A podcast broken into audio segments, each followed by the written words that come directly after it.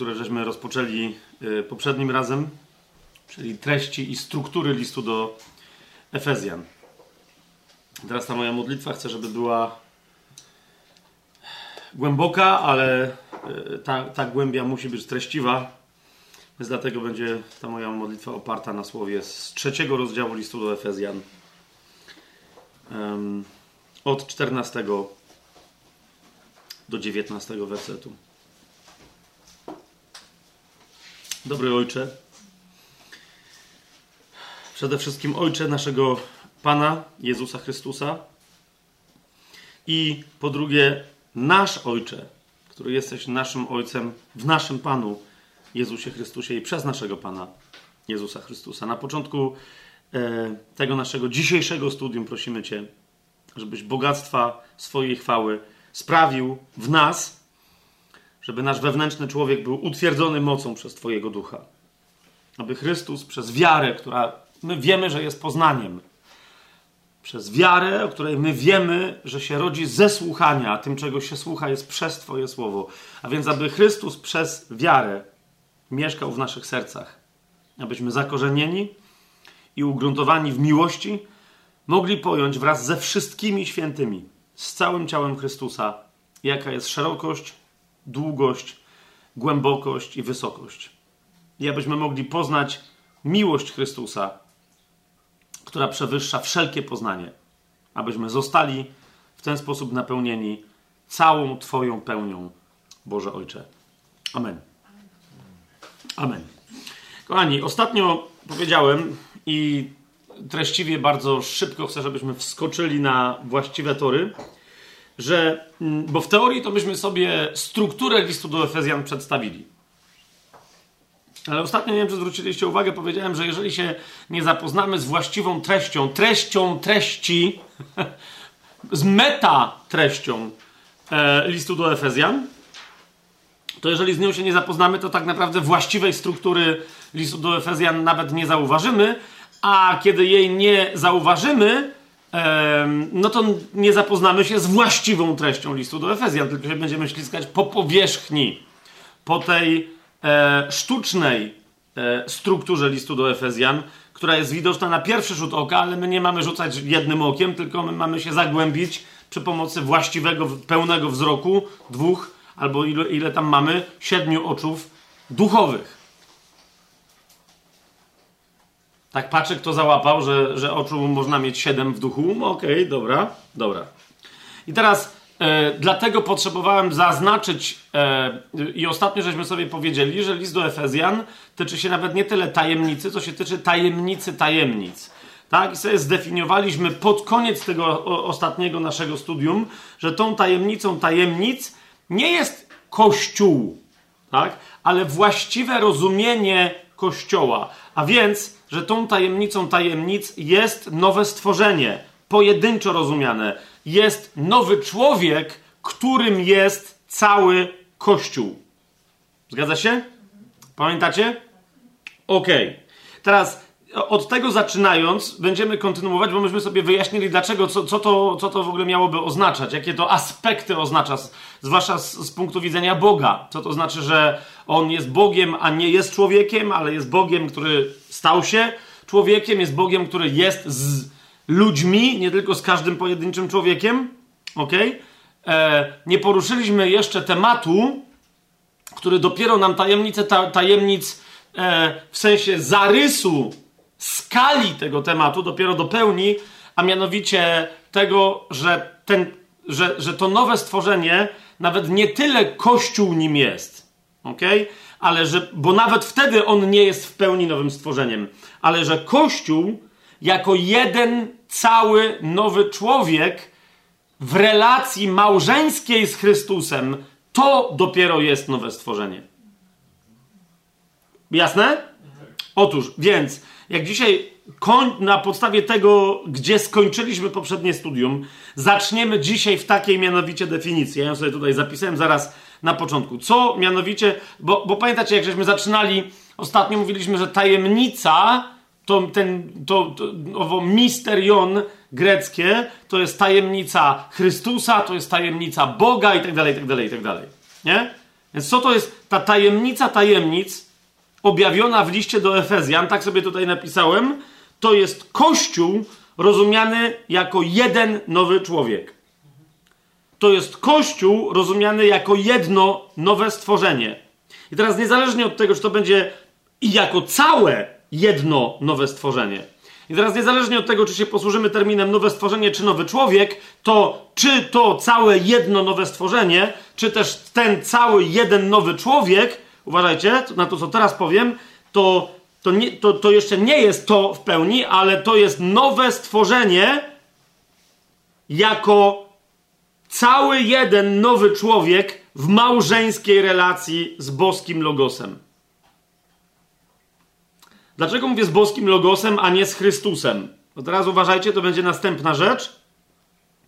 Ponieważ kiedy mówimy logos, mówimy o jednej z trzech osób boskich, zwanej Słowem. Jest Ojciec, Słowo i Duch. Słowo nazywane także Synem. Tak? Jest Ojciec, Syn i Duch. Ale jest Ojciec, Słowo Ojciec, Logos i Duch. I teraz chodzi o to, że Logos, jedna z osób boskich, stała się Chrystusem na trzy docelowo sposoby, a nie tylko na jeden. Ok? I teraz te trzy sposoby określają naturę i charakter nowego stworzenia. Jeżeli nie do końca rozumiecie to, co ja teraz mówię, ale myślę, widzę, że, że łapiecie, jak to się ze sobą nawzajem, nie? Czyli, bo czym jest nowe stworzenie? Tak naprawdę. Na czym polega tajemnica tajemnic? Na tym, że Bóg stał się człowiekiem, kropka, i On w sobie, i On sam w sobie jest w pełni kompletnym, ten jeden Bogoczłowiek, On jest całkowicie nowym człowiekiem i kompletnie, całkowicie, totalnie nowym stworzeniem. Więc w zasadzie docel, rozumiecie, e, E, e, docelowo idzie o to, że poza Bogiem istnieje tylko Chrystus i już nic więcej. Kompletnie, rozumiecie, nic więcej. A nawet sam Chrystus jest formą zjednoczenia Boga, Stworzyciela, z tym wszystkim, co przetrwa na wieki, chociaż jest stworzone, a nie jest Stworzycielem. Jest to jasne? Ale de facto nie będzie mogło istnieć realnie istnieniem pełnym, szczęśliwym i tak dalej, nic, cokolwiek by nie było w ten sposób przez naturę Chrystusa zjednoczone z samym Bogiem. Tak? To jest tajemnica tajemnic. Nie, że będą jacyś ludzie, którzy będą zbawieni i oni będą mieszkać w niebie. Nie, że będzie jakieś, wiecie, jakiś kościół zjednoczony, oblubienica jako wspólnota ludzi zbawionych i tak dalej. Nie, nie, nie, bo nadal naturą tej wspólnoty ludzi zbawionych jedności małżonki Chrystusa, tego nowego Jeruzalem, naturą będzie nie co, ale kto, czyli Chrystus. Chrystus jest naturą wszech rzeczy. Czy to jest, rozumiecie, wszech rzeczy rozumiane jako wszech rzeczy zgodnie z wolą Bożą istniejącej na wieki wieków. Nie odwiecznie, ale na wieki. Ok? W liście do Efezjan w wielu innych miejscach też jest ten charakter e, podkreślony, ale zauważcie, że to jest ostatecznie jeden ze sposobów opowiedzenia o ostatecznym celu i zamiarze Boga. Jaki to, to jest ten ostateczny cel i zamiar Boży? Żeby y, całe docelowo stworzenie zostało przeniknięte naturą Chrystusa, a więc Bogo człowieka. To jest list do Efezjan, pierwszy rozdział, dziesiąty werset o tym mówi. List do Efezjan, pierwszy rozdział, dziesiąty werset. Aby w zarządzeniu pełni czasów, kiedy się już wypełnią czasy, aż do samego końca. Ta pleroma, jak po grecku się, się pełnia czasów nazywa, zaczęła się wraz z pierwszym przyjściem Jezusa na ziemię. Tak? W liście do Galacjan w czwartym rozdziale, w czwartym wersecie czytamy, kiedy nadeszła pełnia czasu, Bóg posłał swojego syna zrodzonego z kobiety, zrodzonego pod prawem i tak dalej, i tak dalej, aby wykupił. Okej, okay, kiedy nadeszła pełnia czasu. Ale to, że ona nadeszła wtedy i się rozpoczęła, to nie znaczy, że jak się zaczęła, tak się skończyła. Okej? Okay? Pełnia czasu ma, czyli ta pleroma czasowa ma swój czas chronos, a w ramach tego czasu chronos ma swoje poszczególne kairos, ma swoje poszczególne momenty i ostatnim z tych kairos, z tych momentów właściwych dla tej pleromy będą dni ostatnie końca czasów. Ok? Niektórzy nazywają dniami ostatnimi cały ten czas wypełnionych czasów, ale tak czy siak ta pleroma będzie mieć swój absolutny koniec. Koniec końców, kiedy będą ten, o którym pisze tę te, końcówkę tego czasu, tej, tego wieku, o którym pisze Księga Objawienia, yy, czyli łamanie pieczęci, trąbienie trąb i tak dalej, i tak dalej, wylewanie się plag na ziemię. Tak? To jest absolutna końcówka. Wszystkie te rzeczy, które się wydarzą tuż przed przyjściem w ostatnich, powiedzmy, siedmiu latach, um, może trochę więcej, ale zwłaszcza w ostatnich siedmiu latach przed przyjściem Pana Jezusa na ziemię. I teraz w zarządzeniu tego, tej pełni czasów, Pan Jezus przyszedł, o czym mówili z Galacjan 4.4, że On przyszedł, jeszcze raz przyjdzie, żeby, czyli On przyszedł, a drugie Jego przyjście dokończy tą pełnię czasów. I jak wtedy dokończy? Oznajmie, to jest w zarządzeniu pełni czasów, po co Pan Jezus w pędzie przyjdzie? Aby wszystko zebrać w jedno. W Chrystusie. Wszystko to znaczy co? To wszystko, co jest w niebiosach i to wszystko, co jest na ziemi. Rozumiecie? O co chodzi? To jest to. Całe, pamiętacie, jak żeśmy mówili, teraz widzicie, dlaczego to było tak istotne, żebyśmy zrozumieli, czym jest nowe stworzenie? Że to jest nowe niebo, to jest nowa ziemia, to jest oś i ośrodek całej tej rzeczywistości, wokół której się kręci e, nowe niebo i nowa ziemia, czyli nowe Jeruzalem i tak dalej, i tak dalej, tak dalej. Całe to nowe stworzenie, tak? Ale naturą całości tego nowego stworzenia jest Chrystus, który jest wszystkim we wszystkich. Ok? Wszystkim we wszystkich. Więc Chrystus jest naturą docelowo czego? Wszystkiego, co nie jest Bogiem. A pozostanie w jedności i w zgodzie z Bogiem na wieki wieków. Jasne to jest?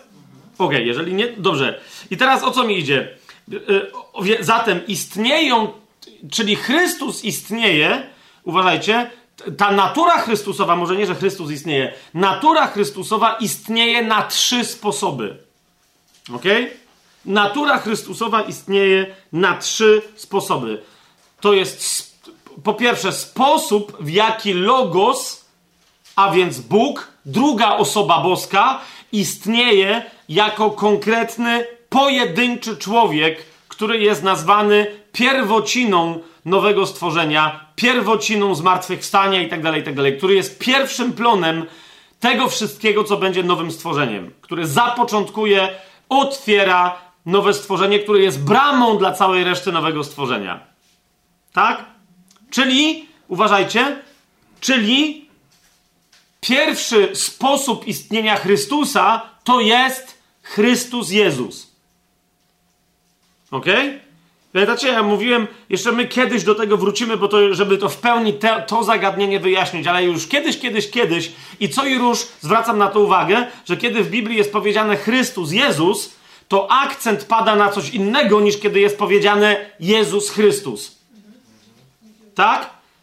Co, co to mianowicie ozna o, oznacza? Możecie sobie bardzo łatwo to jakby, wiecie, mnemotechnikę taką zastosować. Za każdym razem wstawiajcie wyraz który pomiędzy Chrystus i Jezus albo Jezus i Chrystus. Tak? Czyli kiedy ktoś mówi Jezus Chrystus, to znaczy, że mówi Jezus, który jest Chrystusem. Tak? A za, za, każdym razem, kiedy słyszysz albo czytasz, ktoś pisze o Chrystusie Jezusie, to znaczy Chrystus, który jest Jezusem. Tak? Że teraz mi chodzi ogólnie o Chrystusa, reprezentowanego szczególnie jako przez osobę Jezusa. Ok? Zaraz powiemy nieco o tym więcej, tak? Ale po pierwsze, po pierwsze, najpierw Chrystus istniał tylko i wyłącznie, tylko i wyłącznie jako konkretna, pojedyncza, jedna osoba ludzka. Ok? Tylko i wyłącznie. To jest bardzo istotne. A więc najlepszy tekst, który nam mówi o Chrystusie jako Jezusie, czyli widzicie, o Logosie jako Chrystusie Jezusie. Jako Chrystusie w Jezusie, który potem będzie działać przez Jezusa. Nie? Ale zauważcie, że niewiele mamy w Biblii takich formów, które mówią w Jezusie, przez Jezusa i z Jezusem. W porównaniu do ilości formuł w Chrystusie, z Chrystusem, przez Chrystusa. Nie? Zauważcie, jeszcze więcej nam się to zacznie rozciągać. To jest list do Efezjan. To jest ta tajemnica. Ale najpierw Logos jako Chrystus, który się objawił najpierw w Jezusie Chrystusie, w człowieku Jezusie Chrystusie, jest najlepiej opisany. Yy, tak sądzę, w każdym razie w tej dynamice, że ten Logos stał się najpierw Chrystusem w Jezusie. To jest oczywiście Ewangelia Jana, pierwszy rozdział. Najpierw pierwszy rozdział Ewangelii Jana, wersety od pierwszego do piątego. Na początku, i teraz wiecie, żeby podkreślić ten logos tutaj, będę tu się posługiwać teraz określeniem logos. Oczywiście, że to może być słowo, ale chodzi o to, żeby zwrócić uwagę na logos. Jak będziemy mówić logos, to łatwiej nam, takie, takie jest moje osobiste doświadczenie, że łatwiej jest ludziom pamiętać o tym, że, że logos to jest druga osoba boska, a więc, że logos to jest raczej Bóg niż człowiek. Rozumiecie o co mi chodzi?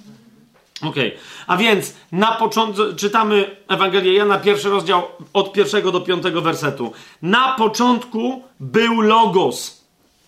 Logos był u Boga i Bogiem był logos. On to był na początku u Boga. Wszystko przez niego się stało i bez niego nic się nie stało z tego wszystkiego, co się stało. W nim było życie, a życie było światłością ludzi. Tu już macie wstępną zapowiedź dynamiki, co się dalej będzie dziać z Chrystusem docelowo. W nim była światłość, która była światłością dla ludzi. Jak potem jacyś ludzie mieliby się sami stać światłością? Rozumiecie o co mi idzie? Ale najpierw to był Logos i tylko w nim, w Bogu, była światłość dla ludzi. Widzicie to? I teraz czytamy dalej od dziewiątego wersetu. Ten to Logos był ową prawdziwą światłością, która oświeca każdego człowieka przychodzącego na świat. On był na świecie, a świat został przez niego stworzony, lecz świat go nie poznał. Przyszedł do swojej własności, a swoi go nie przyjęli. Lecz wszystkim tym, którzy go przyjęli, dał moc, aby się stali synami Bożymi, to jest tym, którzy wierzą w Jego imię. Logos ma imię, przez które, w które, jeżeli wierzysz, masz życie, tak? Masz dostęp do Logosu, którzy są narodzeni nie z krwi, nie z woli ciała, ani nie z woli mężczyzny, ale z Boga. A ten Logos stał się ciałem. Ten Logos, który to całe dzieło wykonał, wykonał je jak? Nie stricte tylko duchowo, z duchowej płaszczyzny i perspektywy, ale wykonał całe to działanie, aby, aby sprawić, żeby ludzie stali się dziećmi Bożymi, jak? I, I tę wolę Bożą wcielić w życie, jak? Samemu przyjmując na siebie ciało i stawszy się podobnym do ludzi we wszystkim z wyjątkiem grzechu. A ten Logos stał się ciałem i zamieszkał wśród nas. I widzieliśmy Jego chwałę jako jednorodzonego od Ojca, pełnego łaski i prawdy. Bardzo jest to istotne. Pełnego łaski i prawdy. Macie życie, macie światłość w Logosie, mamy łaskę i mamy prawdę w Logosie.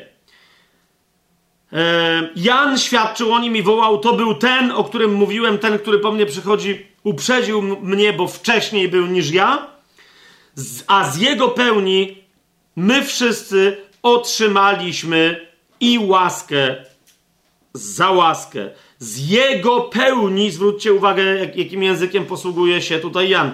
Z jego pełni otrzymaliśmy i łaskę za łaskę. Zwracam Wam uwagę, że temat, jak, jak mamy temat łaski w liście do Efezjan, tak, że jesteśmy łaską zbawieni przez wiarę, tak? Jaką łaskę za łaskę otrzymujemy? Otóż każdy z nas pojedynczo jest zbawiony z łaski przez swoją osobistą wiarę. Amen? Ale następnie otrzymując pełnię łaski od Niego indywidualnie, wchodzimy w rzeczywistość Kościoła, który tak bardzo otrzymuje pełnię i łaskę, że sam się staje pełnią. Zaraz tu wrócimy, ale zauważcie, w liście do Efezjan, e, jak go sobie otworzymy, pierwszy rozdział, co tam czytamy? Że Chrystus jest głową Kościoła, to jest pierwszy rozdział, 22 werset. I w 23 wersecie pierwszego rozdziału co czytamy? Że Kościół jest jego ciałem oraz pełnią tego, który wszystko we wszystkich napełnia. Chry, rozumiecie? A więc ten, który przyszedł, który sam najpierw, ok, był pełen łaski i prawdy, ta pełnia łaski następnie wyraża się w całym kościele jako absolutnie doskonałym nowym stworzeniu. Jest to jasne? Wracamy do Ewangelii Jana. Z jego pełni my wszyscy otrzymaliśmy. Z jego pełni my wszyscy otrzymaliśmy. Co? Całą jego pełnię. Docelowo na tym cała rzecz polega, ale nie, zauważcie, ten dar już nie jest do ogarnięcia przez pojedynczą osobę, ale to jest dar, z którego my możemy korzystać jako członki całego ciała, ponieważ to jest dar dla całego ciała, a nie to jest dar dla każdego poszczególnego członka. Jest to jasne? Więc zrozumcie, gdzie nasze, dokąd nasze poznanie indywidualne może dotrzeć i gdzie ma swoje granice, a gdzie musi przestać być poznaniem indywidualnym, a musi zacząć być poznaniem wspólnotowym, poznaniem kościelnym, zgromadzeniowym. Prawo bowiem, 17 werset pierwszego rozdziału Ewangelii Jana, tam Jan e, w ten sposób podsumowuje tę swoją myśl. Prawo bowiem zostało dane przez Mojżesza, ale łaska i prawda, i prawda przyszły przez Jezusa, który jest Chrystusem. Widzicie to? Przyszły przez Jezusa, który jest Chrystusem. Cała myśl, zauważcie, zaczyna się od logosu. Na początku był logos. Nie tyle na końcu, co następnie ten logos stał się Chrystusem, bo wziął na siebie ciało przez ciało konkretnego człowieka, czyli Jezusa. Ten logos stał się Chrystusem, Jezusem, i przez tego Jezusa Chrystus staje się możliwy, natura Chrystusa staje się możliwa dla kogo? Dla nas wszystkich. 16 werset z Jego pełni my wszyscy otrzymaliśmy i łaska za łaskę. Jasne? Tu widzicie, pojawia się Jezus Chrystus, ponieważ chodzi o to, że najpierw Logos, kiedy się wcielił, stał się konkretnie, aby wypełnić dzieło Mesjasza, Chrystusa, tego Chrystusa, tego namaszczonego, tego pomazańca, o którym, yy, którego obrazami są wszyscy inni pomazańcy w Starym Przymierzu, tego jednego konkretnego, które całe Stare Przymierze zapowiada. I teraz tym konkretnym Chrystusem w pierwszym swoim przyjściu jest Jezus z Nazaretu. Ale uważajcie, w swoim drugim przyjściu już nie. Nie? W swoim drugim przyjściu Jezus z, z Nazaretu, zmartwychwstały, jest głową.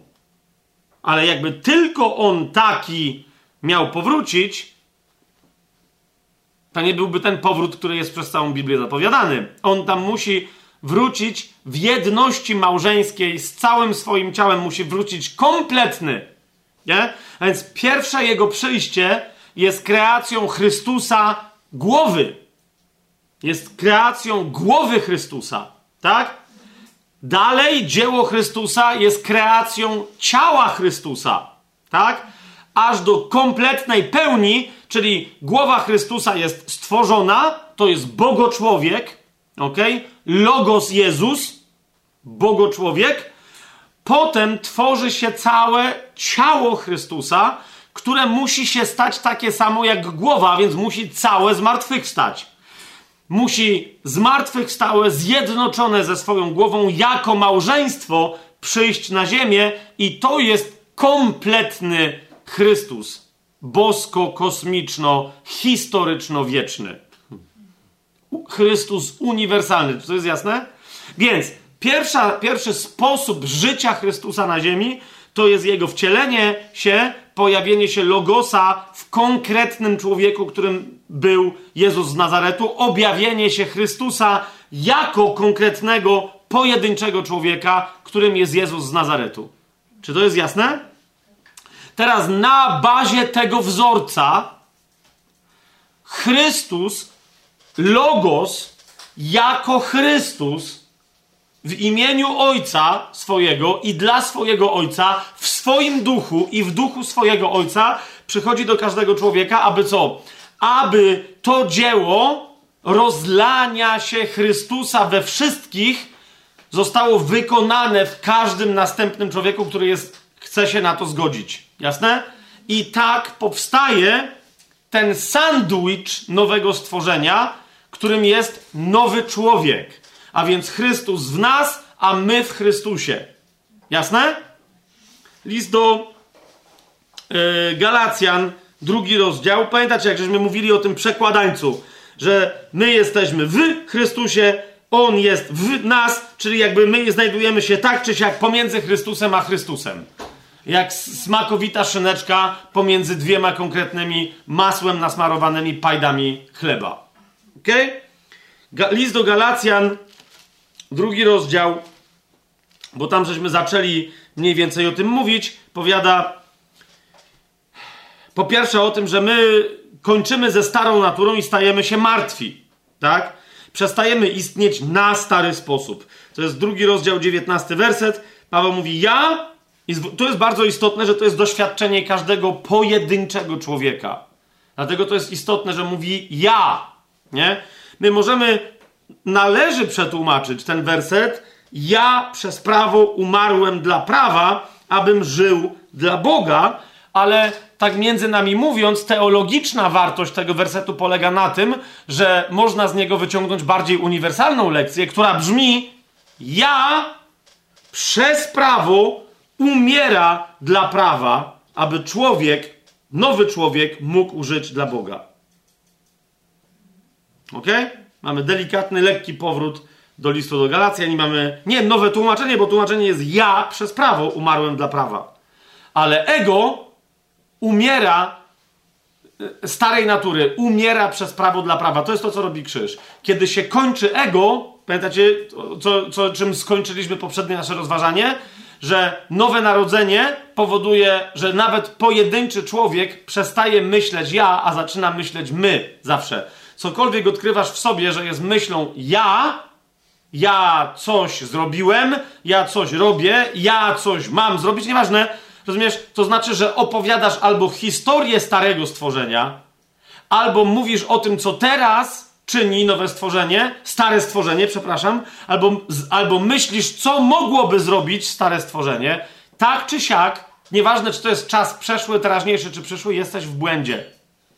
Każda moja myśl, która się odbywa, że tak powiem, we mnie, a jeszcze gorzej, jak jest wypowiadana przeze mnie w liczbie pojedynczej, nieważne w jakim czasie, pierwszej osobie liczby pojedynczej, czyli ja, świadczy o tym, że jestem w błędzie myślowym.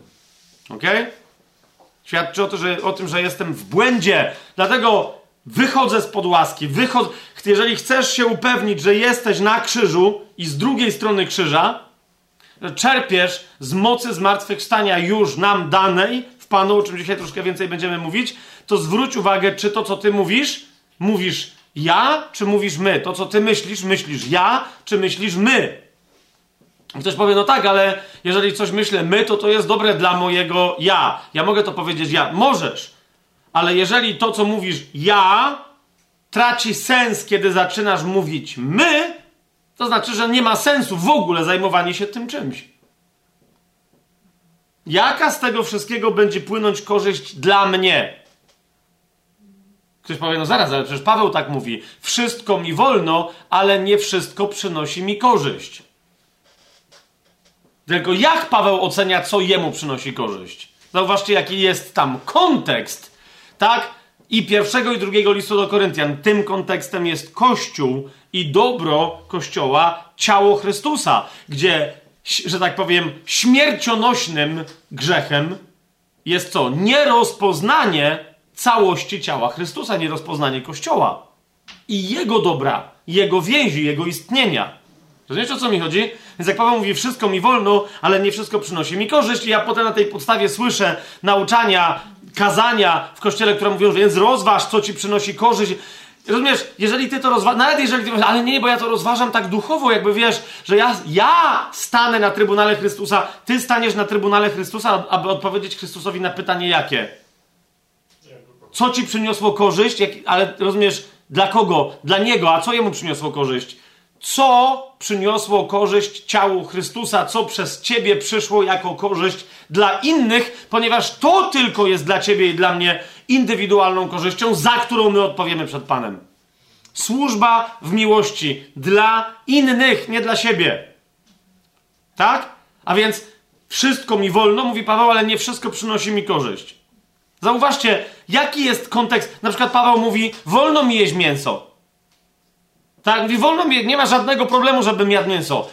Tak, Pawle, ale problemem może być, że niektóre z tych miąs yy, i mięs są ofiarowywane bożkom, są poświęcone demonom. I Paweł mówi: I nadal, czy jem, czy piję wszystko w imieniu Jezusa, nie ma to dla mnie żadnego, żadnego problemu. Wolno mi, tak? I kiedy Paweł mówi, że nie przynosi mu to korzyści. Wtedy, kiedy by zgorszył brata. Więc mówi, mi wolno, ale nie wszystko przynosi mi korzyść. Co w tym wypadku nie przynosi mi korzyści? Jeżeli ja jem mięso, mam swobodne sumienie, ale czyjeś słabsze sumienie mogłoby z tego powodu upaść i ktoś przeze mnie mógłby zgrzeszyć. Paweł, rozumiesz o co mi chodzi? I on za każdym razem to mówi, mi wszystko wolno, ale nie wszystko przynosi mi korzyść. I teraz niektórzy mi mówią, no właśnie, nie? Więc e, rób wszystko, co ci przynosi korzyść duchową. Przepraszam za określenie. Teraz posłużę się nim specjalnie w języku angielskim i nawet w języku angielskim nie będzie odpowiednio wulgarne na wagę wulgarności, na jaką ten temat zasługuje. Przepraszam najmocniej, ale nadal jest to narcystyczny bull crap. Czyli bardzo duża i śmierdząca, cuchnąca na ogromne odległości bycza kupa. Rozumiesz, jeżeli ktoś ci mówi, nie wszystko ci wolno, ale nie wszystko ci przynosi korzyść, więc czego ci nie wolno? Nie wolno ci grzeszyć. Wszystko, co nie jest grzechem, to ci już wolno, jeżeli przynosi tobie indywidualnie jakąś korzyść duchową. Serio? Bo rozumiesz, bo wtedy, bo wtedy ja sobie zdecydowałem, że będę mieć półtorej godziny czasu tylko i wyłącznie dla siebie. I mam zaplanowane, to mam wpisane w kalendarz, że będę się wtedy modlił, będę sobie, czyli w moim przypadku, że to będzie mój topowy, mistyczny sposób modlitwy, czyli naleję sobie gorącej wody do wanny, wejdę tam, żona wie, że nie, postawię sobie obok małą kawę, żona wie, że wtedy nie wolno wchodzić do mnie do łazienki, bo ja się wtedy modlę, naprawdę.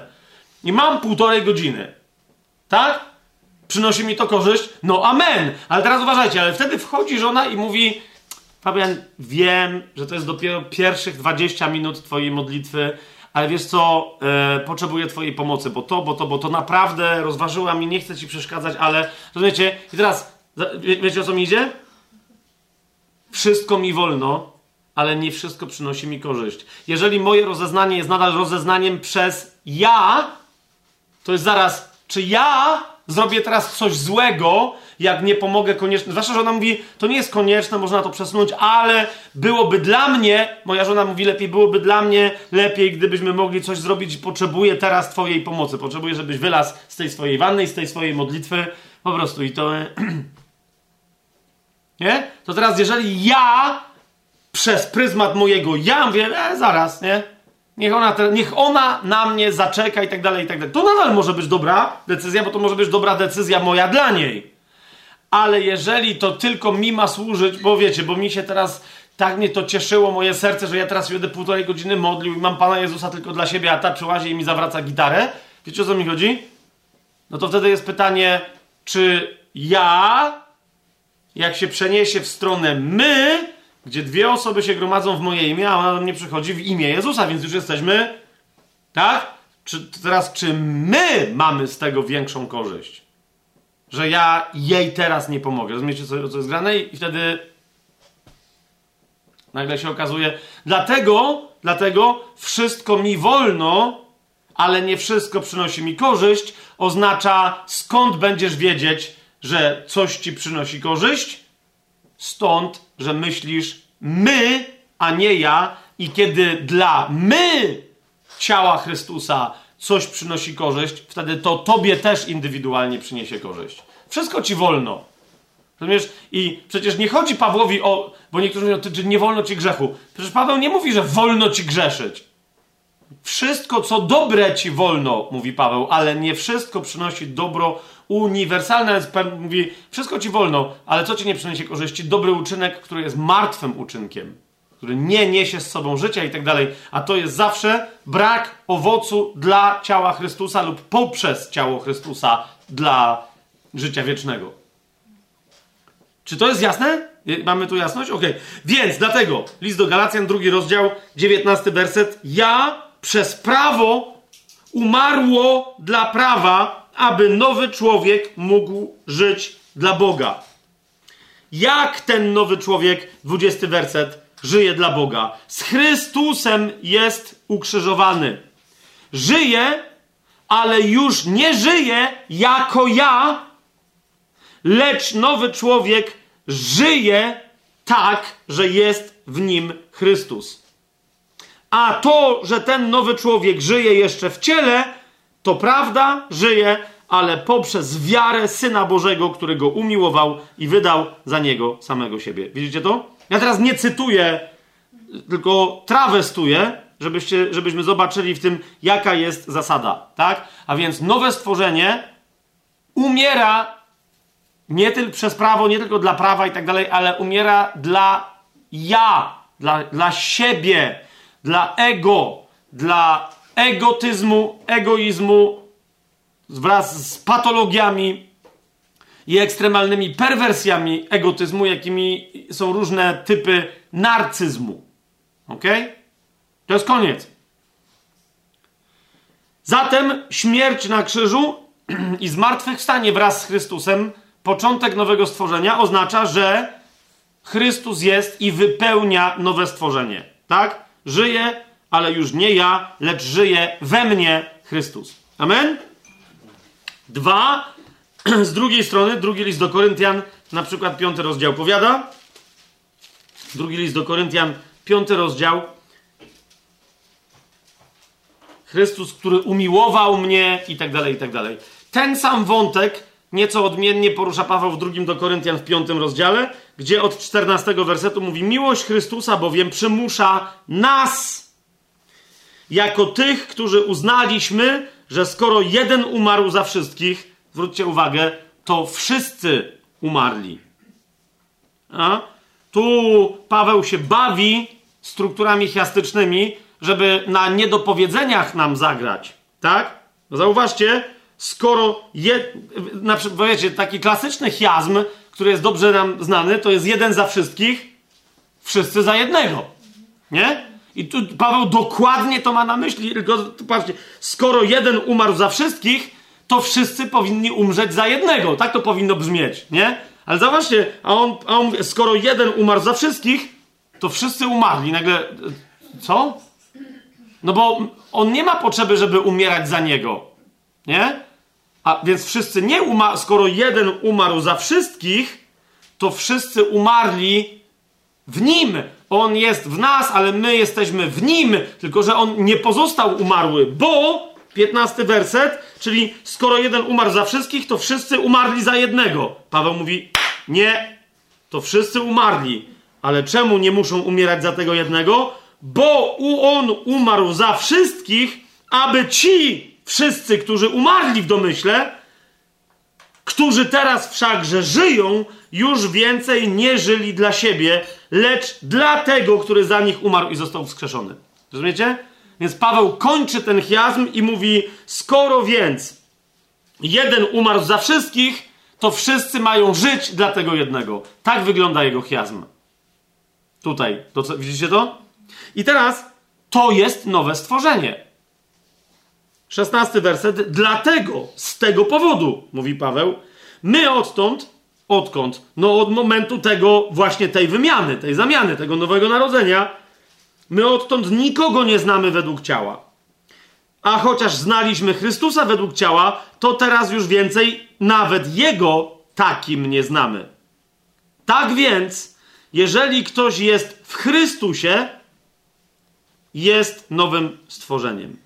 Więc widzicie, to jest ta kanapka, tak? Już nie ja żyję, ale żyje we mnie Chrystus. Tak?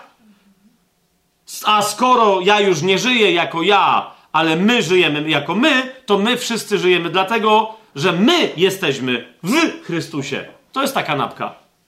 Nie? Chrystus jest we mnie pojedynczym, ale to powoduje, że on dąży do siebie całego, więc mnie zlepia z wszystkimi innymi, którzy mają w sobie Chrystusa, i z drugiej strony na powrót my, którzy pojedynczo mamy Jego w sobie, my stajemy się na powrót całościowym Nim, w zjednoczeniu z Nim, pojedynczym jako Jezusem Chrystusem głową. Nie, nie powiem tego jaśniej, ponad to, co, dlatego trzeba czytać list do Efezjan sobie na głos i w ten sposób to przychodzi. Tak?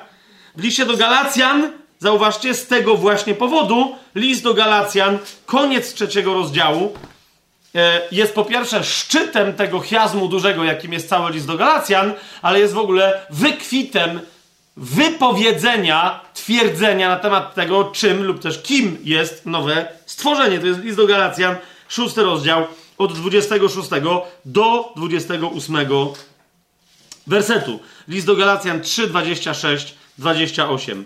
Bo wy wszyscy, zauważcie, jest liczba mnoga, tak? Jest ktoś w ramach tej liczby mnogiej wyłączony? Nie. Wy wszyscy. Kto, do kogo Paweł mówi? Którzy zostaliście ochrzczeni w Chrystusie, przyodzialiście się w Chrystusa. Liczba mnoga jest przyobleczona. Jeszcze raz, podkreślam to teraz, bo wszędzie, gdzie będziecie widzieć coś, co człowiek Boży ma na siebie założyć, to taką tazę teraz stawiam, a kiedy indziej będziemy o niej mówić, że zawsze tym czymś, co człowiek Boży ma na siebie włożyć, zawsze tym czymś jest zewnętrzna obecność Chrystusa jako zbroi. Po prostu. Ale teraz mówię, nikt się nie może ubrać w Chrystusa jako w zbroję, jako w odzienie zewnętrzne, jako cokolwiek. Nikt nie może się ubrać w Chrystusa, tylko Kościół. Nie może tego zrobić pojedynczy człowiek. Co, zauważcie, jest już przyczynkiem do naszych rozważań o zbroi Bożej w liście do Efezjan. Ora i do właściwego, ale też i niewłaściwego rozumienia zbroi Bożej. Miliard razy mówiliśmy o tym, Yy, I, a niektórzy mi, tylko miliard, bo nie, co innego jak miliard razy słyszeliśmy o tym, że zbroja Boża jest dla pojedynczego wierzącego, a potem siedem razy o tym, że jest dla Kościoła, ale są tacy, którzy miliard razy słyszeli o zbroi Bożej dla siebie, o zbroi Bożej jak dla ja, dla pojedynczej jednostki, a nigdy nie słyszeli o zbroi Bożej dla Kościoła. Otóż, żeby zbroja Boża stała się zbroją Bożą dla jednostki, musi być przez jednostkę założona w kościele. Ten ktoś musi wiedzieć, że kościół, w którym się znajduje, ma założoną tą zbroję Bożą, albo pojedyncza osoba sobie tej, tej zbroi nie założy, bo nie ma jak. Ok? Ale o tym będzie kiedy indziej. Ja teraz tylko zwracam Wam uwagę, że przyodziać się w Chrystusa, e, czy, w czy jako w zbroję, czy jako w ogóle w cokolwiek z zewnątrz, można się tylko jako Kościół. Nie po, będąc w kościele, ale pojedynczo. Przy, u, ubrać się w pełni w Chrystusa. Żeby ktoś patrząc na mnie pojedynczego z zewnątrz widział w Chrystusa, można to zrobić tylko jako my, jako Kościół. Na czym polega ten aspekt tajemnicy tajemnic, to będziemy o tym mówić kiedy indziej. Ale tu idziemy dalej. Więc wszyscy bowiem jesteście synami Bożymi przez wiarę w Chrystusa Jezusa, 26 werset, 27 bo wszyscy, którzy zostaliście ochrzczeni w Chrystusie, przyodzialiście się w Chrystusa. Co to oznacza? Ta pełnia nowego stworzenia, że od tej pory, 28 werset, nie ma Żyda ani Greka. A więc ludzie nie są rozróżnieni ze względu na e, swoją znajomość Boga, swoją znajomość słowa Boga, ze względu na swoją przynależność etniczną do wypowiedzianych przez Boga obietnic. Tak? I że nie są, i, i że nie są rozdzieleni ze względu na obiecane jakimś ludziom, a innym nieobiecane przeznaczenie wieczne i ostateczne. Dalej, nie ma niewolnika ani, niewol, ani, yy, ani wolnego. Nie ma niewolnika ani wolnego.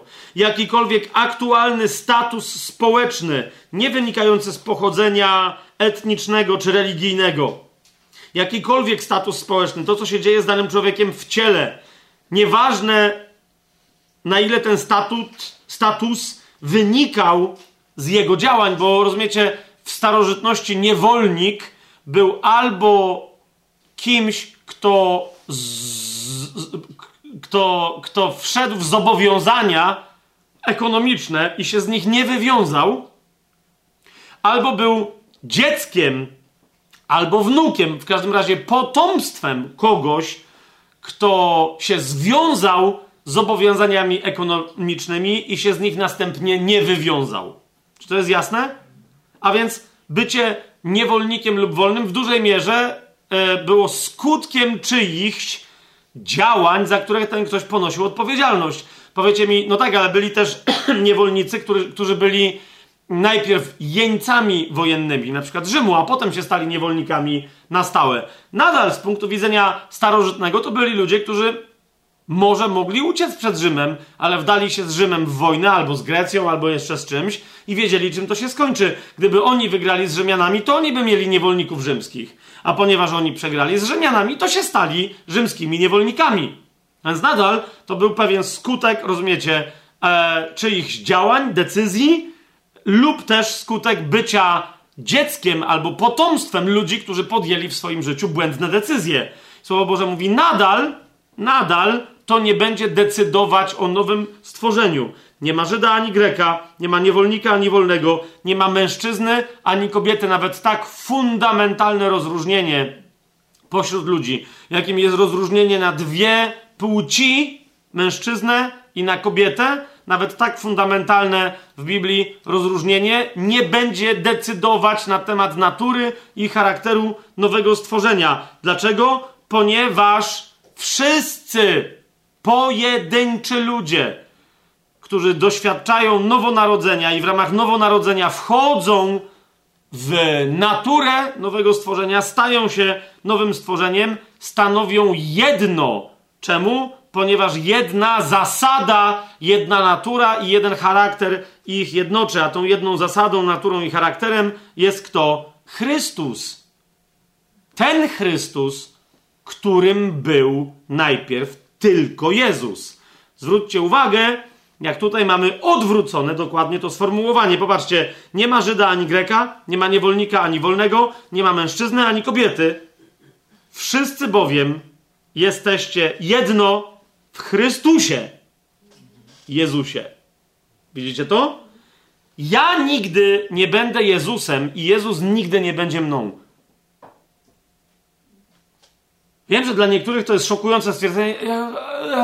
No wiecie, jeżeli ktoś rozumie Chrystusa jako kompletnie równo tożsamego z Jezusem, to na tym polega błąd wielu ludzi. I wtedy albo nie potrafią zrozumieć, rozumiecie, na przykład rozróżnienia osobowego w Bogu, a więc, że Bóg jest jeden, ale jest trójcą osobowo, potem nie rozumieją rozróżnienia dualnego, bogo-człowieczego, że stworzyciel jednocześnie może mieć zjednoczoną naturę ze stworzeniem, tak? I potem jeszcze większy będą mieli problem, jak się okaże, że całe nowe stworzenie będzie mieć cząstkę boskiej natury, taką samą, jaką początkowo miał tylko Jezus, który jest tylko człowiekiem i jednocześnie całkowicie Bogiem przez naturę Chrystusa.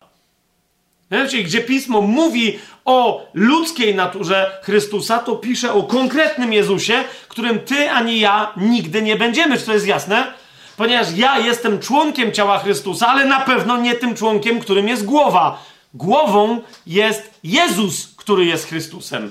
Cała reszta ciała Chrystusa to jest ten Chrystus, którego głową jest Jezus.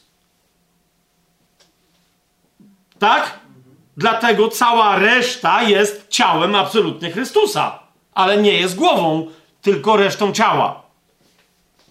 I dopiero małżeństwo, czyli połączenie głowy z ciałem, jest całym, kompletnym, bogoludzkim, nowym stworzeniem, nowym człowiekiem, który się nazywa Chrystus, którym jest Jezus i jego Kościół. Jezus i jego Kościół. Tak? Nie ma Żyda ani Greka, jeszcze raz powtórzę, nie ma niewolnika ani wolnego, nie ma mężczyzny ani kobiety, bowiem wszyscy jesteście jedno w Chrystusie. Jezusie. W Chrystusie Jezu, Jezusie. Amen? Zobaczcie list do Efezjan, rozdział pierwszy, wtedy 22 i 23 werset. Kiedy to wszystko rozumiemy, zobaczcie, jak te dwa werseciki nagle stają się absolutnym wybuchem dla jednych wybuchem radosnych fajerwerków świętowania, dla innych wybuchem, śmiertelnym wybuchem duchowej bomby, która ich znosi nie tylko z powierzchni ziemi, ale w ogóle z powierzchni wszelkiego stworzenia, dla demonów na przykład. I wszystko poddał pod jego stopy. Pod czyje stopy? Hmm, no, no, no, no właśnie, wszystko poddał pod jego stopy. I teraz zauważcie wcze wcześniej, zauważcie wcześniej, sprawdźcie, czy wcześniej jest mowa o Chrystusie, o Jezusie Chrystusie, czy o Chrystusie Jezusie. Hmm? No właśnie, jak, bo to jest fragment pierwszej modlitwy Pawła w liście do Efezjan. I on w niej, on jak ją zaczyna, mówi, że nie przestaje dziękować Bogu. 17 werset, prosząc, aby Bóg naszego Pana, Jezusa Chrystusa. Nie? Co dalej zrobił? Ojciec chwały dał wam ducha mądrości i objawienia w poznaniu Jego samego, ok? A żeby oświecił oczy waszego serca i tak dalej, i tak dalej, i tak dalej. Ale patrzcie, co się dalej yy, yy, na temat mocy, która jest w nas, którą okazał 20 werset. Gdzie? W Chrystusie. Ani nie w Jezusie Chrystusie, ani nie w Chrystusie Jezusie. Nie? Dla wszystkich, którzy przeczytali zaraz, ale Jezus, a tu jest w samym Chrystusie. On okazał moc w Chrystusie, kiedy go posadził i tak dalej. No to przecież posadził Jezusa. No ale za chwilę się dowiesz, że no ale nas w nim. Więc rozumiesz, wszystko poddał, 22 werset, pod jego stopy. Czyje stopy? Chrystusa. Nie Chrystusa Jezusa i nie Jezusa Chrystusa, ale całego Chrystusa. Wszystko poddał pod jego stopy a jego samego, tego, od którego on zaczął, naszego Pana, dał jako głowę ponad wszystkim Kościołowi. Hmm? Który to Kościół jest jego ciałem, tej głowy, i pełnią tego, który wszystko we wszystkich napełnia, tegoż Chrystusa. Hmm? Jest więc mamy tak, po pierwsze, Logos istnieje jako Chrystus, w, konkretnie w osobie Jezusa z Nazaretu, czy żyjącego w czasie swojego pierwszego przyjścia, czy też zmartwychwstałego i żyjącego na wieki. To jest ten jeden konkretny, zmartwychwstały, pojedynczy człowiek, który jest głową Kościoła. Amen? Teraz on w swojej boskiej części wzbudza duchem Chrystusowym do istnienia całe nowe stworzenie, które najpierw jest Jego kościołem. Tak? To jest to. To jest tutaj napisane. To jest Jego ciało, ale to jest Jego pełnia tego, który wszystko we wszystkich napełnia. Tego, który pierwszy rozdział listu do Efezjan, dziesiąty werset, który ma wszystko zebrać w jedno i to, co w niebiosach, i to, co na ziemi. Amen? To, rozumiecie? Kościół będzie operatorem tego zjednoczenia. Obczajecie, co się tu wyprawia? Jak Paweł do, do Koryntian pisze, że, że wy, święci, którzy jesteście przeznaczeni, my, święci, którzy jesteśmy przeznaczeni do tego nawet, żeby sądzić aniołów i ustalić, którzy gdzie co. My którzy się znajdujemy w biblijnych opisach jako zasiadające na tronach sędziowskich razem z sędzią Chrystusem? To jest pełnia tego, który wszystko we wszystkich napełnia. To jest Kościół, tak? Taki Chrystus. I wreszcie trzeci aspekt, bardzo istotny. Mianowicie logos, tak to sobie tutaj zapisałem, który nie odbiera indywidualnej osobowości poszczególnym ludziom, ale jednoczy ich w jedną całość, jedną wyjątkową wspólnotę. Bo, to, bo teraz wiecie, e, żebyśmy my znowu nie popadli w drugą skrajność, którą jest co? E, stworzenie z kościoła e, zunifikowanej, komunistycznej masy, rozumiecie, robotniczo-chłopskiej z Chińskiej Republiki Ludowej sprzed 1989. Że w związku z tym wszyscy w kościele mają być jedną masą, jednym zlanym klocem, bezmyślnym. Rozumiecie, bo, bo, bo wtedy e, niektórzy to głosząc, albo z jednej strony masz skrajność, skrajny indywidualizm w kościele, głoszenie korzyści pojedynczego człowieka, a wtedy z drugiej strony się pojawiają tacy, którzy mówią, nie, nie, interes kościoła zawsze ponad, ale potem wiecie, co się okazuje. To jest inny rodzaj manipulacji, nie? A więc Chrystus tak tworzy z nas jedną osobę, która ma, której jedno, jednym z imion jest eklezja, to jest jedno z, z imion tej jednej osoby, której częścią jest każdy i każda z nas, ale z drugiej strony to nas nie pozbawia indywidualności. Tak? Logos, i to jest trzecia forma istnienia. Pierwsza to jest On jako Chrystus, jako Jezus Chrystus. Druga forma to jest On jako ciało Chrystusa, jako moc istnienia Chrystusa. On jako Chrystus w nas jednoczące nas w jedno ciało, ale wreszcie trzecia rzecz to jest On, który nie odbiera indywidualnej osobowości poszczególnym ludziom, ale jednocząc ich w jedną całość, powoduje, że tożsamość każdej i każdego z nas się wypełnia i dojrzewa. A więc On, który się chce przejawić w każdej i w każdym z nas, to jest ogromny temat i tu nawet ani jednego cytatu nie przywołam, bo wiem, co się wtedy ze mną stanie, bo to jest jeden z moich, moich biblijnych tematów. W każdym razie on chce się objawić światu przez każdą i każdego z nas, jako członki Kościoła, w swoich nowych, liczba mnoga, nowych imionach. Każdy z nas ma na sobie wypisane, w sobie wypisane nowe imię, które jest za każdym razem nowym imieniem Chrystusa. Jest Jego tożsamością we mnie i w Tobie. To jest rzecz, yy, która została objawiona Pawłowi, według mnie, yy, zanim później Paweł miał te wielkie objawienia, był przeniesiony do, wiecie, 68 nieba. Dobra, żartuję teraz, że do 68, no ale wiecie, do trzeciego, do któregoś tam, do którego by nie był przeniesiony. Yy, jak otworzymy dziewiąty rozdział dziejów apostolskich, to dokładnie o tym aspekcie, o wszystkich w zasadzie aspektach. Ja, ja mam takie, wiecie, w ogóle wrażenie, że Jezus się objawia.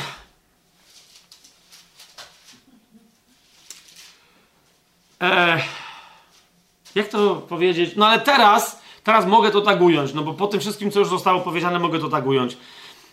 Otóż, otóż Pawłowi, powiedziałbym, pod Damaszkiem nie objawił się Jezus Chrystus, ale objawił się Chrystus,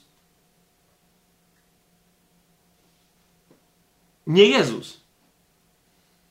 Najpierw Pawłowi, Szawłowi pod Damaszkiem objawił się Kościół Chrystus, który następnie przedstawił się jako Jezus. Otwórzcie dziewiąty rozdział dziejów apostolskich.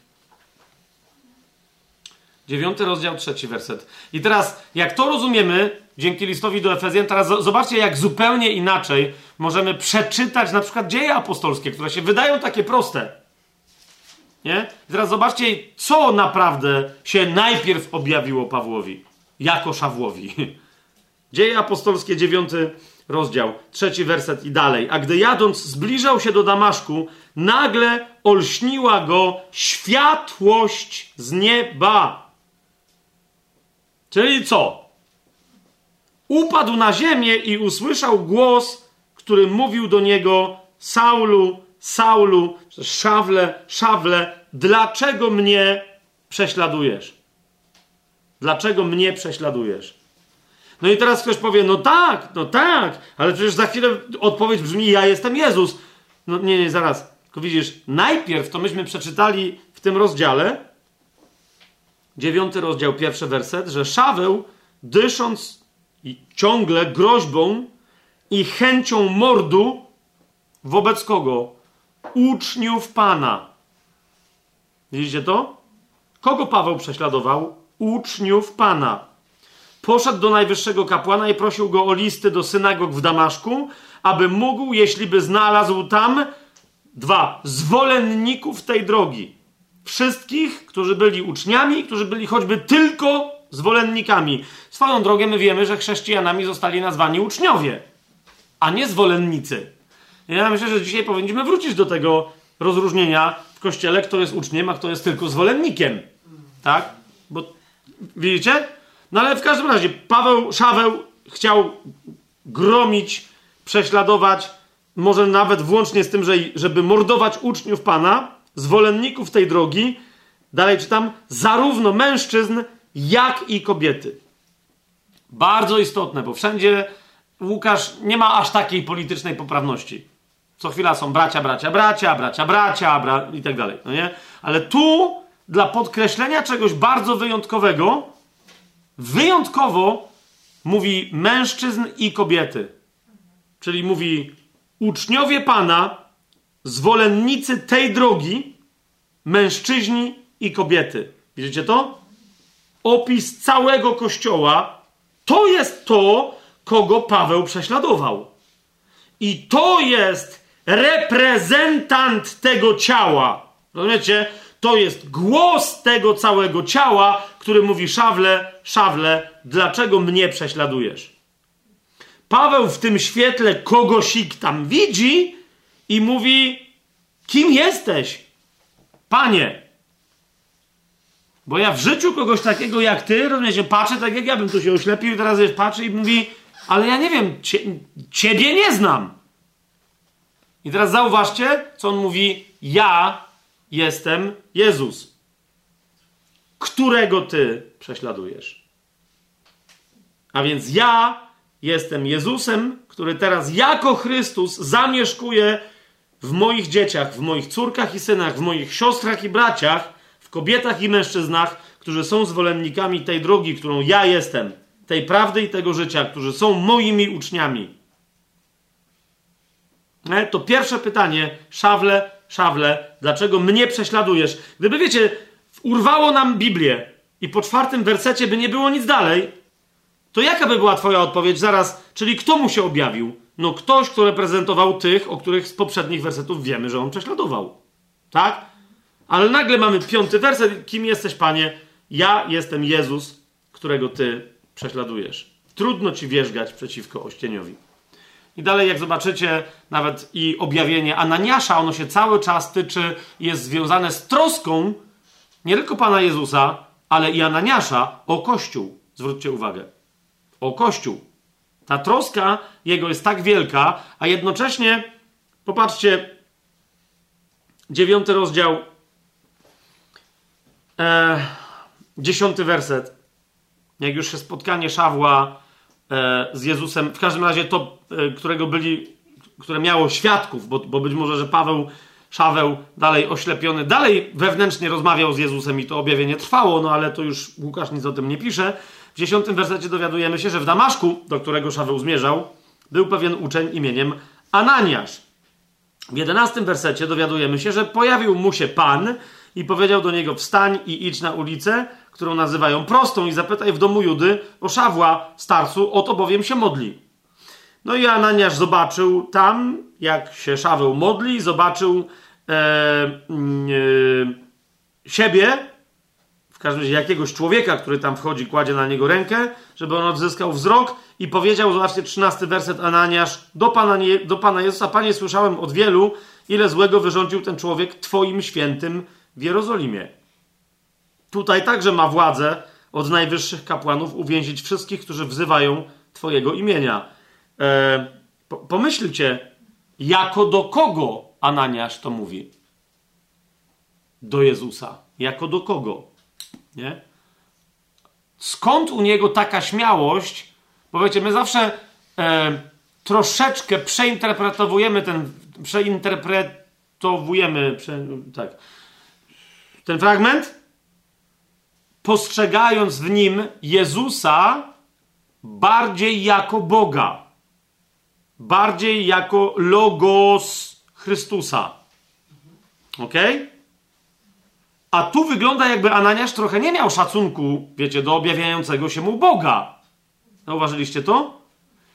Czemu? Ponieważ Jezus cały czas, kiedy pojawia się swojemu kościołowi w sprawach swojego kościoła, objawia się jako ktoś bardziej podobny do nas niż do Boga. Bierzcie to cały czas w cudzym słowie, tak? Popatrzcie, jak się zaczyna objawienie Janowe. Popatrzcie na to. To jest dokładnie taki charakter. Dlatego Ananiasz ma większą śmiałość, bo on rozpoznaje w Jezusie, on wie, kto to jest. To jest Bóg, człowiek, to jest Chrystus, to jest Mesjasz, to jest. Ale on tu się pojawia, rozumiecie, jako ktoś, kto ma swoich świętych w Jerozolimie, który jest przywódcą wojska Bożego na ziemi. Rozumiecie, o co mi chodzi? Który, I ten, który jest odpowiedzialny, ale Ananiasz też jest. Od, zauważcie, on mówi do niego, do, do samego Jezusa. Ananiasz mówi jako ktoś współodpowiedzialny. Nie tak samo ważny, ale nie ktoś kompletnie nieważny. Nie wiem, czy zauważyliście. Nie? I teraz o co chodzi? Że Jezus dokładnie tak chce, żeby było, bo zauważcie, że Jezus w, tym dziewiątym rozdziale Ananiasza nie upomina i mówi: Tak się odzywasz do szefa? Tylko mu tłumaczy. Rozumiecie? Dlaczego, co i tak dalej. I Ananiasz idzie. Popatrzcie, dokładnie tak samo Jezus objawia się Janowi w tej ostatniej księdze y, Biblii. Pierwszy rozdział. Patrzcie, jak Jan opisuje wstęp do tej księgi, że jest to objawienie Jezusa Chrystusa, które dał mu Bóg. Komu? Jezusowi. Czyli rozumiecie, Jezus, ale zwróćcie uwagę, nie Chrystus, Jezus, lecz kto? Jezus Chrystus. Tenże konkretny Jezus, który jest Chrystusem, tak? Pierwociną, podwalinami, głową całego Chrystusa, a więc także reszty swojego ciała, ale ten konkretny Jezus dostał w logosie od samego siebie, że tak powiem, ale jako logosu od Ojca i Syna i Ducha, on jako człowiek Jezus dostał objawienie. Jasne? A więc ten Jezus, który jest Chrystusem, dostał objawienie, po co? Którym się mia, ma podzielić z całą resztą swoich sług. A więc z całą resztą Chrystusa, czyli ze swoim ciałem objawienie czyje? Jezusa Chrystusa, które jemu, Jezusowi, dał Bóg, aby on ukazał je, to objawienie, swoim sługom, a w nim to, co ma się stać wkrótce. I on to pokazał i posłał przez swojego anioła jednemu z tych swoich sług, a mianowicie swojemu słudze Janowi. Widzicie to? Całe to jedno zdanie mówi o misterium nowego stworzenia w jeszcze jeden z możliwych sposobów. Nie? Teraz, kochani, wszędzie tam więc, gdzie w Nowym Przymierzu, pamiętajcie, Słowo Boże chce zaznaczyć, że my jesteśmy jedną całością. I tym my musimy o tym pamiętać, że nie ma żadnego ja, zawsze jest tylko my. Wy tak się módlcie. Ojcze nasz, który jesteś w niebie i tak dalej. Tak. Daj nam chleba naszego powszedniego. Daj nam dzisiaj, odpuść nam nasze winy. Dlatego jedyny wątek w Ewangeliach, kiedy sam Jezus mówi o Kościele, to jest to, jak w Kościele mają być, rozumiecie, jak, jak, jak wygląda procedura wzajemnego zachęcania się do pokuty. Nie? Żeby nie było żadnych zaszłości, zadr pomiędzy braćmi i siostrami i tak dalej, i tak dalej. Nie? Otóż, kochani, wszędzie więc tam, gdzie y, istotne jest, żebyśmy my widzieli coś z perspektywy pojedynczej osoby, pojedynczego nowego stworzenia, pojedynczego nowego człowieka, którym jest cały Kościół, czyli cała oblubienica, wtedy Słowo Boże mówi dokładnie tak całościowo, czyli mówi nowe stworzenie, mówi, e, mówi nowy człowiek, mówi wspólnota, mówi Kościół, czyli zgromadzenie. Y, no, no, nie do końca. mówi oblubienica, mówi i tak dalej, tak? Ale w momencie, kiedy chcę, żebyśmy my pamiętali, że w ramach tej całej jedności każdy z nas ma jakąś odpowiedzialność osobistą, wtedy pojawia się, pojawiają się dwa słowa. Żebyśmy pamiętali, że jest my, ale że w ramach tego my, każdy z nas ma swoją osobistą odpowiedzialność, wtedy się pojawiają dwa, nie dwa słowa, co, co dwa sformułowania. Czyli pojawiają się sformułowanie lud Boży albo właśnie eklezja. Tak? Eklezja. No zależy. Eklezja. Chyba w ten sposób to najlepiej byłoby wypowiedzieć, gdyby się chcieć trzymać oryginalnej fonetyki greckiej. Eklezja. A więc za każdym razem, kiedy padają te słowa, nie chodzi o zbiorowość, ale zbiorowość złożoną z odpowiedzialnych jednostek, których odpowiedzialnością jest dobro całej zbiorowości. Ma jakikolwiek sens to, co ja teraz mówię? Dobrze. I teraz, kochani, bo o tym jeszcze nie, e, nie wspomnieliśmy. Lud Boży, ok? E, na przykład, bo, bo, nie będziemy teraz całego tego tematu roztrząsać, ale zacznijmy od miejsca, które jest moim ulubionym. Dlaczego? Bo tam wprost Paweł odróżnia, że albo się jest ludem Bożym, albo się jest nieludem. Nie, nie ma jakiejś trzeciej możliwości, że ja jestem ludem Bożym, a, ty, a to jest lud ruski, a tam jest lud chiński. Ok? To jest drugi roz, pierwszy list Piotra, drugi rozdział, wersety 9-10. Pierwszy list Piotra, drugi rozdział, wersety 9 i 10.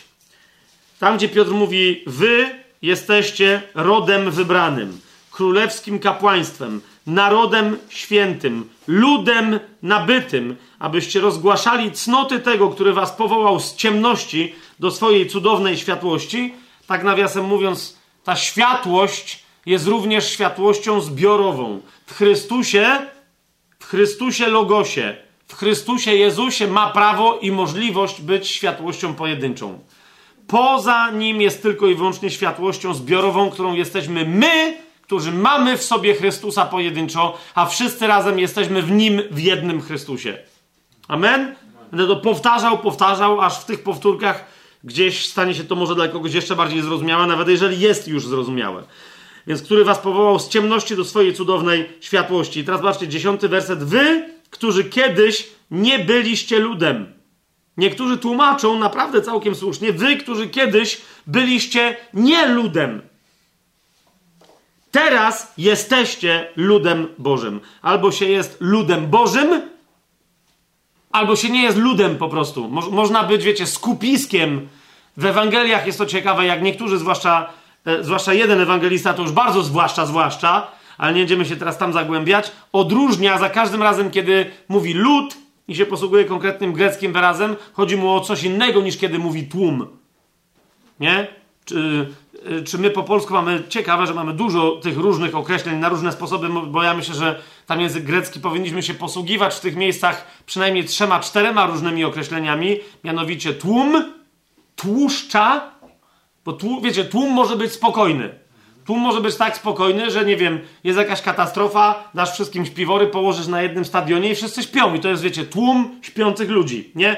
Tłuszcza to jest raczej tłum rozwrzeszczany, a może nawet jeszcze bardziej niż rozwrzeszczany, taki trochę bardziej agresywny, albo z tendencją do agresji. Wiecie o co mi chodzi? I takie tłumy, takie tłuszcze się w Biblii też pojawiają, tak? Czasem te tłuszcze mogą się zamienić w eklezje tłuszczowe tak?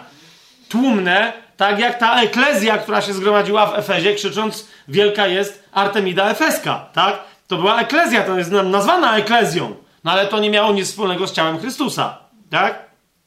Więc to była, zwróćcie uwagę, eklezja, ale nie eklezja ludu Bożego. Widzicie o co mi chodzi?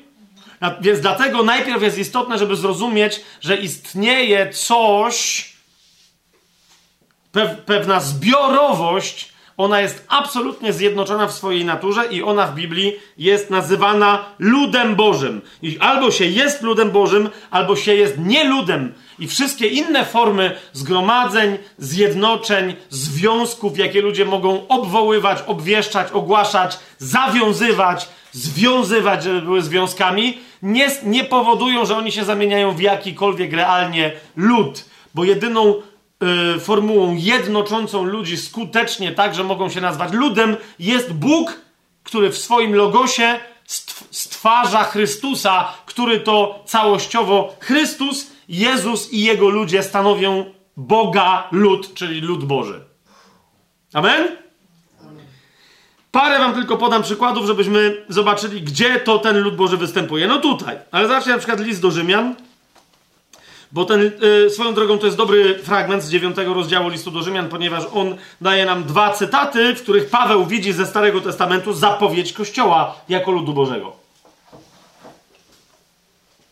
Więc jest to dziewiąty rozdział listu do Rzymian, werset 24 i 25. Tam dalej się to ciągnie, ale tylko na to chcę Wam zwrócić uwagę. My wiemy, że Kościół, lud Boży, to jest zjednoczenie. Nie ma już Żyda ani Greka. Nie? A więc wyjęcie z Żydów i z nieżydów jednego ludu. Nie? To nie jest stworzenie z Żydów lepszych Żydów i z nieżydów w miarę Żydów. Nie? To jest wyjęcie jednych i drugich i stworzenie jednego nowego człowieka. Więc Paweł to zaznacza do Rzymian, mówi nas, 24 werset, których powołał nie tylko z Żydów, ale i z Pogan. Jak? I w 25 wersecie Paweł mówi, no już Ozeasz to zapowiadał. Gdzie powiedział Pan przez Ozeasza, lud, który nie był mój, nazwę moim ludem, a tę, która nie była umiłowana, nazwę umiłowaną. Jedna, jedno z imion biblijnych, starotestamentowych, ale które wnosi niezwykle wiele, albo wiele niezwykłego do zrozumienia tego, kim jest Nowa Jerozolima, oblubienica baranka. Jedno z takich imion to jest Hefsiba, moja umiłowana. To jest imię Nowej Jerozolimy. ok? Ale o tym może jeszcze dzisiaj, jak nie dzisiaj, to jeszcze kiedy indziej, bo teraz się zajmujemy ludem Bożym. W każdym razie widzicie, Bóg mówi, był jakiś lud, który nie był moim ludem, kto nie był jego ludem? To byli wszyscy poganie. Żydzi byli wtedy yy, pana ludem. Tak? I on mówi: nazwę nie lud, moim ludem. I Piotr do, dokładnie o tym mówi. Byliście nie ludem, a teraz nie tylko, że jesteście ludem, ale jesteście ludem Boga samego. Okay? Tutaj Paweł się odwołuje do Ozeasza, a dalej do Izajasza. Tak? Ale, ale już nie będziemy tam dalej, tylko chcę, żebyście na to zwrócili uwagę. 25 werset. Lud, który nie był mój, nazwę moim ludem. I ten mój lud to będzie moja oblubienica, ta, która nie była umiłowana, będzie odtąd nazwana umiłowana. Hmm?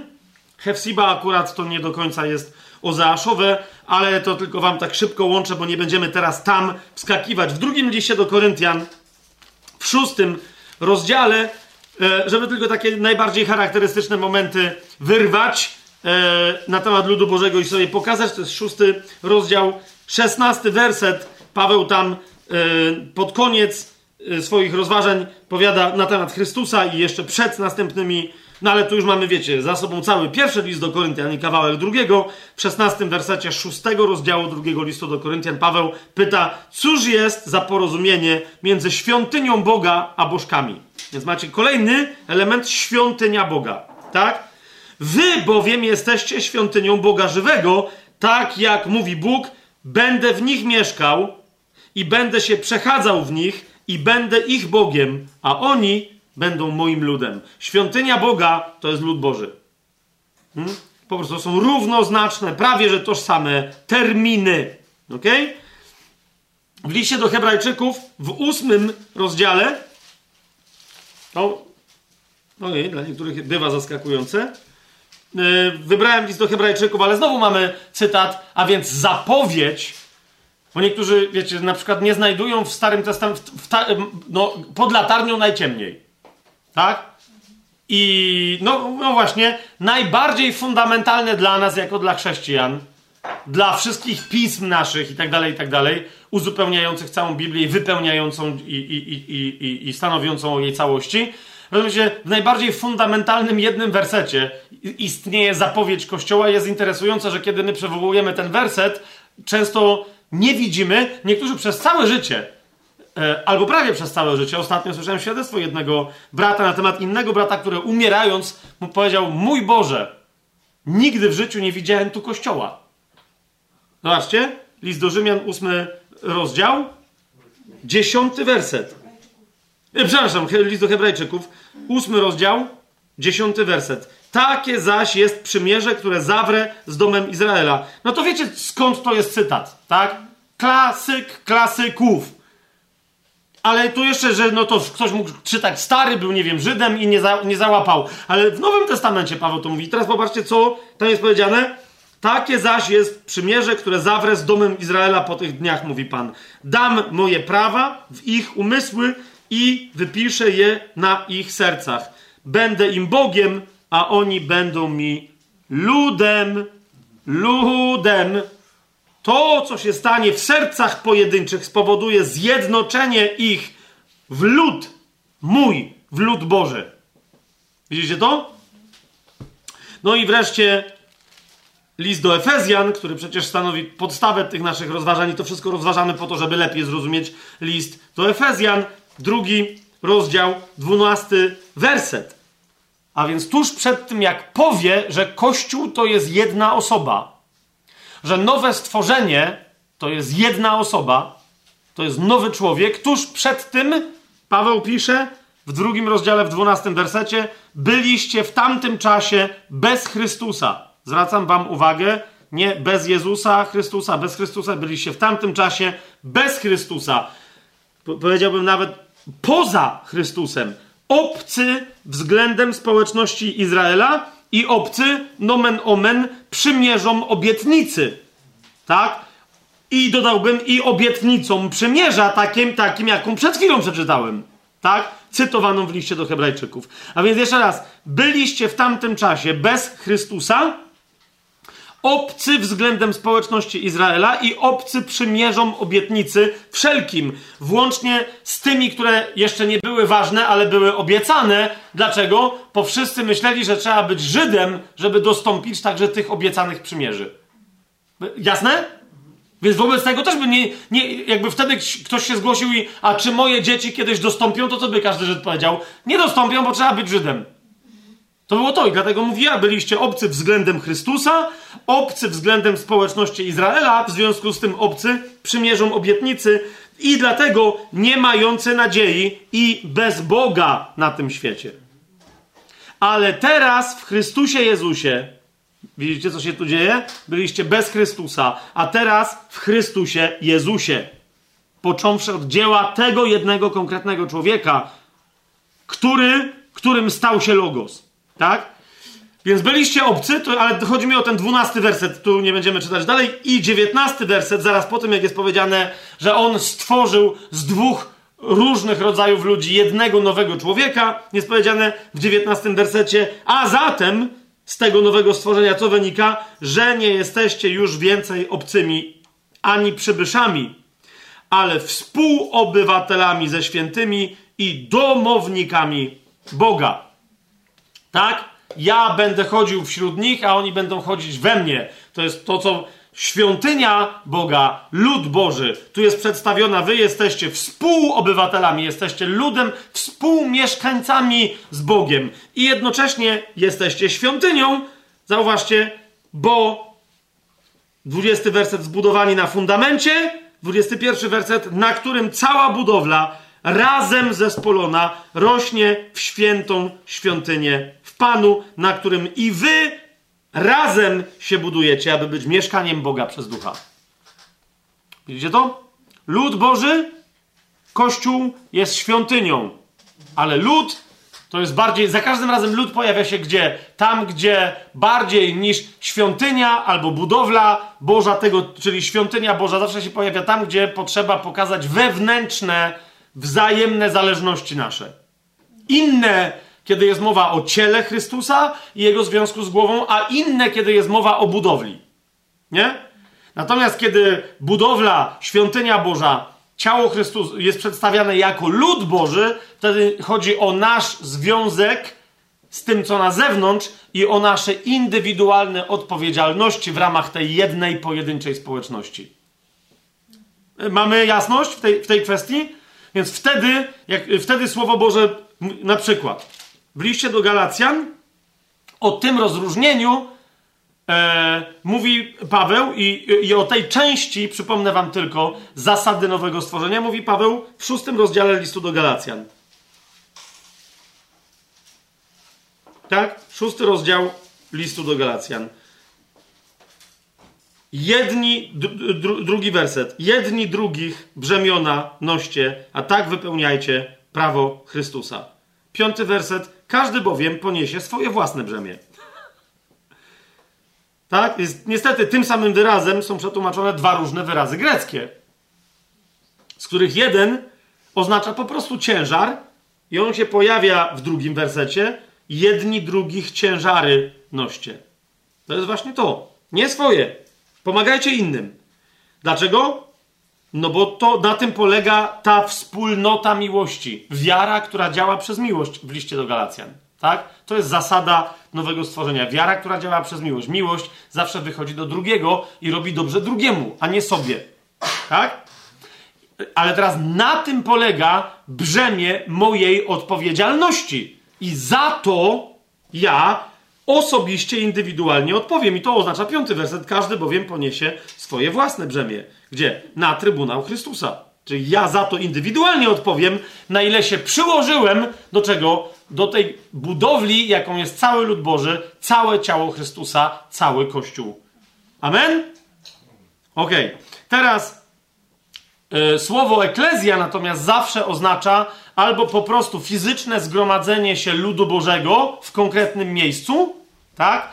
Albo zgromadzenie się, e, albo całe zgromadzenie ludu Bożego jako całość ciała Chrystusa. W liście do Hebrajczyków znajdujemy tego rodzaju ujęcie w 12 rozdziale. Jak sobie otworzymy 12 rozdział listu do Hebrajczyków.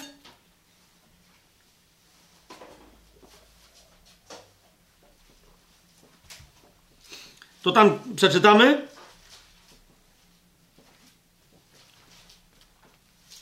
Jest bardzo ważne, żeby to rozumieć na sposób duchowy. Paweł na przykład w liście do Galacjan, ale tam jeszcze dzisiaj wrócimy, robi rozróżnienie, kiedy mówi o górze Syjon i o górze Synaj. Hmm? Ale pamiętajcie, że potem Słowo Boże rozróżnia między fizyczną ziemską górą Synaj tu i teraz, geograficznie, na ziemi, lub Syjon, czyli miejscem geograficznym, e, na którym jest mniej więcej postawiona Jerozolima, a duchową górą Synaj. Okay? Duchową górą Synaj yy, i duchową Jerozolimą, niebieską Jerozolimą, która zastąpi tą tutaj. No, my to musimy rozumieć. Niemniej, list do Hebrajczyków, 12 rozdział, od 22 wersetu. Ale wy przystąpiliście, mamy w liście tu do Hebrajczyków w UBG tłumaczenie przystąpiliście, bardziej akcentuje po prostu podejście fizyczne, a tu bardziej jest przystąpiliście do czegoś, jakby przyłączyliście się do czegoś, nie? Ale wy przystąpiliście do góry Syjon. Ale jakiej? No, no, no właśnie. Do góry Syjon i do miasta Boga Żywego, do niebieskiego, do niebiańskiego Jeruzalem i do niezliczonej rzeszy aniołów. To jest to, do czego się przyłączyliście. I co to jest? 23 werset. Na, tu mamy trochę dziwne w UBG tłumaczenie na powszechne zebranie do zgromadzenia pierworodnych. Właściwe słowo eklezja pojawia się tutaj e, w, w, w, drugiej kolejności, czyli zgromadzenie pierworodnych. Tak? Czyli Kościół, całościowo ciało Chrystusa jest nazwany zgromadzeniem pierworodnych, którzy są zapisani w niebie. Okej? Okay? To jest jedna z definicji Kościoła. Jak dla mnie, to jest eklezja, czyli zgromadzenie pierworodnych, którzy są zapisani w niebie. Tak? A e, w tym wcześniejszym, tym to powszechne zebranie, według mnie, Y, tu, tu jest wyraz, okej, okay, niech każdy tłumaczy jak chce, bo on się pojawia tylko raz w Nowym Testamencie i się pojawia tylko tutaj, ale Septuaginta tłumaczy przy pomocy tego wyrazu trzy albo czterokrotnie, teraz nie pamiętam, e, w Starym Testamencie taki hebrajski wyraz, który oznacza uroczyste zgromadzenie lub też zebranie się z okazji święta. Jest to jasne? Nie po prostu jakiekolwiek zgromadzenie. I, i teraz jakby, żeby je odróżnić, musi mieć cechy charakterystyczne. Nie? I, i, ale ze względu na to, ten wyraz y, tutaj nazywa się panegiris. Znaczy nazywa się, brzmi po, po grecku panegiris. E, jest jeszcze inny wyraz na, na oznaczenie zgromadzenia w którym jest mowa o naszym zgromadzeniu się, zgromadzeniu się wokół Chrystusa, zwłaszcza wokół Jego przyjścia. I ten wyraz brzmi episynagogę, dwukrotnie się pojawiający w, w Grece Nowego Testamentu, ale dobra, nas to teraz nie interesuje, więc tutaj jest powiedziane, że przystąpiliśmy, przyłączyliśmy się do zgromadzenia pierworodnych. Zauważcie, e, jakie to z sobą niesie nieprawdopodobne, istotne konotacje. Nie? E, gdzie pierworodni stali się jedną społecznością najpierw w Biblii? Hmm? E, którzy są zapisani w niebie, a więc którzy mają przeznaczone życie wieczne. Spójrzcie, jak wtedy nagle otwierają się przestrzenie, na przykład rozumienia proroczej zapowiedzi, która się znalazła w początku pierwszej oryginalnej paschy żydowskiej. Nie? Przyszedł wtedy anioł, który miał zabić pierworodnych. Jakich? Wszystkich. I wtedy się wszyscy pierworodni podzielili na tych, co zginęli i na tych, co przeżyli dzięki krwi baranka. Widzicie to? A my tutaj mamy zgromadzenie pierworodnych, którzy są zapisani w niebie, do których go się przyłączyliśmy, 24, i do pośrednika nowego przymierza Jezusa, do krwi, którą się kropi, tam się kropiło odrzwia, a tu co się kropi, albo kogo, a która mówi rzeczy lepsze nawet niż krew Abla, nie? Więc jak macie takie, takie jedno sformułowanie, eklezja pierworodnych, zgromadzenie pierworodnych, wow, Rozumiesz, to, to, to, od razu cała reszta tekstów biblijnych się otwiera. Ale najpierw ta eklezja pierworodnych jest nazwana uroczystym zgromadzeniem. Panegiris. Zgromadzeniem z okazji uroczystości.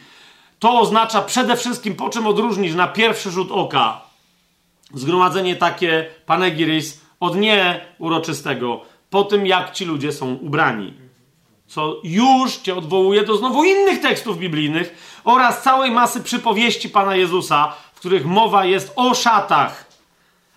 Wprost, kto jak jest ubrany, na przykład na wesele, albo o tych wszystkich ludziach, którzy wybierają się na panegiris, czyli uroczyste zgromadzenie. Ok? Ponieważ, rozumiecie, ja bym powiedział tak, e, no my dzisiaj mamy taką kulturę, że jak jest ślub, to jest i wesele, ale niekoniecznie ci, którzy są zaproszeni na ślub, są zaproszeni na wesele. A ci, którzy są zaproszeni i na ślub, i na wesele, im dłużej trwa wesele, tym mniej wyglądają, jakby byli wcześniej na ślubie. Jeżeli wiecie o co mi chodzi, no nie? Więc tu bym powiedział, że to jest zgromadzenie i ślubu, i wesela. Nie? To pierwsze powszechne zgromadzenie, powszechne zebranie, to jest zebranie na ślubie. Wszyscy są bardzo ładnie ubrani. Nie? Okej, okay, w niebie później wszyscy będą dalej tak samo ładnie ubrani, więc nie chodzi o to, że wiecie, będzie weselisko, tylko, tylko tu są zebrani, aby odbyć uroczystość, a za chwilę co? Będą żyć w wyniku tej uroczystości e, życiem szczęśliwym i wiecznym. Amen? Więc to jest taki podwójny rodzaj, podwójny charakter tego, e, tego zgromadzenia. I teraz, kochani, i teraz, kochani, eklezja ten wyraz oczywiście on się pojawia w Biblii w różnych kontekstach, ale w kontekście całego ciała Chrystusa pojawia się w nie znowu aż tak wielu miejscach innych. Pozwólcie uwagę, jeżeli na przykład w Księdze Objawienia jest powiedziane i powtarza się powielekroć sformułowanie kto ma uszy, niechaj słucha, co Duch mówi do kościołów, właśnie, to są kościoły, a więc różne zgromadzenia, konkretne zgromadzenia w różnych miejscach geograficznych tak itd. Tak I one wszystkie razem mogą być symbolem jednego kościoła, jednej eklezji, ale nadal zgromadzenia mogą być rozumiane różnie, tak? To, słowo eklezja, tak, żeby przy jego pomocy rozumieć Kościół globalny jako całe ciało Chrystusa, Kościół uniwersalny, nie pojawia się znowu aż tak często w Biblii. Jest rzeczą bardzo interesującą, że w liście do Efezjan pojawia się aż dziewięć razy w takim krótkim tekście i za każdym razem odnosi się do całego kościoła rozumianego uniwersalnie. Nie do kościoła w Efezie, całego kościoła rozumianego uniwersalnie. I teraz uważajcie, i teraz uważajcie, bo teraz przejdziemy do ostatniego istotnego tematu, który nam pozwoli dopiero zrozumieć list do, Efezjan, jego najgłębszą treść, a w każdym razie wejść na ścieżkę właściwego zrozumienia treści i dostrzeżenia właściwej struktury listu do Efezjan. To jest mianowicie, no właśnie, co to jest? W liście do Efezjan słowo eklezja pojawia się, jak powiedziałem, dziewięć razy. Trzy, za każdym razem pojawia się w, od, w odniesieniu do całego Kościoła, do całego ciała Chrystusa. Pierwszy raz pojawia się w pierwszym rozdziale, w 22 wersecie. Już ten wyraz na oczy widzieliśmy i na uszy słyszeliśmy. Wszystko poddał pod jego stopy, a jego samego dał jako głowę ponad wszystkim Kościołowi. Amen? Okej. Okay. Po raz drugi pojawia się wyraz eklezja w trzecim rozdziale tegoż listu do Efezjan, w dziesiątym wersecie. Aby teraz wieloraka mądrość Boga poprzez Kościół, poprzez eklezję, stała się jawna zwierzchnością i władzą w miejscach niebieskich. I po raz trzeci pojawia się słowo eklezja w trzecim rozdziale, w dwudziestym pierwszym wersecie, a więc w wersecie, który kończy pierwszą część listu do Efezjan. Tak? Mianowicie, Jemu niech będzie chwała w Kościele przez Chrystusa Jezusa. Ok? A więc mamy trzykrotnie jedną wypowiedź, która mówi, że Kościół jest ciałem i ma głowę, którą jest Chrystus Jezus. To jest Efezjan 1,22. Następnie, że Kościół jest narzędziem, może nie narzędziem, sługą Bożej wypowiedzi. To jest trzeci rozdział listu do Efezjan, dziesiąty werset, który służy Bogu. Kościół służy Bogu, aby wypowiedzieć przez Kościół swoją wieloraką mądrość do istot duchowych, indywidualnie potężniejszych niż jakiś pojedynczy człowiek, jakikolwiek pojedynczy człowiek z wyjątkiem Jezusa Chrystusa. Tak? I po trzecie dowiadujemy się, że cały Kościół, to są trzy zastosowania e, tego wyrazu, e, jest miejscem, w którym Bóg odbiera sobie chwałę. Jest więc świątynią, w której się Boga uwielbia i wywyższa. Jemu niech będzie chwała w Kościele przez kapłana, który w tym Kościele działa, którym jest Chrystus Jezus. Amen? To jest trzy razy. I teraz uważajcie.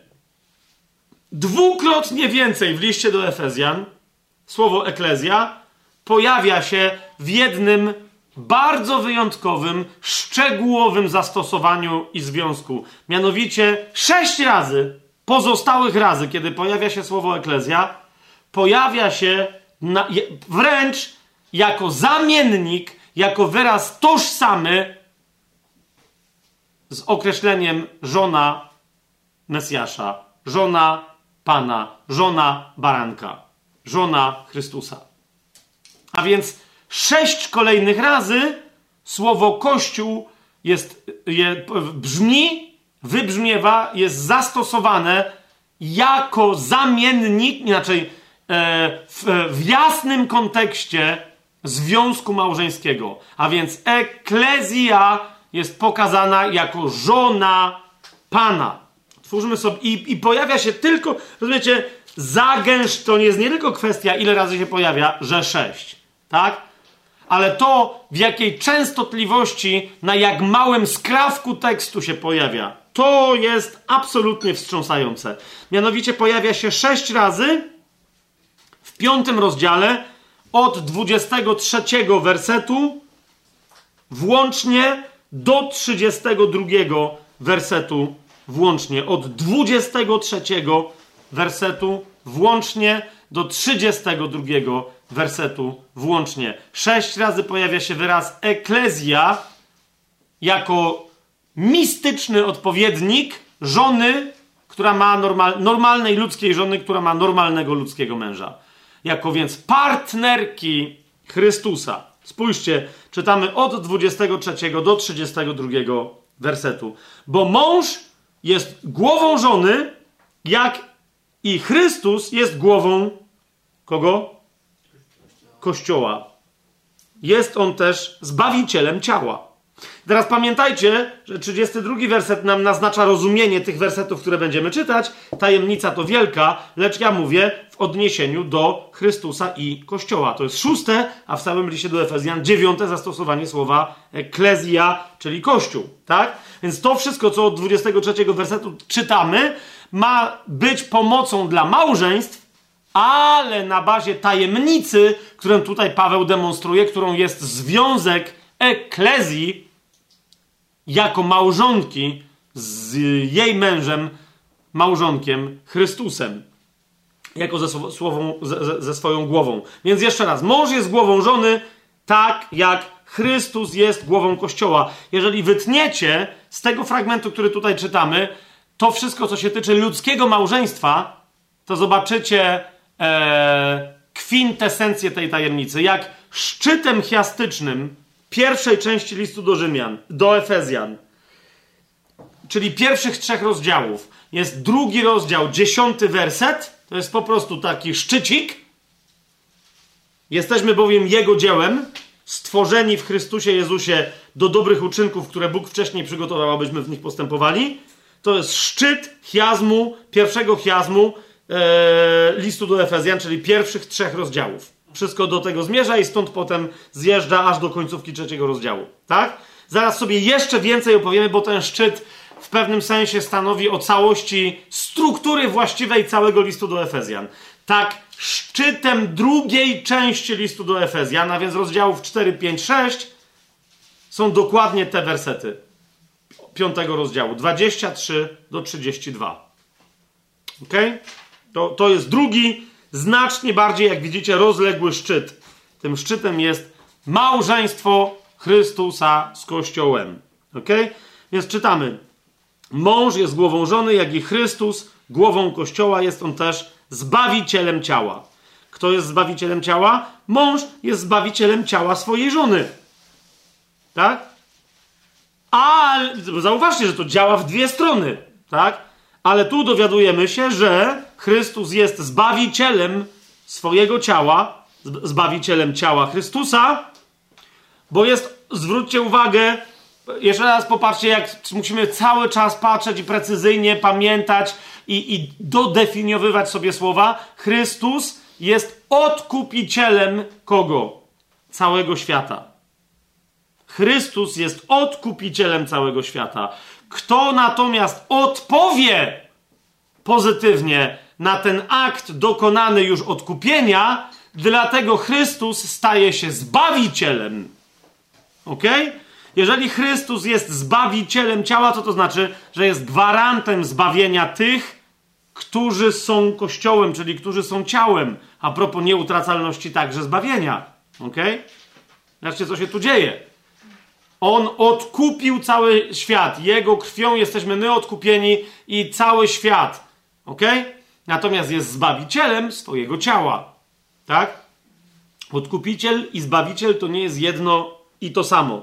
Zbawicielem, no, no w każdym razie, sami to widzicie. Więc Chrystus jest głową Kościoła, który jest jego ciałem, którego to Kościoła, czyli ciała swojego, on jest Zbawicielem. Jak więc Kościół jest poddany Chrystusowi? Dalej czego się dowiadujemy? Że Kościół więc jest poddany Chrystusowi. Jak? No tak, jak tu w tym normalnym życiu żony powinny być poddane swoim mężom. Ale nie w sposób patologiczny, tylko w taki, w jaki sposób Kościół jest poddany Chrystusowi. No i masz!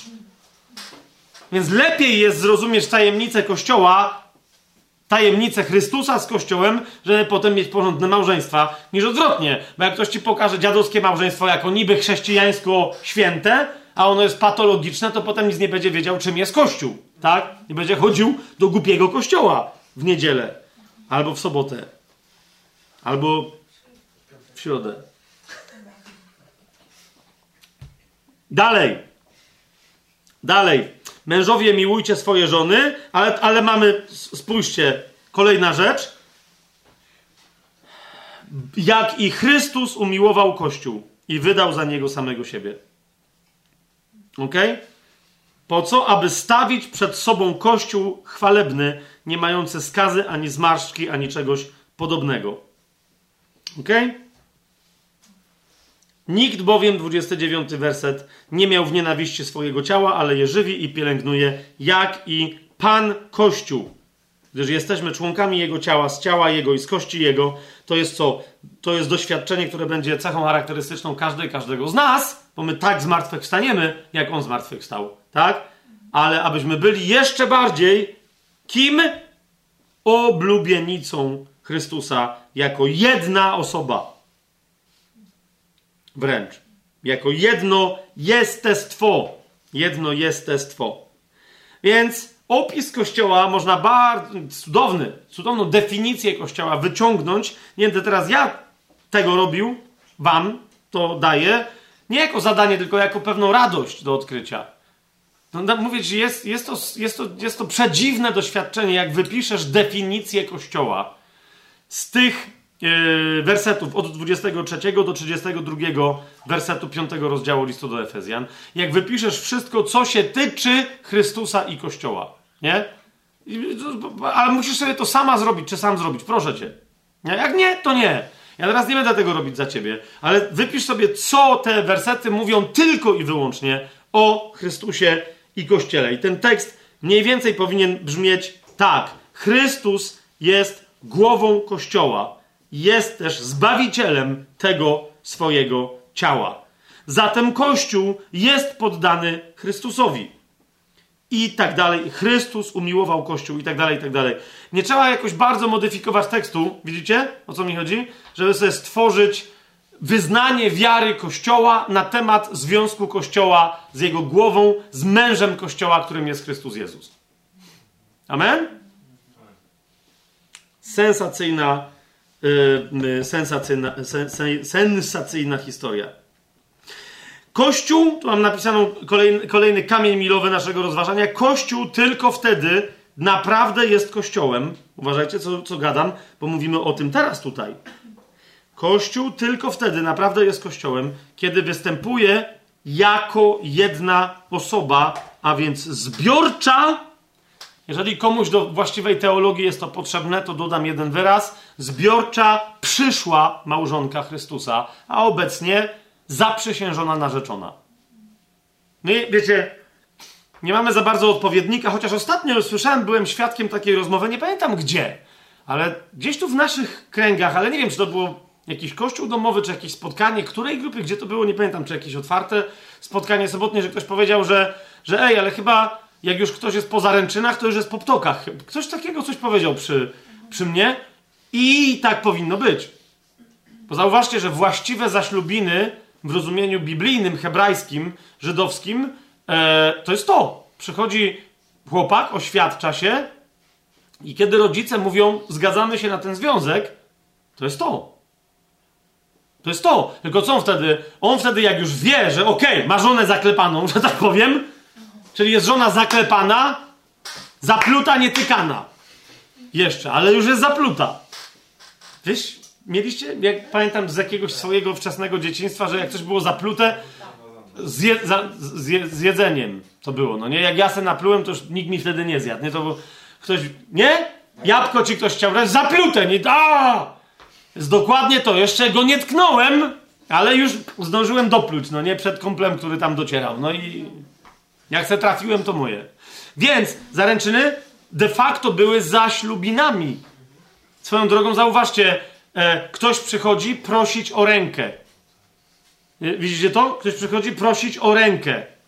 Więc zaręczyny są czym? Są oddaniem mu ręki o, o kobiety, o którą się stara. To jest to. Myśmy nam się pokrzaniły historie. Tylko, tylko, my byśmy od razu chcieli, no to w takim razie siup do łóżka. No to dzisiaj to już niektórzy, żeby sprawdzić, czy ręka jest warta, to najpierw skaczą do łóżka, żeby sprawdzić całą resztę. No to są inne historie.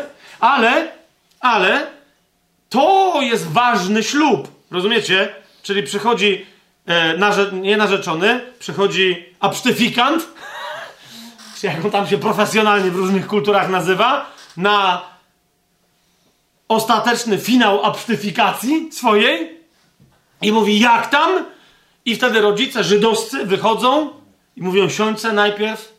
No to jak już chcesz siąść, to jest dobrze. Ale nadal nie wiesz, no nie? E, ale jak już widzisz, że szklanki stoją na stole, to znaczy, że już jest raczej bardzo dobrze. Dlaczego? Bo jak jest siądźce, a szklanki są na stole i wtedy przychodzi ojciec pani młodej i mówi, to się napijmy, to znaczy zgadzamy się. To znaczy twoja ci. I tyle leją, czy ona wtedy też przychodzi. Już nawet niektórzy wtedy rodzice pozwalają się im pocałować. Tak wiecie, bez dotykania, tylko tak na, na dzióbka, ale. Nie? Ja mówię takie rzeczy, które kiedyś byłyby, wiecie, przepiękne, takie romantyczne, a my się śmiejemy. Taki, taką obleśność kulturowo już reprezentujemy. No wiecie o co mi chodzi. No nie? Że to wygląda tak, gdzie takie dwa dzióbki, takie. Takie dwie ptaszyny. A tymczasem.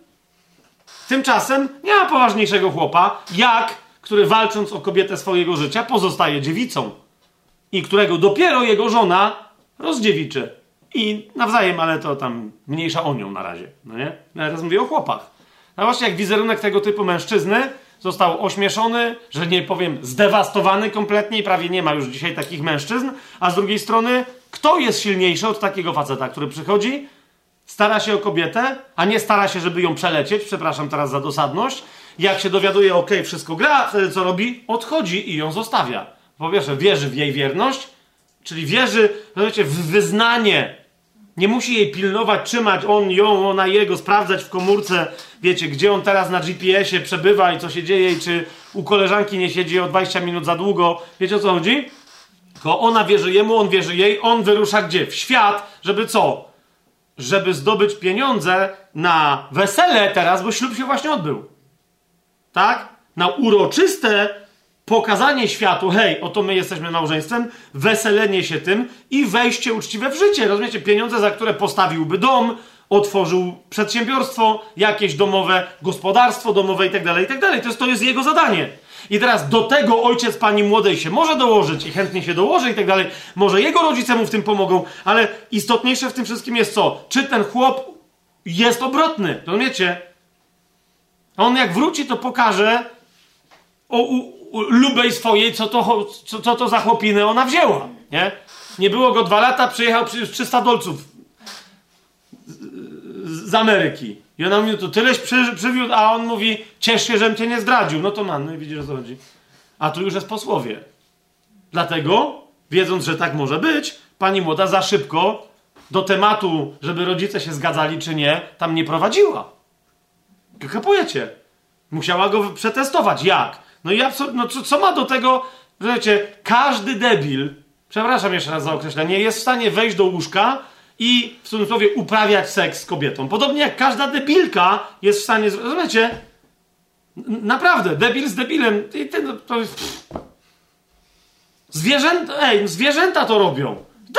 Dość dobrze im to wychodzi mają dzieci, rozmnażają się, są kolejne pokolenia. I nie chodzi o to, że teraz zwierzęta, że są debilami. To są zwierzętami. To nawet nie chodzi o to, że to musi być ogłupiały człowiek.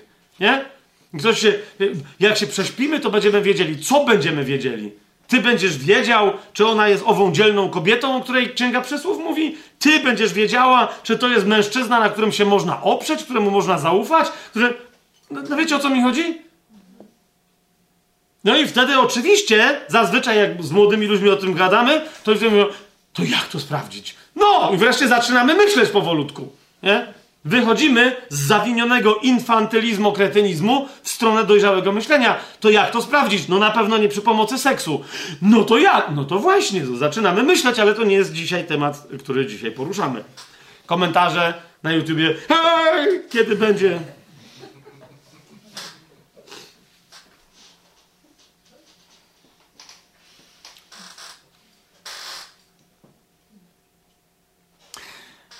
ale dobra, bo za, w każdym razie, w każdym razie, tak właśnie wygląda małżeństwo w tym momencie Chrystusa ze swoją oblubienicą. My już jesteśmy zaślubieni. Ale dlatego, jak ktoś uważa, że jeszcze, ale to jeszcze musi dojść do konsumpcji, czyli że jeszcze musi dojść, no to tak, to my jeszcze nie, jeszcze gody baranka są przed nami.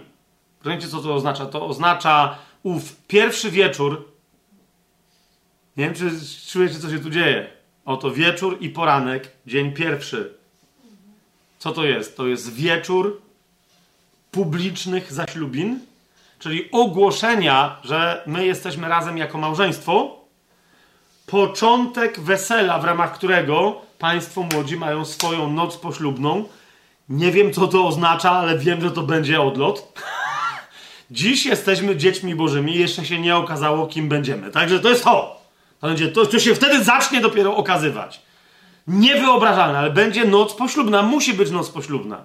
Rozumiecie? Bo to są gody baranka. To jest... E, pani młoda się przestroiła na co? Właśnie na to. Jaka pani młoda chciałaby pójść do ołtarza dowolnego, cała ubrana na biało? Dokładnie tak jak to pierwowzór wszystkich innych ślubów wygląda w Biblii. Cała pani młoda ubrana na biało i jeszcze złoto, no ale to jest jasna sprawa. To nie jest bidne małżeństwo, to jest najbogatsze. W każdym razie, rozumiecie, jaka pani młoda by chciała, poszła cyk, a potem ją zamknęli w klasztorze. To jest zaraz po... To przecież nie będzie robić szopki, nie? Czyli jest ślub, jest ślub. Cała reszta się bawi, czyli aniołowie wtedy, rozumiecie, całą wieczność czekali i oni się wtedy w końcu napiją. Natomiast Kościół z panem młodym, znaczy oni się wtedy napiją z tatą pana młodego i nazwijmy ją z siostrą, czyli z duchą świętą. Wiecie o co mi chodzi? A pan młody z kościołem wtedy ma ze swoją oblubienicą swoją noc poślubną. I potem jest poranek, dzień pierwszy czego? Wesela. Po ślubie i po nocy poślubnej zaczyna się wesele. No, niekoniecznie to będzie bardzo wesołe. Wiecie, dla tych, którzy nie dali się zaprosić na to wesele, no bo tam będą się zlatywać kruki na jedzenie, Babilon upadnie, znaczy wszelkiego rodzaju ptactwo, Babilon upadnie i różne rzeczy upadną i spłoną. Wiecie o co mi chodzi. Jak już będzie wracać, jak już będzie wracać, ta właśnie, ta, o której pieśń nad pieśniami mówi, kimże jest ta, która skąd przychodzi? Z pustyni. Pamiętacie to? Odziana w słońce, w księżyc. Groźna, jak gro, groźne mogą być tylko zastępy. I zauważcie z drugiej strony, kto przychodzi z pustyni. Kim jest ten, który przychodzi z pustyni u Izajasza? Nie? Który ma szatę całą we krwi. Rozumiecie? Oni idą z tej samej pustyni. Nie? Kim jest ta, która. A, a kto został przeniesiony na pustynię? I jaką pustynię? W dwunastym rozdziale księgi objawienia. Kto dostał skrzydła i został przeniesiony? To jest, jeszcze raz zapytam was jeszcze z innej strony, bo jedna ziemia, pustynia jest na ziemi, a inna pustynia jest na ziemi, czy nie jest, skoro w dwunastym rozdziale księgi objawienia kobieta jest przenoszona na pustynię, a w, tej, w tym przeniesieniu, żeby jej nie dopadł smog, pomaga jej ziemia. Ja nie będę teraz tych wątków rozwiązywał, chociaż bardzo bym chciał, bo mnie tu aż telepie, ale ani do księgi Pieśni nad Pieśniami, ani do księgi Izajasza, ani do księgi Objawienia teraz nie przejdę, tylko chcę wam powiedzieć, naprawdę, naprawdę, tam są tam. Biblia bardzo konkretnie również pierwsze dni po godach baranka opisuje i pokazuje, co, jak to się będzie miało z rozpoczęciem panowania i królowania Jezusa na ziemi. Ok? Ale nie będę, nie, nie, nie będę. Czyli my jesteśmy już po zaślubinach. To jest to. Rozumiecie? Pan Jezus poszedł do naszego taty, który przy okazji jest jego tatą, ale inaczej. Więc żeby nie było, że tu jest kazirodztwo, on wyraźnie powiedział do Boga mojego i do Boga waszego, do Ojca mojego i do Ojca waszego. Znaczy, akurat nie powiedział waszego, tylko do Boga mojego i do Boga twojego w tej scenie konkretnej, którą teraz cytuję, ale nieważne! Boga mojego, Boga waszego też było. Ok? I teraz dogadali się, mówi, panie, kochany, tu, tu, mi się zawsze przypomina ta scena z polskiej komedii, nie pamiętam jakiej, jak tam gość mówi chłopu, panie, przecież pan ma taką cudowną tą córkę, to ona jest mądra, inteligentna, taka wygadana i obrotna i robotna, No i śliczna taka. Ten chłopak siedzi i mówi, co zrobić? Ale tu ojciec, tak Panu Jezusowi nie odpowiedział, tylko mówi, ja wiem, co zrobić. Co jakby byście się wiedzieli, o co chodzi. Nie? To by było piękne małżeństwo. No i tyle. Wypili wino. Na pamiątkę tej umowy, my dlatego cały czas łamiemy się chlebkiem i pijemy wino. Wypili wino, przepili. My tam też się dołączyliśmy właśnie, do, bo pani młoda ma prawo się dołączyć do tego przepicia. Kielich nowego i wiecznego przymierza, która dla które dla nas jest przymierzem małżeńskim. Ok, myśmy się dołączyli do tej szklanicy. Wszyscy tam dziób, dziób, dziób wypili, ale co, pan młody dokładnie tak jak powiedział. Poszedł, żeby przed tym, jak już zamieszka ze swoją małżonką, pozyskać dla siebie i dla niej godność królewską. Hmm? Dlatego umarł z tytułem, no ale to już jak dostał tytuł, to już yy, długo z nim nie pożył, że tak powiem. Plus nie o ten tytuł chodziło, bo nikt mu łaski nie zrobił, że został rozpoznany jako król Żydów. On wróci jako król królów i pan panów. I to będzie mieć napisane, zobaczcie w Księdze Objawienia, to będzie mieć napisane na szacie poza innymi rzeczami, które będzie mieć napisane. Ja w ogóle nie wiem, wiecie, czy ta szata Pana Jezusa troszeczkę nie będzie wyglądać tak, jak już mam łamać nam tu wszystkim religijne, rozmaite wyobrażenia i święte ikony w głowie. Co wy na... Bo wiecie, jak zobaczycie, co ile, ile napisów Pan Jezus będzie miał na sobie, według mnie jego przyjście z nieba na koniu będzie wyglądało raczej, znaczy on będzie wyglądał raczej jak kierowca Formuły 1. Ok? Widzicie to już? Różne, nie? Zamiast tam Pirelli, coś tam, nie? Będzie miał tam różne rzeczy napisane i Słowo Boże mówi nawet, co tam będzie miał, na... ale to musi być profesjonalnie, no to wiecie, to muszą być rzucające się w oczy napisy, z, tyłu, z przodu, na, na, na hełmie, kasku, czy tam, jak tam będzie ta, ten jego diadem na głowie, czy też wiele diademów wyglądać, obczajacie? Nie takiego sobie Pana Jezusa wyobrażaliście, ale obczajcie teraz takie ciemne okulary, nie? Koń w kształcie bolidu Formuły 1. takie nogi szeroko rozstawione, takie bardziej koliste. Wiecie o co chodzi? Okej, okay, troszeczkę tylko sobie żartuję, y, ale tak, to, to, to nas. Zanim wszakże on wróci, my jesteśmy oblubienicą, no nie powiem, że na wygnaniu, ale no trochę na wygnaniu, bo w oczekiwaniu. Nie?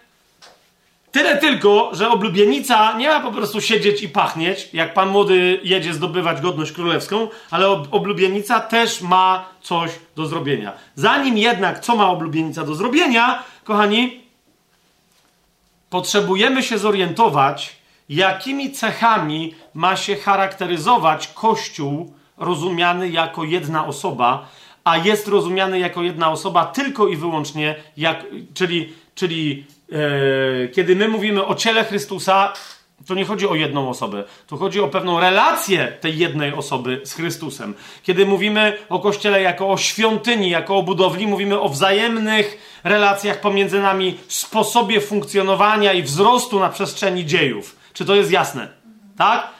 Kiedy natomiast mówimy o Kościele, jak, rozumiejąc ją, Kościół, my mamy problem w języku polskim, bo eklezja, widzicie, po grecku to jest ona, tak? E, nawet po angielsku church to jest her, tak? I to jest jej, to jest she, to jest ona, tak? To jest, to, my, mamy kościół, one! Więc to trzeba jakoś, nie wiem, kościolla. No nie, nie, nie wiem, teraz już nie będziemy nowego słowa wymyślić. Jest eklezja, to jest ona. Więc kościół rozumiany globalnie, uniwersalnie, to jest ona i wtedy zawsze, to, kiedy to jest jedna osoba, to jest osoba, która wyszła za mąż i jest żoną Chrystusa. To jest oblubienica Chrystusa. Nie ma żadnych. Kiedy, kiedy myślimy o. Kiedy myślimy my, to myślimy umysłem oblubienicy, a nie ma żadnego innego. Jasne? Nie ma jakiegoś ludu Bożego, jakiegoś zgromadzenia, czegoś, jakiego. Nie, nie. My, kiedy mówimy my, Kościół, to znaczy ja, oblubienica baranka. A więc nasze my staje się ja, ale to nie jest moje ja, ale to jest nasze ja jako oblubienicy baranka. I rozumiecie, w Biblii oblubienica jest opisana cech. Ona, rozumiecie, ona. Teraz popatrz, ty jesteś jej częścią. Wiesz o co mi chodzi? Teraz moje pytanie brzmi: a znasz ją? Znasz ją? Znasz ludzi, którzy. Ale wiesz, my często żyjemy na, tym, na, tym, na, na tej płaszczyźnie, w tej, w tej czasoprzestrzeni ubogiej rozumienia Kościoła jako części. Czy ja ci mówię Kościół i ty teraz masz na myśli swój Kościół domowy na przykład. Ale to nie jest ona. Masz na myśli ludzi, których znasz w kościele, gdzie dwie albo trzy osoby się gromadzą. My teraz tutaj, tak? I teraz myślisz sobie, to jest mój, mój kościół, to jest Tymek, to jest, to jest Smoku, to jest Ania, to jest Madzia, to jest Olga. Ale, wiecie o co mi chodzi? Ale, ale, to nie jest ona. To jest, to jest tak, my, nasze rozumienie kościoła jest trochę takie, jakbyśmy mówili o jednej konkretnej osobie. Wyobraźcie sobie królo, królowa ubrana w białe szaty, które są ozdobione złotem z ofiru. Wyobraźcie sobie, że ja teraz powiem, ja się, to nie jest, jest pewna taka koncepcja teologiczna, z którą y, wielu, o dziwo, egzegetów się zgadza, to jest ciekawe, czyli, że tak jak Chrystus reprezentujący całą ludzkość był pojedynczym mężczyzną, tak pojawi się pojedyncza kobieta, która będzie reprezentować całą resztę ludzkości i ta konkretna osoba, Jezus z Nazaretu, się ożeni naprawdę z jedną konkretną kobietą, a ich to będzie akt demonstrujący zjednoczenie całego Chrystusa, że tak powiem. Nie? Ja się nie do końca zgadzam z tym, nie będę teraz mówić dlaczego, ale czujecie, co jest grane? Dlaczego się posługuje tym obrazem? Agnieszka, co? Nie, bo to jest takie, e, czyli będzie jednak jakaś Matka Boska. To jest serce katolika natychmiast, nie? I widzę, że Agnieszka to, to było to. to. Nie, nie, nie. To nie o to chodzi, nie? Inni, u innych się, rozumiecie, się rodzi. Na przykład rozmawiałem kiedyś w męskim gronie, przy okazji, jak mieliśmy twierdzę Kaleba, nie wiem, czy pamiętacie, i tam, tam coś gadaliśmy, ja to rzuciłem to hasło, że Pan Jezus może, rozumiecie, jak, jak wtedy, jak ci mężczyźni tam się rozmarzyli, nie? Nie mówię, że ja nie, ale to było takie, co to musi być zabawa? Wiesz o co chodzi, że, że se sam Pan Jezus jakby zachowa, wiesz o co mi chodzi i ona będzie, ty. Jeden tam wyskoczył, bo to było dobre, mówi, Ej, ale to musi być zakonnica, bo ona nie może mieć wcześniej męża. Nie, okej. Okay. To tam, ale, ale wiecie, zrodziło się masę. Niemniej, dlaczego ja się posługuję tym obrazem? Dlaczego się posługuję tym obrazem? Żeby wam uświadomić, że na, naprawdę Kościół to jest naprawdę w zamyśle, bo rozumiecie, my w połączeniu z innymi mamy naprawdę być jedną osobą dla Chrystusa. I stąd moje pytanie, czy ty ją znasz? Gdybym ci powiedział, że jest taka jedna dziewczyna, czy ją znasz, rozumiesz o co mi chodzi? Że się zastanawiasz, hmm, tak jak ci, ci goście się bardziej zastanawiali, ja wiem na czym oni się zastanawiali, no nie? Jakie ona będzie miała włosy, wymiary. Nie? No bo ej, panowie, no musi, no musi być dla Pana Jezusa, musi być ładna, no ale co to znaczy? No i tu nagle się okazuje, może jednak istnieją e, na wieki jakieś uniwersalne wymiary kobiecego piękna. Wiecie o co mi chodzi, tak? Jaki tam wszystkie e, stosunek e, bioder do kibici i, no i tak dalej, no nie? Co tam kto ocenia różne tam rzeczy matematycznie, jak liczy. Inna rzecz, że wymiary panny młodej są podane w 21 rozdziale Księgi Objawienia dosyć precyzyjnie. Niekoniecznie w formie krągłości, ale, tak, ale. Zwróćcie uwagę. Więc czy ty ją znasz? Widzisz, im bardziej twoje życie przestaje być ja, a zaczyna być my, im bardziej moje życie przestaje być ja, a zaczyna być my, tym lepiej ją znam. I wszędzie tam, gdzie Kościół naprawdę, jeszcze raz, Kościół tylko wtedy naprawdę jest kościołem, kiedy występuje jako jedna osoba, a tą jedną osobą może być tylko żona baranka. I rozumiesz, ludzie, którzy nie wiedzą o tym, że Kościół to jest żona baranka, sp kiedy spotykają się z Kościołem, widzą czyje cechy? Twoje? Nie, widzą jej cechy. Jak to? Jak to? Więc rozumiecie, my kiedy mówimy wszystko mi wolno, ale nie wszystko przynosi mi korzyść, co jest korzyścią, to co jest korzyścią dla Kościoła, powinniśmy szukać czego? Tego, co będzie jak najlepszym wyrazem tego, kim jest ona. Umiłowana baranka. Powiecie, no, no bo nie wiem, jakbym teraz was zapytał, pamiętacie z Biblii gdzieś wymienione te cechy? jeżeli nie ma tych cech wymienionych yy, nigdzie, to na pewno są wymienione w liście do Efezjan, bo to jest tajemnica tajemnic. Kto jest tajemnicą tajemnic? Jest ona w jedności ze swoim oblubieńcem. Ona jest tajemnicą Chrystusa. Ok? Więc jej cechy to są podane cechy nie twoje, nie moje, nie nasze, uważajcie, ale tu są podane jej cechy. Otóż, kochani, ona jest jedna. Ona, eklezja, jest jedna. Ok? Nowa Jerozolima jest jedna. Ona, oblubienica baranka, żona Chrystusa, jest jedna. O tym mówi najpierw list do Efezjan w drugim rozdziale, kiedy yy, w piętnastym wersecie powiada, aby z dwóch stworzyć w samym sobie jednego nowego człowieka. Ten jeden nowy człowiek to jest eklezja. Ok? I teraz ten jeden nowy człowiek, jakie będzie mieć cechy w przyszłości, to mi o to nie chodzi. Chodzi mi o to, jakie cechy ma mieć już teraz, tutaj, na ziemi. Zatem, jakie będzie mieć cechy?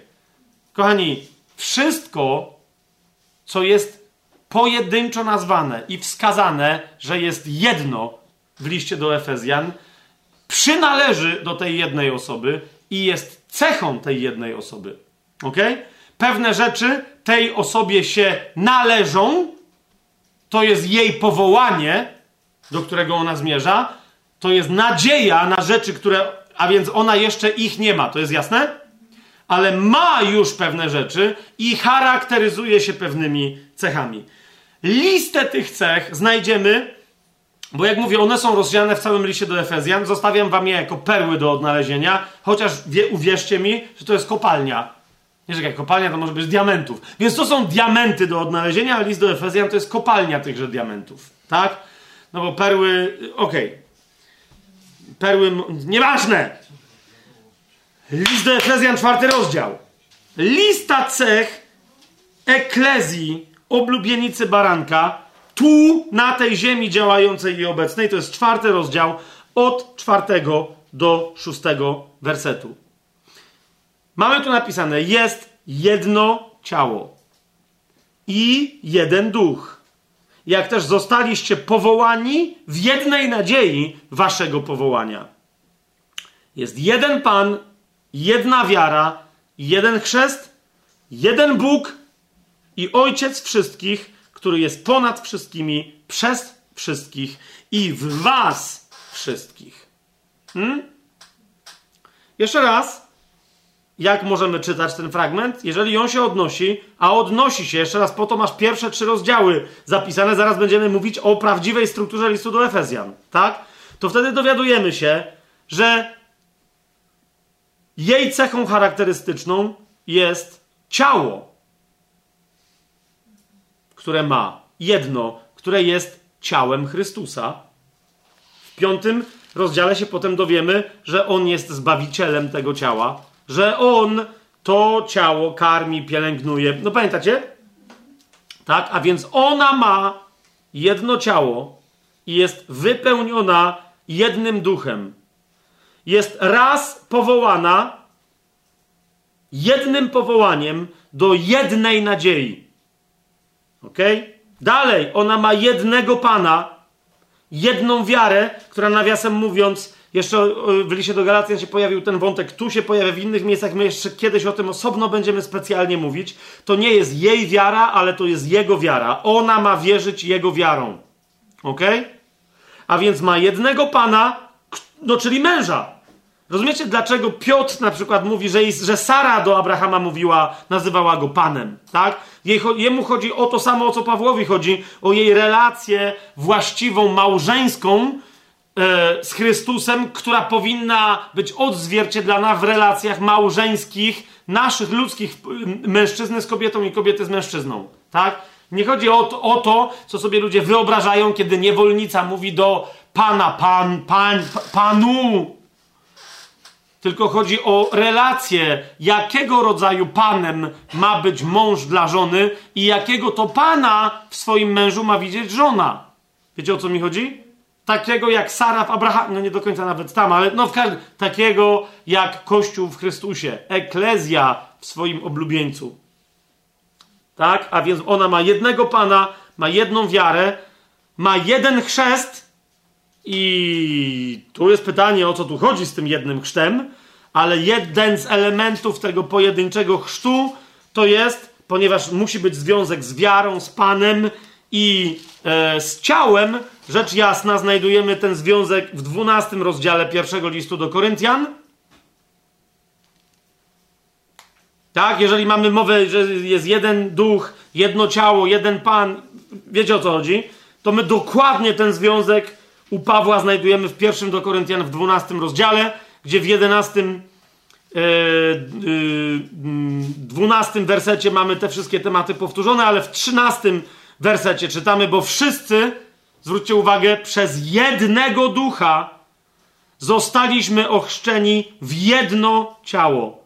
I znów dowiadujemy się, kto my, Kościół, jedno ciało, czy to Żydzi, czy Grecy, czy niewolnicy, czy wolni. I wszyscy zostaliśmy napojeni w jednego ducha. Jeszcze raz widzicie? Jest jeden duch, jedno ciało, jeden chrzest. Wracamy do listu do Efezjan, czwarty rozdział.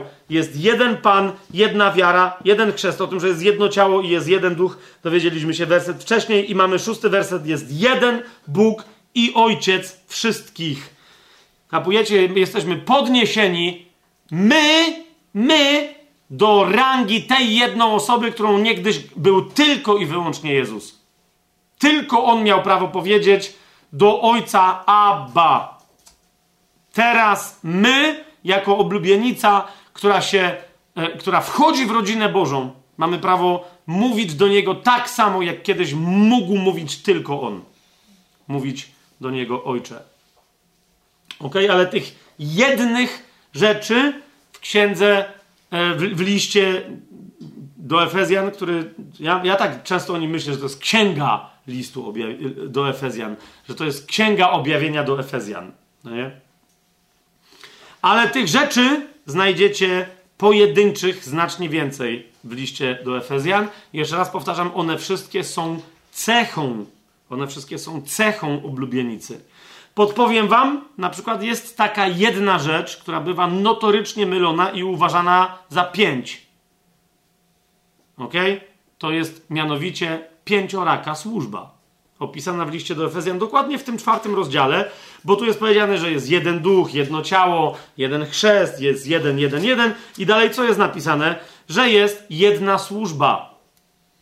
Że jest jedna służba. Dla przysposobienia, to jest dwunasty rozdział, dla przysposobienia świętych, dla dzieła usługiwania, to jest dwunasty werset. Czwarty rozdział, dwunasty werset. Dla budowania ciała Chrystusa. Chrystus jest jeden, ciało jest jedno i dzieło budowania tego ciała też jest jedno. Ono jest nazwane posługiwaniem, diakonia. Dwunasty werset. I dla wykonania tego pojedynczego dzieła, to jest cecho, cecha oblubienicy tu na ziemi, że ona służy. A żeby dobrze wykonała tą jedną rzecz, aby miała tę cechę, jest powoła, są powołani apostołowie, prorocy, ewangeliści, pasterze i nauczyciele. Tak? I, I, stąd się mówi o pięciorakiej służbie. Są różne oblicza służby, które mają zbudować co? Jedną, jedyną służbę. Jedną służbę. Nie ma pięciu różnych służb w kościele. Nie ma, rozumiecie, to, to jest absolutny błąd. Jest jedna. I nawet niektórzy mówią, no ale się mówi, że jest pięcioraka. No jest pięcioraka. Jak coś jest dwojakie, masz dwie strony tego samego medalu, tak? Masz pięć stron tej samej, nie wiem, kostki, ale to jest jedna kostka. Jest jedna służba. Jeszcze raz mówię, tych cech oblubienicy jest więcej. W wielu miejscach Biblia, kiedy mówi o kościele, eklezji i mówi: Spójrzcie na nią, jaka ona jest piękna. Czy nie rozpoznajecie jej po tych jej cechach? To jest pytanie, czy my ją rozpoznajemy dokładnie po tych cechach. Otóż, to będą tylko wyrwane przykłady, bo nie mamy czasu aż tyle, tak? Ale otwórzmy sobie dzieje apostolskie, kiedy to oblubienica wchodzi na scenę międzynarodową, światową, międzyświatową, bo świat widzialny i świat niewidzialny, świat istot, które widzą to, co materialne, i świat istot, które widzą także to, co niematerialne, zobaczył kogo? Nią, ją zobaczył. To są dzieje apostolskie. W drugim rozdziale ona wchodzi na scenę. Widzialnie. Ale nie w drugim rozdziale chcę, żebyśmy czytali dziejów apostolskich, lecz w czwartym. Tam to jest też zaznaczone. Sami sobie poszukajcie, ale zobaczcie w czwartym. Bo to jest kolejny raz, kiedy jest powiedziane: hej, Kościół, jak ona, eklezja, jest opisana. Dzieje apostolskie, czwarty rozdział, 32 werset. A to mnóstwo wierzących. Bo to, że oni wcześniej mieli wspólnotę, a, ale tu już było mnóstwo wierzących w wielu eklezjach gromadzących się po domach, w różnych miejscach było mnóstwo wierzących, a to mnóstwo wierzących miało jedno serce i jedną duszę. Serce, tutaj jest bez tego wyrazu jedno, ale z całą pewnością jedną duszę. Nikt nie nazywał swoim tego, co posiadał, ale wszystko mieli wspólne, ponieważ wszystko należało do niej, do tej, która miała tą jedną duszę, która wszystkich przepełniała. Duszę Chrystusową. Rozumiecie, o co mi chodzi? Tu macie pokazane, tu macie ją pokazaną. Nie nas, nie ich.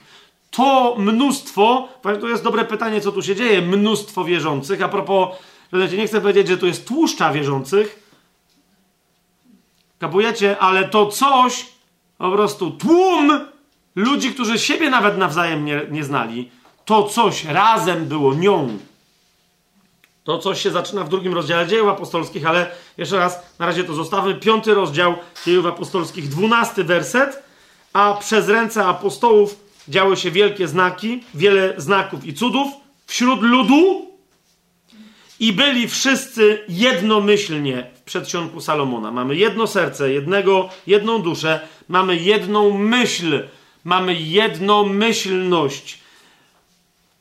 Oblubienica Chrystusa nie ma schizofrenii.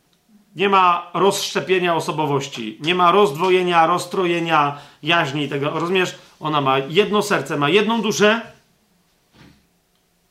ma jedną myśl, nierozdwojoną w sobie absolutnie niesprzeczną, ok? Niesprzeczną. Zauważcie, Jezus, kiedy odchodzi z tego świata, spójrzcie na to w tym kontekście, nie modli się za nas w 17 rozdziale modlitwą arcykapłańską. On się nie modli za nas. Jeżeli o tym pamiętamy, rozumiecie, że, że jedno to jest cecha charakterystyczna jej, a nie mnie to jest cecha charakterystyczna nie czegoś, co ja mam i ty, Olga, co ja mam i ty, Jola, co mam ja i ty, Piotrek, ale to jest cecha charakterystyczna jej, która ma na imię eklezja, kościół. To wtedy zauważ 17 rozdział Ewangelii Jana, 11 werset. A nie jestem już na świecie, ale oni są na świecie, a ja idę do Ciebie. Ojcze Święty, zachowaj w Twoim imieniu tych, których mi dałeś, uważaj, aby byli jedno, tak jak i my. Zaczekaj, zaczekaj, zaczekaj, zaczekaj. Ja teraz zrobię tłumaczenie i zobaczcie ten wstrząs. Co, gdybym powiedział, że je, mamy prawo i teraz nie chodzi mi o jakieś prawo, żeby teraz ktoś tu realnie, ale, ale ej, popatrzcie, co gdybym tutaj, gdybyśmy zrobili swoje tłumaczenie living word, żyjącego słowa, bym miał, jak niektórzy, no nie, ja mam tu lepsze prorocze objawienie, nie ma lepszego niż to, które jest w oryginalnym słowie, ale co gdybyśmy przeczytali ten to, to słowo następująco? Nie jestem już na świecie, ale oni są na świecie, a ja idę do ciebie. Ojcze święty, zachowaj w Twoim imieniu tych, których mi dałeś, aby oni byli nią, tak jak my jesteśmy Tobą. Bam, badam, bam. Łupu, cupu. Co to znaczy, aby oni byli jedno? Zauważcie, jak byli jedno, tak jak my jesteśmy. A jak my jesteśmy jedno? Ja jestem synem, ty jesteś ojcem. On jest duchem świętym, ale my jesteśmy Bogiem jednym. Rozumiecie? Więc Jezus mówi, aby oni się stali jedno, jak? Tak jak my jesteśmy jedno. A zatem ja mam na imię Fabian, ty masz na imię Ania, ty jesteś mężczyzną, ona jest kobietą, ale nie ma Żyda ani Greka. Czyli z siebie zrobiłem Greka, a z siebie. Y, nie, Żyd, Żyda. O, nieważne. Nieważne, Żyda, Greka, mężczyzny, kobiety nie ma, rozumiecie? Bo wszyscy są jedno w Chrystusie. My nie jesteśmy Bogiem. Ale my, natura naszego jedno, pamiętacie? Bóg jest Ehad, a Adonai Elohim, Adonai, Shema Israel, Adonai Elohim, Adonai Ehad. Tak? Pan jest Bogiem, Pan jest jeden. Ok? I jednocześnie ten sam wyraz pojawia się w Biblii, gdzie opuści człowiek ojca i matkę i złączy się ze swoją żoną i co? I będą ehad ciałem.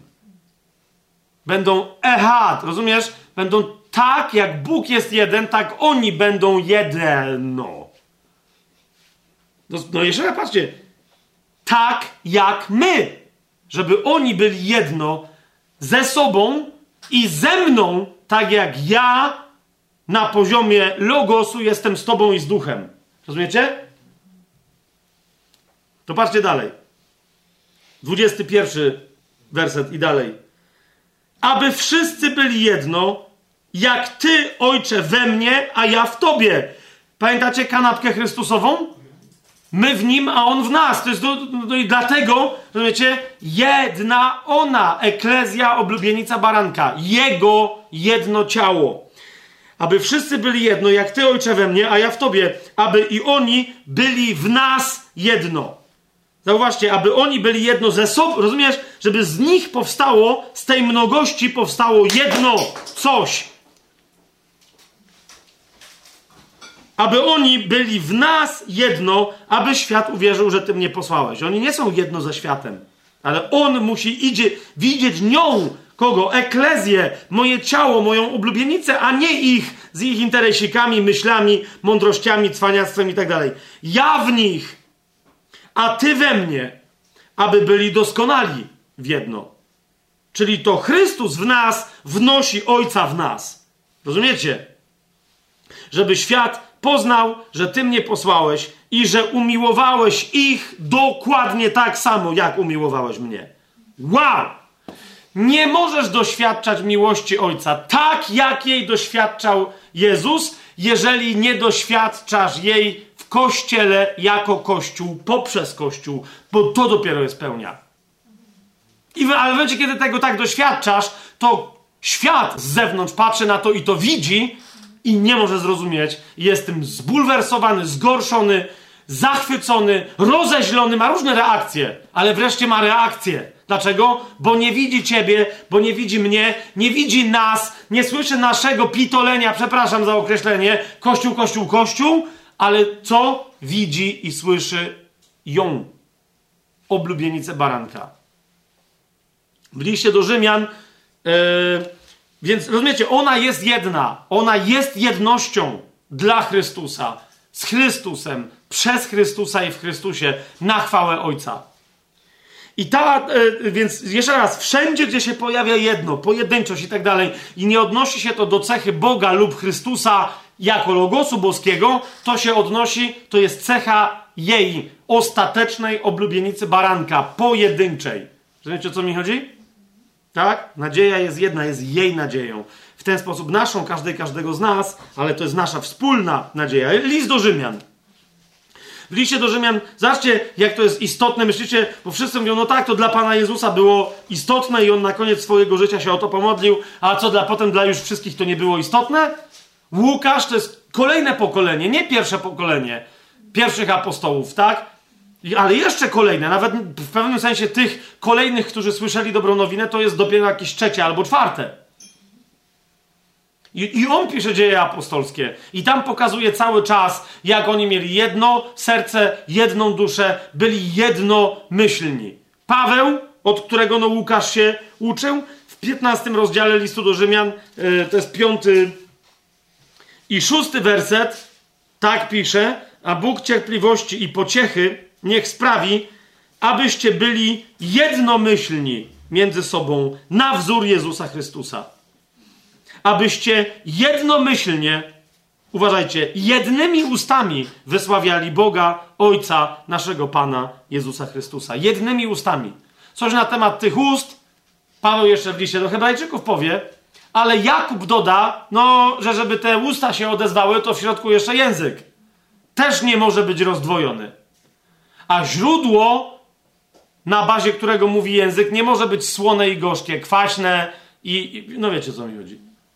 Dobra.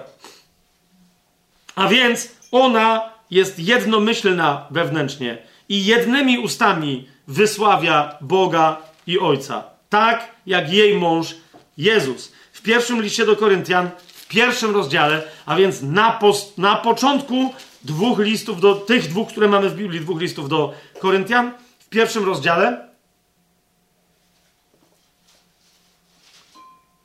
W dziesiątym wersecie czytamy Pawła prośbę, a on się potem zajmuje różnymi konkretnymi sprawami, ale zauważcie, to jest jeden z jego jasno wyrażonych celów. Proszę więc was, bracia, przez imię naszego Pana Jezusa Chrystusa, żebyście wszyscy to samo mówili.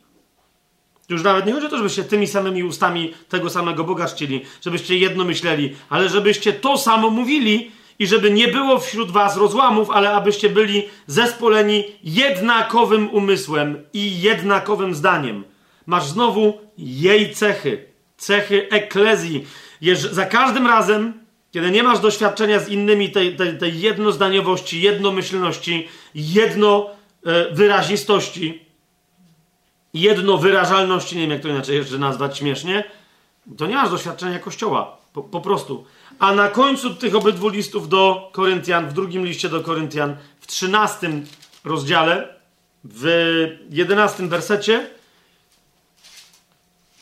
Paweł powiada: Na koniec, bracia, miejcie się dobrze, bądźcie doskonali, pokrzepiajcie się, bądźcie jednomyślni, żyjcie w pokoju, a Bóg miłości i pokoju będzie z wami. W liście do Filipian znowu jednomyślność. W liście do Filipian w pierwszym rozdziale, w 27 wersecie czytamy tylko postępujcie jak przystoi na Ewangelię Chrystusa. Abym czy przyjdę i zobaczę was, czy nie przyjdę, słyszał o was, że trwacie w jednym duchu. Jednomyślnie walcząc o wiarę Ewangelii jedno serce, jedna dusza, jeden duch, jednomyślność, jedno zdanie, jedno tymi samymi ustami wielbienie Ojca, który jest w niebie, wypowiadanie tych samych rzeczy do innych, jednomyślność w walce o wiarę Ewangelii. Widzicie to? Dalej w tym samym liście do to, to są jej cechy.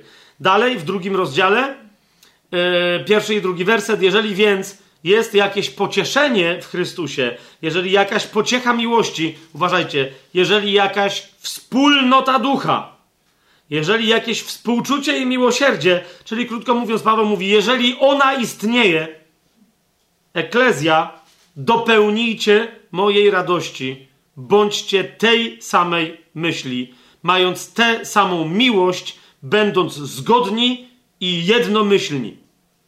Tak? Co to oznacza? Piąty werset. Niech w was będzie takie nastawienie umysłu, jakie też było w Chrystusie Jezusie. Bardzo ważna znowu kolejność. To samo, na, ona ma to samo nastawienie umysłu. Ona, Kościół, ma to samo nastawienie umysłu. Żeby jeszcze innego zacytować autora, czyli weźmy sobie Piotra, poza Pawłem, który jest absolutny, absolutnym klasykiem tego tematu, ale nie tylko on. Piotr w pierwszym swoim liście, w trzecim rozdziale. Swoją drogą, właśnie zaraz po przedstawieniu, po, po temacie, ma, w ogóle w kontekście małżeństw, w, w, kontekście małżeństwa Sary i Abrahama, mówi, to jest 1 Piotra 3 rozdział 8 werset, mówi, na koniec zaś wszyscy, nie tylko małżonkowie, ale mówi wszyscy, bądźcie jednomyślni, współczujący, miłujący braci, miłosierni i uprzejmi. Znowu, co tutaj masz? Masz tutaj cechy, jej cechy. Jej cechy. To są jej cechy. Okay? Ona ma wciąż, nie, nie jest rozdwojona w sobie umysłowo. Nie ma jak wąż rozdwojonego języka, że raz gada tak, raz tak. Raz błogosławi, raz przeklina. Tak? Jest współczująca, miłująca braci, miłosierna i uprzejma. Jeżeli w niej jest to samo nastawienie umysłu, co w nim, to od razu dodam wam, że jeden z najlepszych opisów, i teraz będzie sensacja, jej opisów, to jest pierwszy list do Koryntian.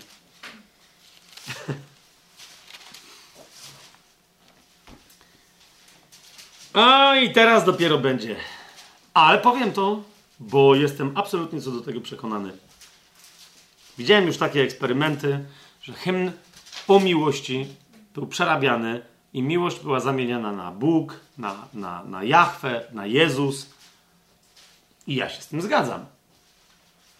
Miłość cierpliwa jest, 13 rozdział pierwszego do Koryntian jest życzliwa, nie zazdrości i tak dalej.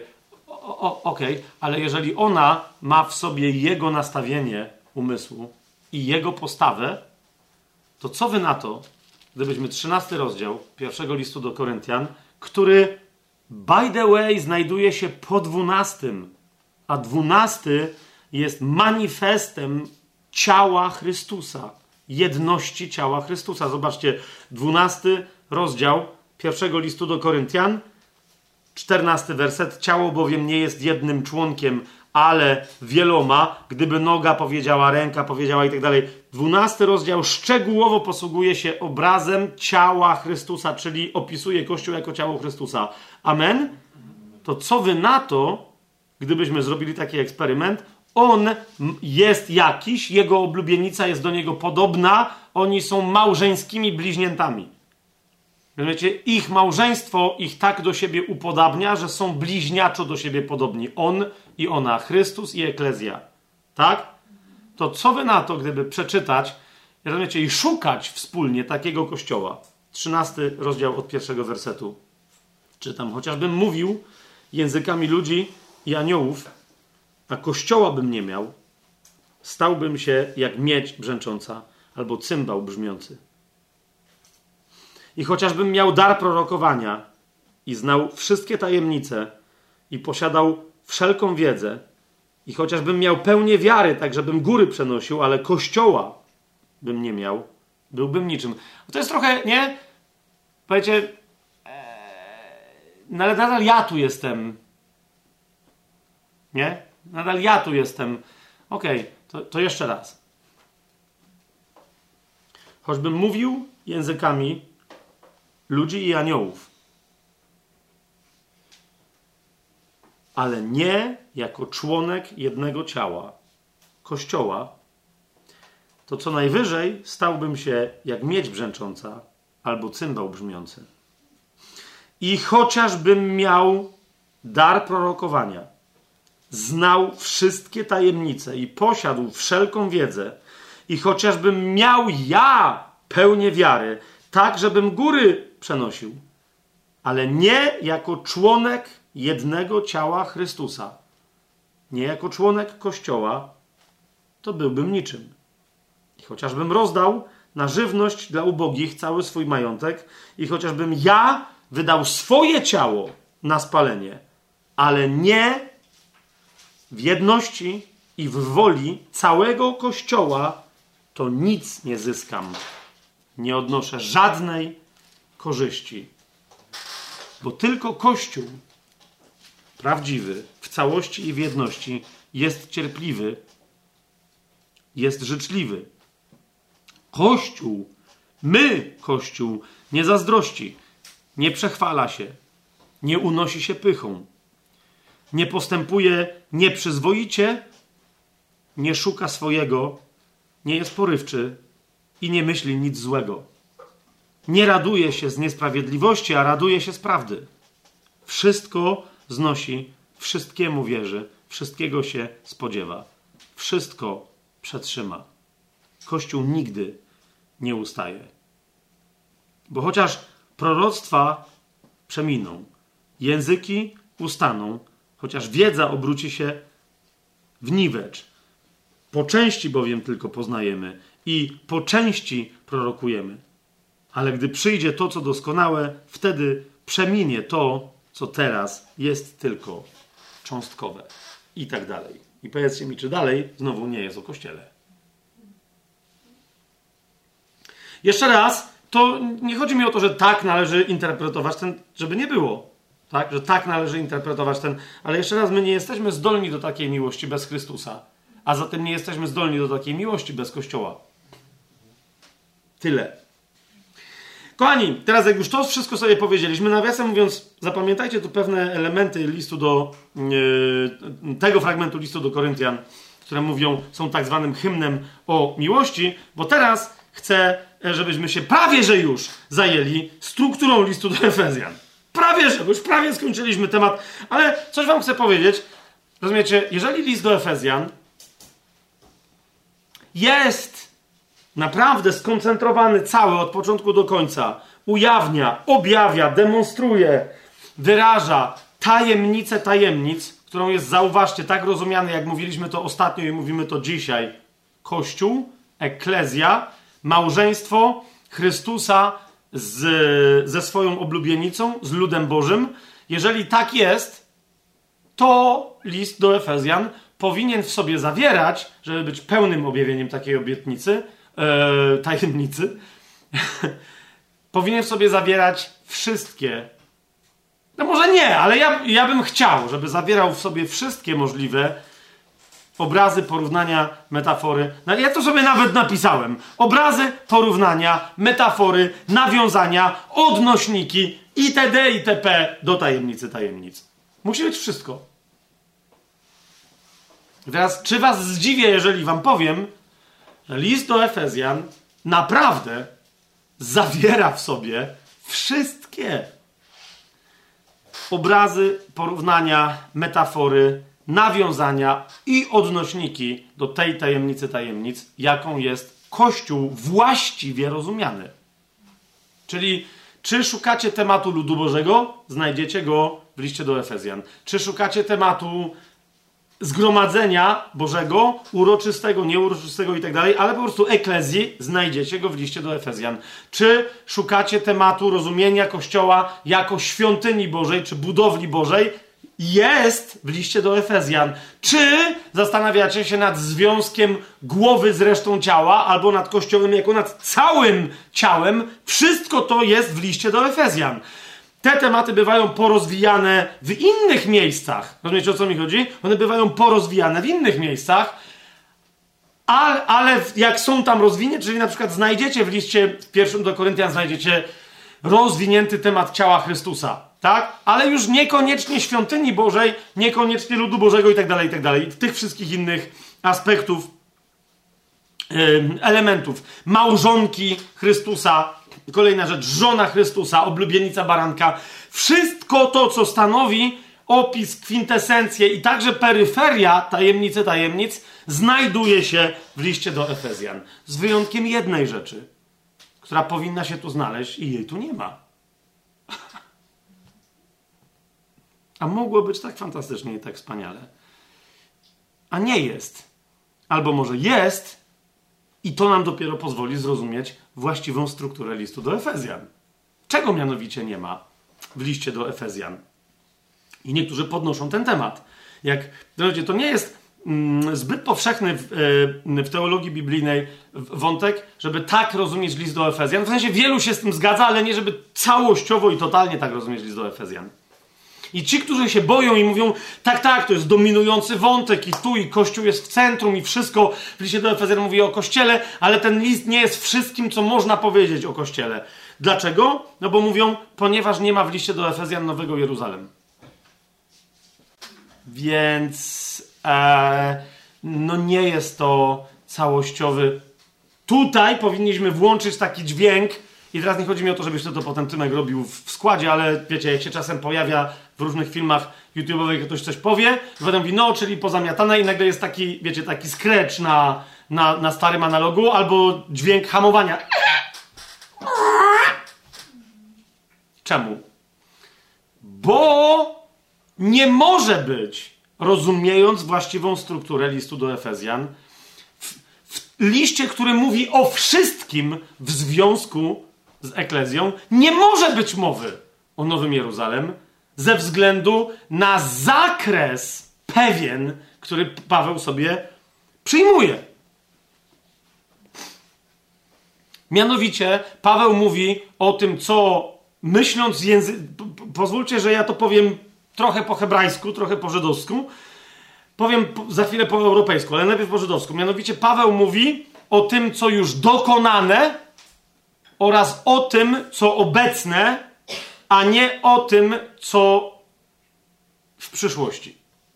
Paweł nie porusz, Paweł wie o przyszłości, zakłada, że my wiemy, ale nie to jest tematem listu do Efezjan. E, nie jest częścią struktury listu do Efezjan, więc Paweł, co, co, rozumiesz, kiedy mówi żona baranka, mówi, to jakby mówi, wiesz o co chodzi, ale nie chce nas przenieść tam, gdzie wie, że możemy się rozproszyć. Słowem Paweł mówi o, mówiąc językiem europejskim, ale on jest nieadekwatny, o przeszłości i o teraźniejszości, ale nie zajmuje się praktycznie przyszłością. Ok? Dlatego nie może być, je, dlatego jest oblubienica baranka, dlatego jest żona baranka, ale nie oblubienica jako ta, która jest nią po godach, czyli po weselu. Nowe Jeruzalem to jest kościół po weselu z barankiem, a nie po zaślubinach. Więc on mówi o absolutnej, legalnej małżonce jedynej baranka w jej obecnym stanie. Z tym, co ona ma, bo już jest dokonane, a nie z tym, co ma dopiero obiecane, ale czego jeszcze nie ma, bo to się stanie dopiero w trakcie wesela albo po weselu. Czy to jest jasne? Dlatego nie pojawia się temat nowego Jeruzalem. Kochani, jeszcze raz, co to znaczy? Wiecie, niektórzy mają z tym trochę problem, e, bo w języku e, hebrajskim e, jakby nie do końca istnieje coś takiego. Tu jest Ania, to się potem do, do niej dorwicie, jak tu macie prywatne pytania. Ona to będzie wiedzieć coraz lepiej niż ja. Ale w języku hebrajskim nie, w zasadzie nie istnieje coś takiego jak czas przeszły. Stricte. Okej? Okay? Jak z tego, co, co, co, co ja rozmawiałem z, z, Żydami nawet, oni mówią, że ten ich czas przeszły jest jako taki tłumaczony dla tępego pogańskiego umysłu, ale to nie jest tak naprawdę czas przeszły. U nich albo coś się zdarzyło, w sensie inaczej, jest dokonane i już nie jest, czyli nie istnieje, albo jest dokonane i dalej albo samo istnieje to coś, albo skutki tego czegoś dalej istnieją. A więc dla nich nie ma czasu przeszłego. Oni nie wiedzą, co je, dlatego wiecie, Paweł o wszystkim, co za mną zapominam, będąc Żydem najwyraźniej jest łatwiej. Rozumiecie? Oni nie mają złudzeń, że istnieje jakaś przeszłość. To jest bardzo interesujące. Jak daleko od swojej umysłowości musiał odejść na przykład Freud, który, nie, może niekoniecznie Freud, ale jego następcy żydowscy, którzy uważali, że przeszłość fizycznie prawie, że wręcz w człowieku istnieje i jak chcesz dzisiejsze problemy rozwiązać, to musisz się do tej przeszłości odnieść. W języku hebrajskim nie ma czegoś takiego jak przeszłość, po prostu istniejąca, nie ma czegoś takiego. Nie, poza, ona może istnieć, pewne zdarzenia mogą istnieć w czasie, ale koncepcja czasu hebrajska to jest jeszcze coś innego. Więc w języku hebrajskim istnieją rzeczy albo coś, coś, coś jest dokonane i nadal istniejące, i albo jest dokonane i już nieistniejące, tak? Ale opowieść o tym się nadal odbywa jakby w czasie teraźniejszym, tylko my wiemy, że to nie jest czas teraz, że to nie jest teraz, nie? Teraz wiecie, to jest trochę tak, jak my czasem opowiadamy, żeby akcja była żywsza i wtedy ja mówię, słuchaj, byłem wczoraj u Marcina, graliśmy w karty i żeśmy y, się zastanawiali, co tu zrobić z przyszłością kościoła na całym świecie. No, załóżmy, że to było coś takiego, no nie? To bardziej, że gdyby, kiedy opowiada, Biblia kiedy opowiada, mówi bardziej w stylu, słuchajże, więc wczoraj jestem u Marcina, gramy w karty, rozumiecie? To jest, nie? To jest, to jest bardziej to. I teraz i rozmawiamy tak, od przeszłości Kościoła, że dzisiaj robimy to i to. Nie? To tam jeszcze raz, to nie do końca jest, no ale nie będę jakby w to, w to wchodzić. Więc dlatego w liście do Hebrajczyków, do niehebrajczyków, czyli do pogan, zwanych ogólnie Efezjanami, czyli w liście do Efezjan, jest mowa o tym, co już dokonane i co w związku z tym, i to tak dokonane, że trwa, oraz o tym, co teraz się dokonuje i co w związku z tym ma być robione. Tak? Ale nie ma prawie w ogóle mowy o tym, jest tylko zaznaczenie zarysu pewnego, ale w ogóle nie ma mowy o tym, co w przyszłości i co w związku z tym się jeszcze będzie działo. Jasne? Więc zaraz, kochani, ja wam powiedziałem ostatnio, że taka ogólnie przyjęta struktura, i ona jest dobra i tak dalej, to jest podział listu do Efezjan na pierwsze trzy rozdziały i ostatnie trzy rozdziały. Czyli część pierwszą, rozdziały 1, 2, 3, część drugą 4, 5, 6. Ta część pierwsza to jest część teologiczna, a część druga jest częścią praktyczną. Ale to jest tylko ślizganie się po powierzchni. Bo otóż, kochani, teraz wam daję właściwy E, według mnie, według mnie, gdybyśmy chcieli znaleźć jedno miejsce, które pokazuje, o co w zasadzie chodzi w liście do Efezjan, to jest topik pierwszej części. Ok? A tym topikiem, w sensie szczytem chiazmu, który z y, pierwszych trzech rozdziałów, bo to jest pierwsza część, jest drugi list, rozdział tego listu do Efezjan, dziesiąty werset. Ok? A za chwilę to jeszcze bardziej wytłumaczę. Czyli jesteśmy Jego dziełem, stworzeni w Chrystusie Jezusie do dobrych uczynków, które Bóg już wcześniej przygotował, abyśmy my w nich postępowali. Co się tu dzieje? Otóż to zdanie mówi o tym, o czym mówi według mnie cały list do Efezjan. W jaki sposób? O rzeczach, które zrobił Bóg. ok? I ich skut, bo jak Bóg coś robi, to on to robi trwale. Dzieła Boże nie są nietrwałe. Jasne? Więc o czymś, co zrobił Bóg, w wyniku czegoś my mamy coś robić, bo jedną z tych rzeczy, którą on zrobił, jesteśmy my. Nowi. Nie? Ten dziesiąty werset, drugi rozdział, mówi: My Zostaliśmy przez Boga stworzeni. A więc jesteśmy teraz Jego dziełem, które za chwilę zostanie nazwane nowym jednym człowiekiem, a więc jesteśmy nowym stworzeniem. Tak?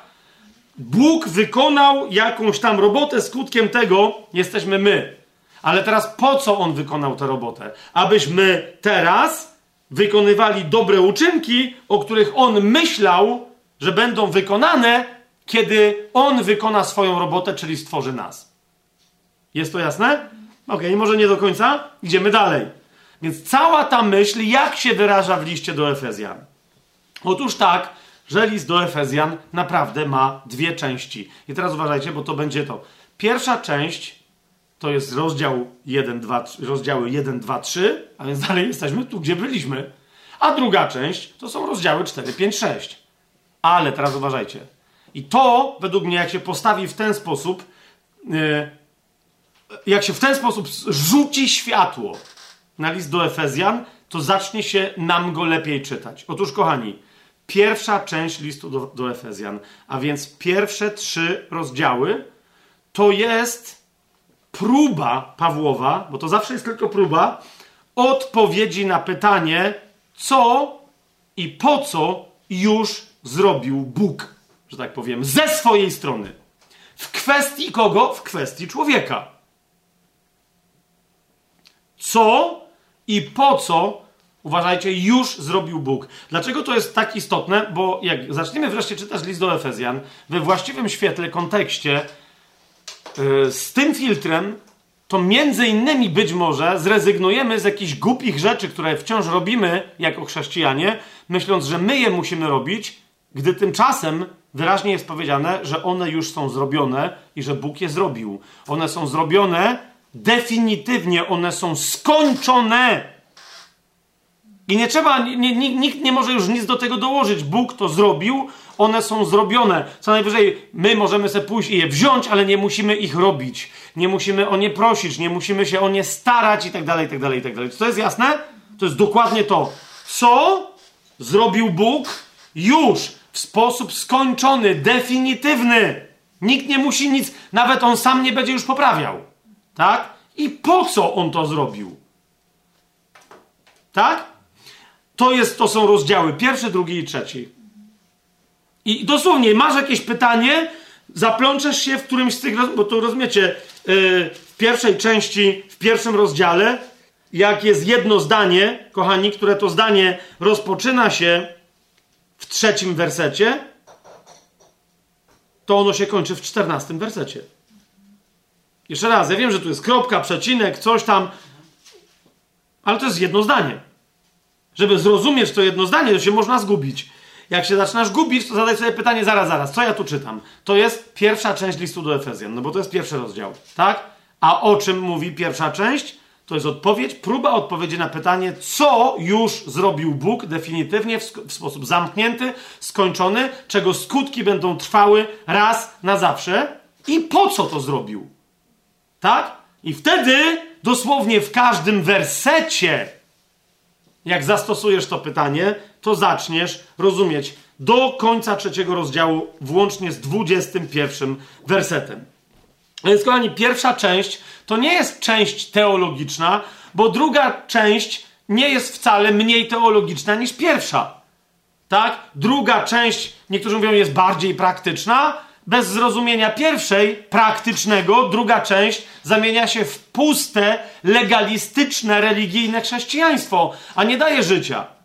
Więc to rozróżnienie na część teologiczną i praktyczną nie podoba mi się tak, żeby ogólnie załapać, zapamiętać sobie, jak jest skonstruowany list do Efezjan, po kolei poszczególne rozdziały, ok, ale nie, nie żeby wejść w głębie, w to, co Paweł mówi, że tu się dzieje, co jest objawieniem tajemnicy. A zatem, część pierwsza, rozdziały 1 do 3, co i po co już zrobił Bóg ze swojej strony w sposób definitywny, skończony, raz na zawsze, przesądzony, tak że nie musimy się martwić więcej na ten temat. Nikt nic do tego nie będzie dokładał, włącznie z nim samym. Jest to jasne? I teraz dwa to są rozdziały 4, 5, 6.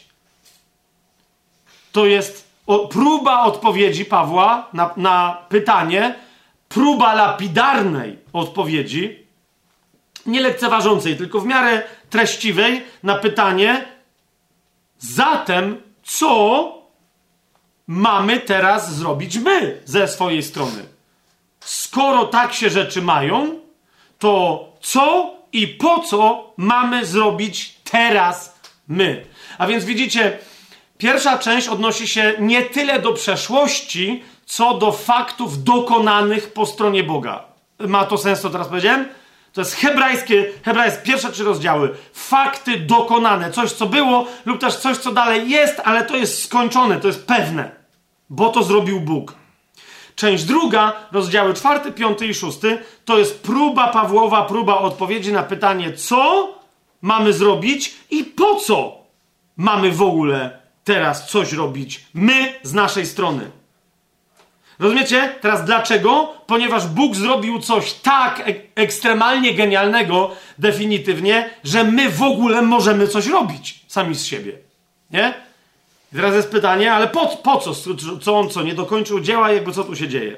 Więc teraz, kochani, część pierwsza, rozdziały 1, 2, 3. Ok? Musimy rozumieć, czyli jeszcze raz, to jest próba odpowiedzi na jakie pytanie, co zrobił Bóg i po co. Żebyśmy zrobili, co zrobił Bóg, najpierw sobie odpowiedzmy na pytanie, po co w ogóle Bóg chciał cokolwiek robić. Bo mógł nic nie robić. Rozumiecie? Bóg najpierw był w szabacie i za chwilę zaczął coś robić i znowu się znalazł w szabacie. Zgadza się? Swoją drogą nas też do tego szabatu zaprasza. Tak? Jasne to jest? Więc cóż to spowodowało, że Bóg w ogóle coś zrobił? Więc najpierw sobie odpowiedzmy na pytanie, po co? Tak? Ta odpowiedź na to pytanie, po co Bóg w ogóle zaczął działać, a potem co zrobił, musi się znajdywać w pierwszych trzech rozdziałach, rozdziałach listu do Efezjan. Zgadza się? Ok. Zatem po co Bóg w ogóle coś robił. Pierwszy rozdział listu do Efezjan, czwarty werset. Wybrał nas w nim przed założeniem świata, abyśmy byli święci i nienaganni przed Jego obliczem w miłości. Pierwsza rzecz. Bóg postanowił coś robić. To jest pierwsza odpowiedź Pawła, ponieważ chciał kochać kogoś jeszcze niż sam siebie w ramach tej rodziny jednego Boga, którą nazywamy Trójcą Świętą. Ok? Bóg postanowił stworzyć coś, co zaprosi do tego tańca boskiej miłości. Chciał poszerzyć swoją miłość. Chciał jeszcze więcej kogoś obdarowywać miłością i jednocześnie sam chciał być obdarowany miłością przez kogoś, kto nie jest nim. Mamy jasność?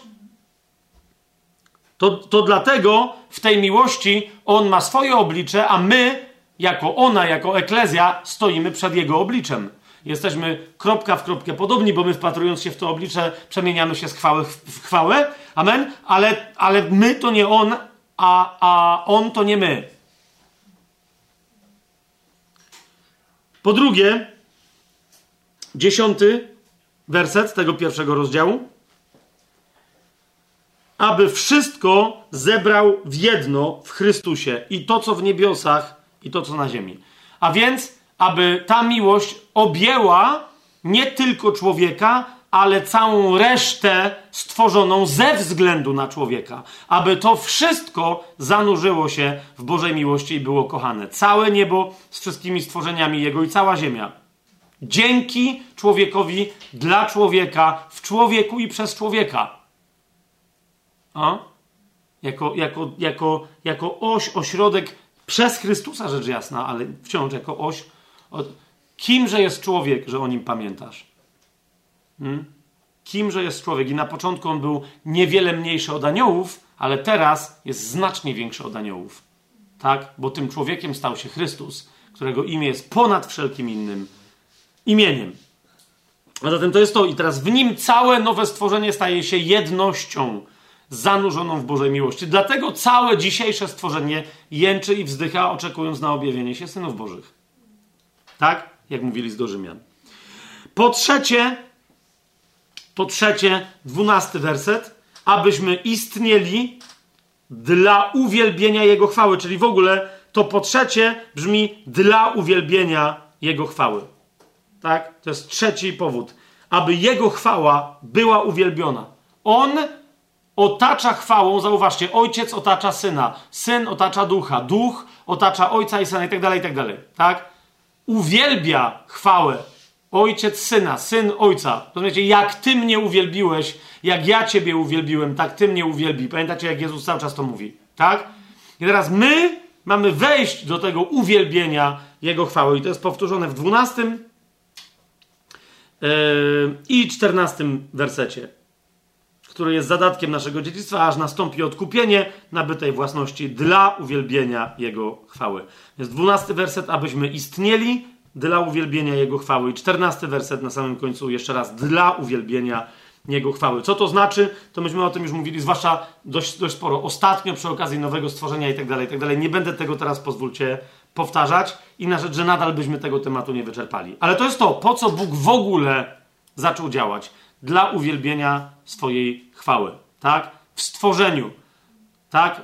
Dla wciągnięcia w uwielbienie chwały tego, to, to stworzenie, kogoś, czegoś, co nie było Bogiem i tak dalej. I teraz, co Bóg zrobił, tak?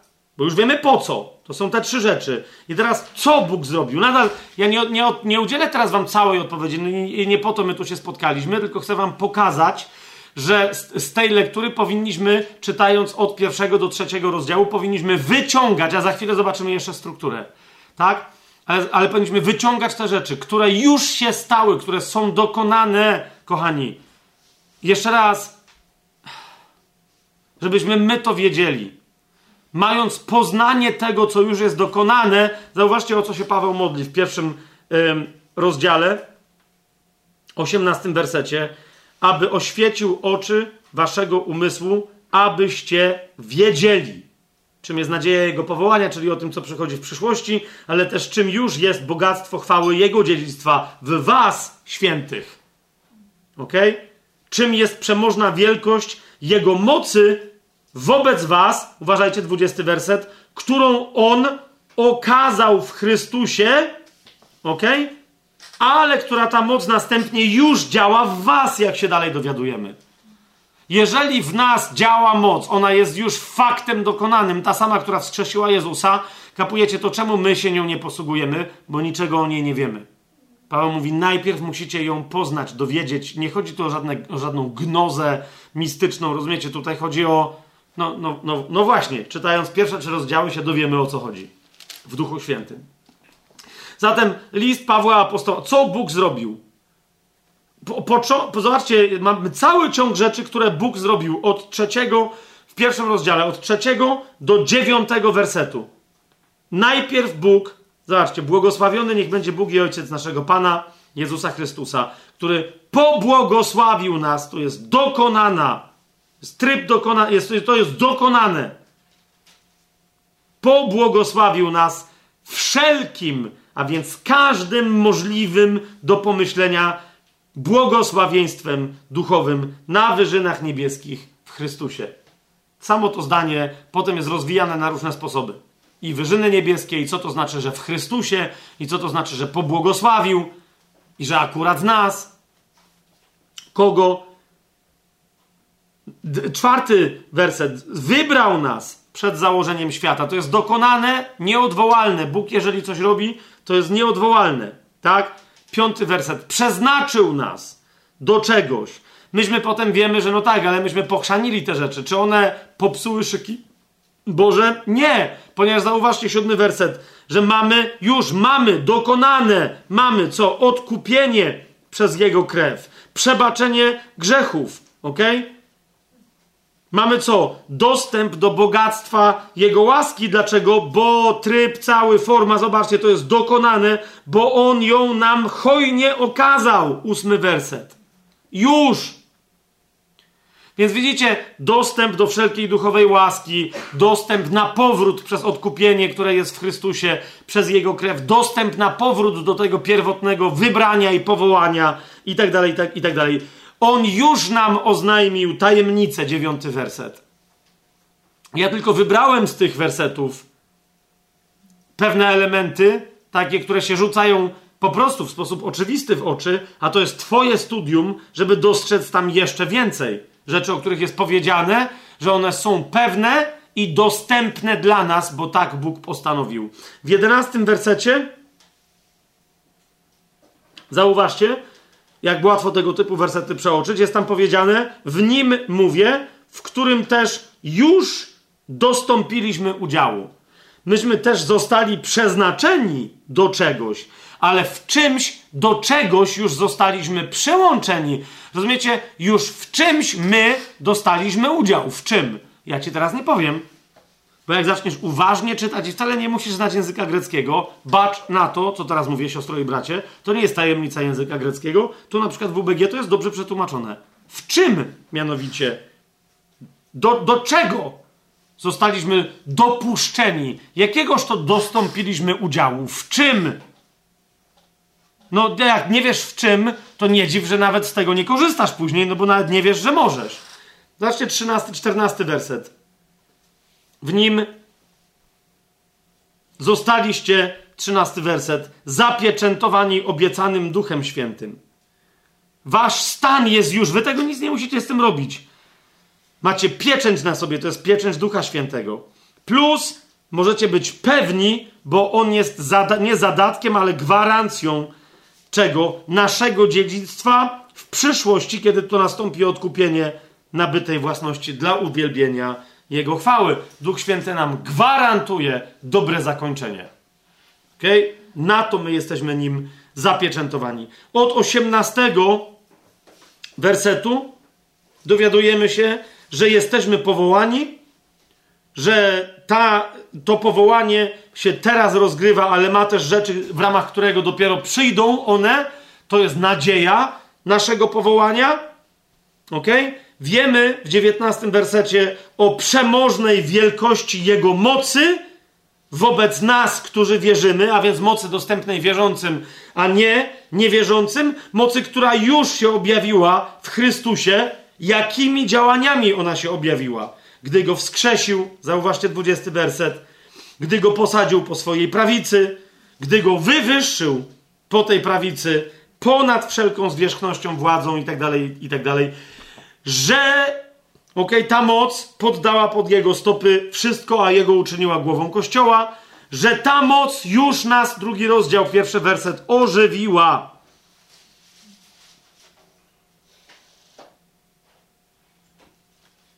Ok?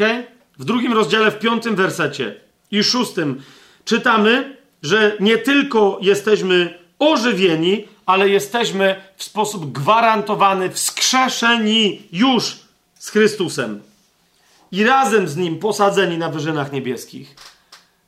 To jest nasze powołanie, tam jest też nadzieja naszego powołania, bo to się jeszcze nie dzieje w pełni, bo nie jesteśmy w pełni cieleśnie, my tego nie doświadczamy, ale w duchu mamy do tego gwarantowany dostęp. O tym mówi cały, i o tym Paweł mówi, żebyście mieli, pro, prosi Ojca o, e, rozumiecie, o ducha mądrości i oświecenia, żebyśmy wreszcie zaczęli widzieć, bo jak zaczniemy to widzieć, to zaczniemy z tego korzystać. To jest to, co Bóg już zrobił. Ok? Te yy, ósmy werset. Hmm? Łaską bowiem jesteście zbawieni, nie tylko usprawiedliwieni. Paweł mówi o tym, że zbawienie jako skutek ostateczny usprawiedliwienia jest już gwarantowane. Łaską jesteście już zbawieni i to nie jest z was, to jest dar od Boga, więc on to zrobił zupełnie, absolutnie, zupełnie za darmo. W tym samym drugim rozdziale, w dziesiątym wersecie mówi właśnie, że on nas stworzył do dobrych uczynków, ok? Znowu tu są dokonane rzeczy. Od 13 do 22 wersetu, znowu werset po wersecie mówi o tym, co Bóg dla nas zrobił jako dla ciała Chrystusa. Na przykład mówi, y, jak ktoś mówi, jak to jest, że list do Filipian mówi, żebyśmy nie prosili o pokój, bo on nam jest gwarantowany. Jezus mówi: Pokój mój wam daje, nie tak jak daje świat. Tak? Jak on nam go daje? Otóż on jest naszym pokojem. Jeżeli ja go mam w sobie, nie muszę się o to starać. Ludzie, którzy się modlą o pokój w swoim życiu, dokładają się tylko do niepokojów swoich duchowych i emocjonalnych, bo się sprzeciwiają Słowu Bożemu. Mają się przestać martwić, ponieważ mają w sobie pokój. Okay? To, że nie doświadczają go, to jest pytanie, z czego to wynika, ale nie z tego, że go nie mają. Okay? On bowiem jest naszym pokojem. Dla przykładu mówi 14, 14 yy, werset. Więc to jest masa rzeczy, o których jest powiedziane, że są dokonane w nas, dla nas, że mamy do nich dostęp. Trzeci rozdział, szósty werset. Ok? Tu jest mowa yy, o rzeczach dokonanych dla pogan, a nie tylko dla Żydów. Poganie są współdziedzicami i tak dalej, i tak dalej. Dziewiąty werset. Istnieje tajem, wspólnota tej tajemnicy, o której mówili list Efezjan, i to my jesteśmy beneficjentami, że tak powiem, tej, yy, tej, tej tajemnicy. Czy my rzeczywiście czerpiemy korzyści dla siebie, z nas, w nas, z tego, że z kościoła, z naszego bycia kościołem w kościele. Dwunasty werset. W nim a propos tych rzeczy, które już są dokonane, w nim mamy śmiałość i przystęp z ufnością przez wiarę Jego. Dosłownie każde sformułowanie tutaj, w nim mamy śmiałość, przystęp z ufnością przez wiarę Jego. To każdy z tych elementów powinien być przez nas przestudiowany, ponieważ mówi o mocach zadziwiających, które, rozumiecie, patrzysz na jakiś film głupi Marvela czy tam kogoś innego, Superman, Spiderman i tak dalej, to są nadprzyrodzone moce, które w nas i przez nas działają, które my mamy. I one naprawdę działają z efektami nadprzyrodzonymi dla nas tutaj. To, że my już mamy śmiałość i przystęp z ufnością przez Jego wiarę. Jeżeli nie rozumiesz, o czym ja teraz mówię, Zajmij się dwunastym wersetem. Zrozum, że to jest dane, to jest załatwione przez Boga. Jego decyzja w tej kwestii nigdy się nie zmieni. A jak się zorientujesz, co z tego dla ciebie wynika, o mój panie. Dwudziesty werset. Temu zaś, który według mocy działającej w nas, to jest ta sama moc, o której mówi pierwszy rozdział, mocy, dzięki której Jezus zmartwychwstał, został wywyższony itd., tak itd. Tak Ona działa w nas, temu zaś, który według mocy działającej w nas może uczynić o wiele obficiej ponad to wszystko, o co prosimy albo o czym myślimy. Tu jest również mowa o czymś dokonanym na podstawie czego, czego to, co już jest dokonane, może się dokonać coś, co jest jeszcze niedokonane przez nas. To są tylko wyrwane przeze mnie przykłady, rozumiecie, z tych trzech rozdziałów, pierwszego, drugiego i trzeciego rzeczy, które Bóg zrobił kompletnie i otworzył dokonaną wartość tych rzeczy dla nas. One są dokonane, ale wciąż można przy ich pomocy dalej działać. Jasne? Teraz druga część, mianowicie rozdziały czwarty, piąty i szósty. I znowu powiedziałem, że te rozdziały to jest próba Pawłowej odpowiedzi na pytanie, co i po co teraz my mamy robić. Więc najpierw sobie odpowiedzmy, po co, skoro Bóg już zrobił tak nieprawdopodobne rzeczy, my, po co my teraz w ogóle mamy coś robić? Bo widzicie, Paweł powiada, i to jest odpowiedź, więc najpierw po co? To jest list do Efezjan, czwarty rozdział, wersety 12 i 13. To jest najpierw to. Paweł mówi tak. Dla przysposobienia świętych, dla dzieła posługiwania, dla budowania ciała Chrystusa, aż dojdziemy wszyscy do jedności wiary i poznania Syna Bożego, do człowieka doskonałego, do miary dojrzałości pełni Chrystusa. Czyli Paweł mówi, po co my mamy cokolwiek dalej robić? On mówi, no bo yy, wy teraz dorastacie. To jest po pierwsze. Wy teraz dorastacie. Wy macie dostęp do tego wszystkiego, ale jest pytanie brzmi, czy zechcecie z tego korzystać. Korzystając, co zrobicie z tym, do czego macie dostęp? Z tą mocą, którą Bóg złożył w was. Z tym, kim się staliście, czyli co zrobicie wy jako Kościół. Tak? w, w swoim pokoleniu. Co zrobicie dla następnych pokoleń. Bo rozumiecie, że my w pewnym momencie, to, to jest cała ta historia z matką, i tak, rozumiecie, jak, jak Paweł mówi o Jeruzalem, rozumiecie, niebieskie Jeruzalem już istnieje. I on, on mówi, jest naszą matką. Z jakiej on to perspektywy mówi? Z, z perspektywy świętego, który jest tu na ziemi. Teraz kto jest naszą matką? Nadal naszą matką jest to niebieskie Jeruzalem, w którym już jest Paweł Apostoł. Teraz kapujesz, jeżeli ja za niedługo umrę, a będzie dalej istnieć na ziemi Kościół, czy ty, tak? Yy, który będzie dalej działał, coś robił, głosił i następni ludzie się będą nawracać, to wtedy ja w niebie z tymi wszystkimi innymi, którzy są w niebie, będziemy matką tych, którzy są na ziemi. W wyniku naszego dzieła, naszego świadectwa, tak? Mocy krwi Chrystusa oraz, że nie umiłowaliśmy swojego życia aż do końca, a więc mocą tego, co jest, bo w ten sposób jest zdefiniowane w Księdze Objawienia, co zwycięstwo wiary. Tak? Przez świadectwo, krew Chrystusa i że nie umiłowali swojego życia aż do końca. Tak? No więc umarli, to już wiemy, że nie umarli tak czy inaczej nie umiłowali.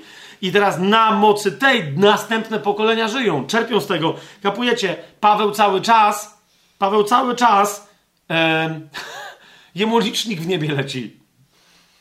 Wiecie, jego dzieło, on, on, nie może jeszcze pójść na Trybunał Chrystusa, bo założcie co ja, ja się teraz karmię jego, rozumiecie, przyczyn, jego przyczynkiem do dzieła budowania ciała Chrystusa. Czytamy jego list, rozważamy jego list. Rozumiecie o co mi chodzi? To jest wynik jego wierności, że Duch Święty mógł natchnąć te słowa, że on się tak poddał. Nie? To, to jego już tu nie ma na ziemi, ale to jest niebieskie Jeruzalem. W pewnym momencie niebieskie Jeruzalem przestanie już być matką kogokolwiek tu na ziemi. To jest trochę odwrotnie, bo najpierw jest młoda dziewczyna, dziewica, potem przestaje nią być, zachodzi w ciążę, staje się matką, no a potem jest stara i umiera. No nie? A tu jest odwrotnie.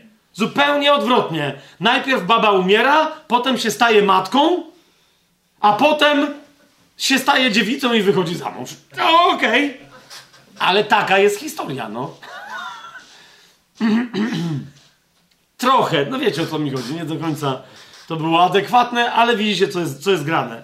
Wiecznie młoda będzie, będzie, będzie, będę ja. I ty, będziemy my, ja, eklezja.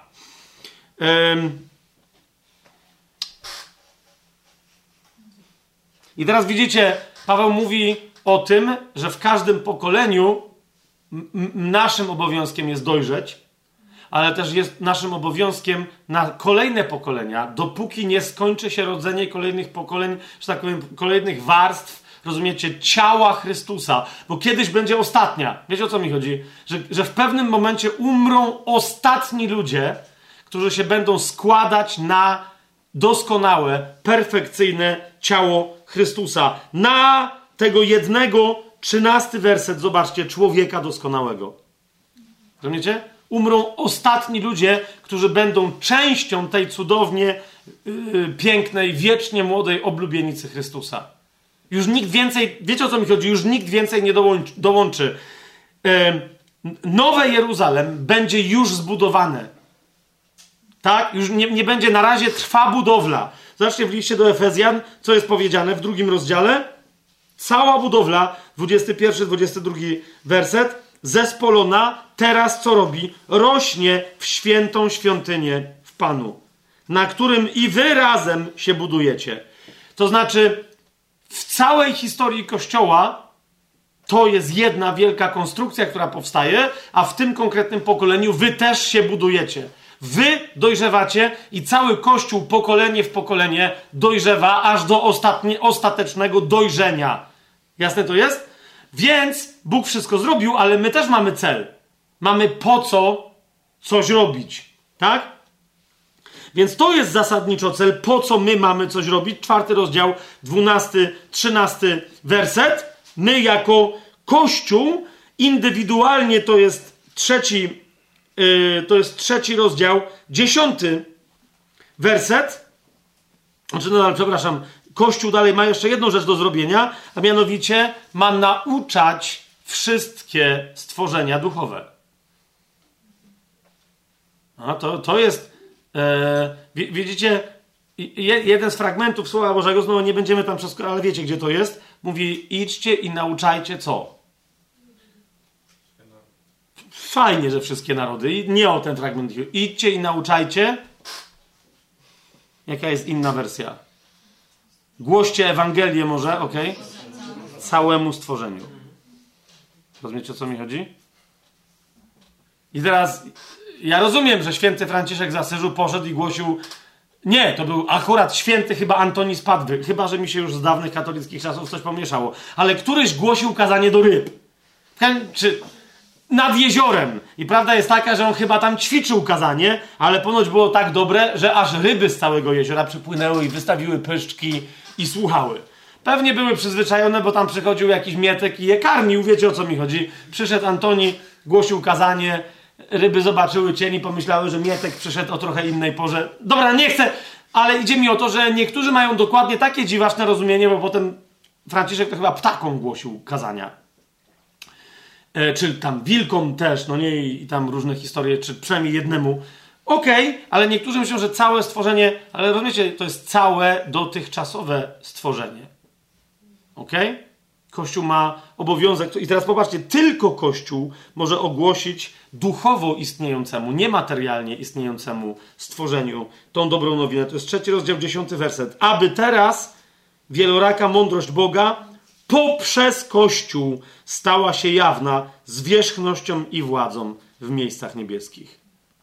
Poprzez Kościół. Tak, więc to jest drugie, co my mamy, po co my coś mamy robić? Aby wieloraka mądrość Boża stała się jawna dla nich. Tak? I po trzecie, to jest list do Efezjan, czwarty rozdział, 24, wers, werset, aby się całkowicie, kompletnie przyoblec w nowego człowieka, który już jest stworzony według Boga w sprawiedliwości i w prawdziwej świętości, ale my nie jesteśmy jeszcze nim całkowicie przyobleczeni. Ok? To przyobleczenie później przyjmuje konkretniejszą jeszcze formę w liście do Efezjan, tak zwanej zbroi Bożej, ale na, chodzi o rozumiecie, my jesteśmy stworzeni duchowo, ale kwestia jest, żeby ta duchowość rozeszła się na naszą duszę i na nasze ciało. Tak? To przyobleczenie dopiero jest ostateczne. Dobrze, kochani, bo my tu jeszcze trochę tego mamy, a wy widzę, że zaczynacie mi powoli zdychać, więc jedziemy dalej. Więc jedziemy dalej. Jeszcze trzeci rozdział. 16 mm, i 19 werset one zbierają dokładnie to wszystko, co, co, po co my mamy robić pewne rzeczy. Aby nasz wewnętrzny człowiek był utwierdzony mocą przez Jego ducha, aby Chrystus przez wiarę mieszkał w naszych sercach, abyśmy byli zakorzenieni i ugruntowani w miłości, abyśmy mogli poznać miłość Chrystusa. Okay? To są rzeczy, które są dane ze strony Boga, ale jeszcze nie wzięte przez nas. Jasność? Tak? Więc, więc żeby je mieć, to jest właśnie dokładnie, wiecie, to jest, to jest dokładnie problem. Wczoraj yy, nagrywaliśmy dosyć długi taki wywiad, yy, ale nie będę na razie nic mówić, bo to nowy kanał powstaje na, na YouTubie przez jednego serdecznego brata baptystę. Prawdopodobnie będzie prowadzony i właśnie między innymi o tym mówiliśmy. Jak wielu chrześcijan e, e, tak naprawdę niechcący bluźni wręcz Bogu e, i, i po prostu nie rozumiejąc tego, że o pewne rzeczy, jeszcze raz to powtórzę, nie mamy się co modlić, tylko mamy je po prostu sobie je wziąć yy, i z nich korzystać. Mamy je wziąć od Niego i wcielić w życie. Jak? To jest dobre pytanie, ale nie przez proszenie Boga o to, żeby nam te rzeczy stworzył, żeby nam je dał i tak dalej, i tak dalej. Ponieważ wszystko to, co rozumiecie, jeżeli ja kogoś proszę, żeby coś dla mnie zrobił i potem mi to dał, na przykład coś ja tam nad czymś ciężko pracuję, bo tam, nie wiem, coś czytam albo piszę i mówię mojej żonie, że napiłbym się herbatki, prędzej to jest kawka, ale powiedzmy, no nie? To, to wiecie, to jest takie, że, że moja żona czasem mówi, a sam se zrób, ale nie, dobra, zazwyczaj jest bardzo dobra, yy, chyba, że jest jeszcze lepsza i mi mówi, że nie no wiem, jesteś cudowna. W każdym razie, Macie idzie, robi mi kawę, świetną, co jest ewenementem i sensacją i, i, cudownym wyrazem miłości, bo ona sama teraz kawy nie lubi, więc nie może spróbować za bardzo i nie wie co to, więc wymyśla, co, co mi będzie smakować, przynosi mi tą kawę, stawia ją na biurku i rozumiecie, jak ja bym następnie ją zawołał za 20 minut i powiedział, no i co z tą kawą? Ona by przyszła mówi, no zrobiłam ci, przyniosłam ci, dałam ci. No a tutaj? A do buzi to kto, kto poleje? Rozumiecie, to jest dokładnie to, co robią chrześcijanie. To jest dokładnie to, co robią chrześcijanie i Bóg nie będzie im wlewać do buzi, bo to On chce mieć dorosłych dziedziców, a nie niemowlęta, które, które leżą, robią pod siebie i trzeba im lać dalej do buzi. Tak? Ponieważ dojrzewanie w Chrystusie jest bardzo szybkie. On chce, żebyśmy się usamodzielniali, nie opuszczali Go, ale w Jego imię samodzielnie działali, okazywali swoją dojrzałość, naturę, charakter Chrystusowy. Tak? Więc on dał, tak jak moja żona zrobił i przyniósł. I podał. Tak? Ale, ale, ale jeżeli my potrzebujemy tego czegoś, to coś zjeść, to coś wypić, to już my sobie musimy to sami zjeść i wypić. Jeżeli trzeba coś przy pomocy tego zrobić, to Bóg mówi, proszę cię bardzo. Potrzebna mi jest dziura w ścianie. Przyszedł Bóg, rozumiesz, najpierw ci pokazał, to jest wiertarka, tak się wierci, już ci wszystko zrobił, załadował właściwe wiertło, podłączył do prądu i mówi, teraz ty. A my dalej się modlimy, Boże, okaż mi miłość swoją. I on mówi, no, teraz ty. To jest właśnie, to jest najlepszy wyraz mojej miłości. Wierć w ścianie. Ale ja potrzebuję dziury. Proszę, proszę zobacz. Ja ci zrobiłem te trzy, ale tę czwartą chcę, żebyś ty se sam zrobił. Ale ja chcę, żebyś ty zrobił. Nie, nie, nie będę wierzył, że jesteś dobry. Potem taki chrześcijanin chodzi z pretensjami, że Bóg nie jest dobry. Ponieważ mu powiedział, nie musisz już chodzić w pieluszkach ponieważ mu powiedział: Jesteś już dużym chłopcem, choć w długich gaciach, nie w krótkich. Jesteś odpowiednio silny. Rozumiesz? Ile Bóg jeszcze będzie do ciebie, bracie, gadał, że hej, ty będziesz prężył jakieś małe muskułki trzyletniego chłopczyka do lustra i udawał, że jesteś, kapujesz, Brusem Lee? Jak Bóg mówi, ej, już urosłeś, już masz 16 lat, już tam jest się czym pochwalić. Ale skoro się jest czym pochwalić, to sprawdź, zobacz, że masz siłę. Nie, Boziu, ja chcę ładnie wyglądać w lusterku. Chcę, żebyś ty mi mówił, że ja ładnie wyglądam, ale siłę to ty okazuj. No.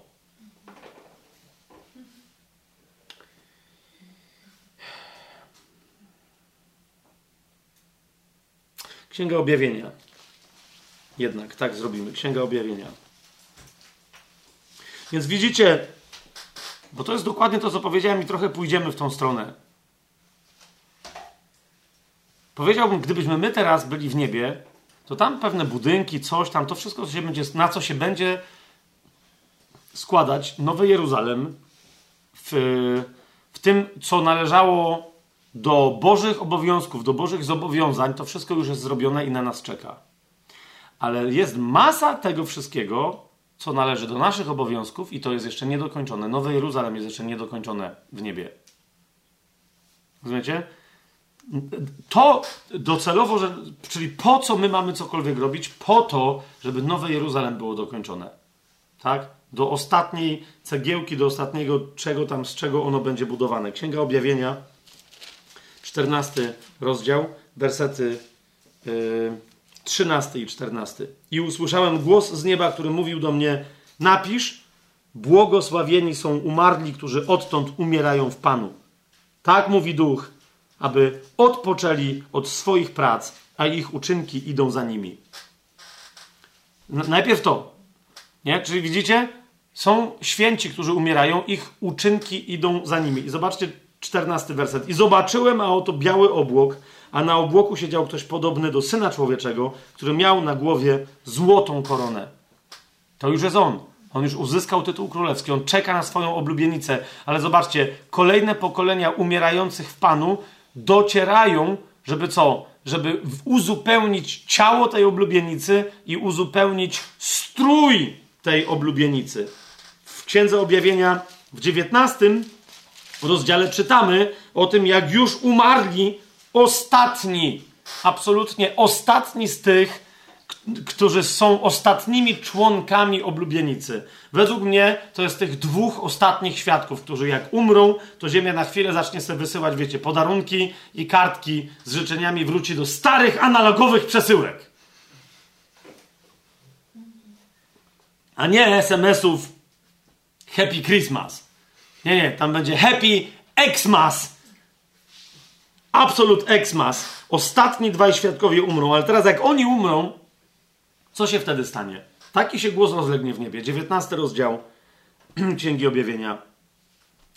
Yy, siódmy werset i dalej. Cieszmy się i radujmy i oddajmy mu chwałę. No właśnie.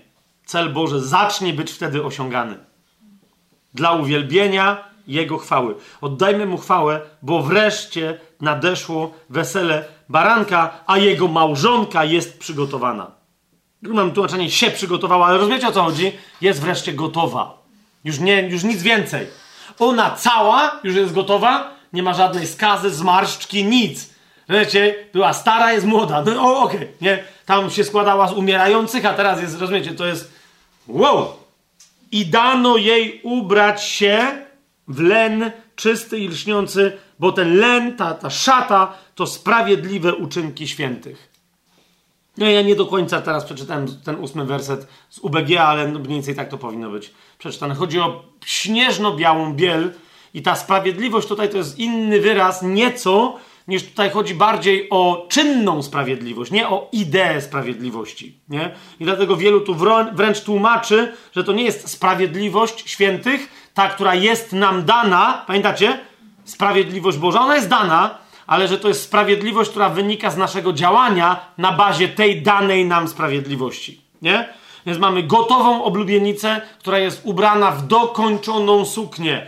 Po to my mamy robić pewne rzeczy, aby dokończyć, że tak powiem, przy pomocy siebie, swojego świętego, dobrego, zgodnego z wolą Bożą życia, w ramach pełnienia dobrych uczynków, do których On nas powołał, a nie do których przymusza nas, nas religia, taka czy inna, żebyśmy my sobą takimi dopełnili ciało oblubienicy w niebie i żebyśmy swoimi uczynkami, które idą za nas, którzy umierać będziemy w Chrystusie, żebyśmy dopełnili obraz jej sukni. Dziewiąty werset i powiedział mi, napisz błogosławieni, którzy są wezwani na ucztę weselną baranka. I powiedział mi, to są prawdziwe słowa samego Boga.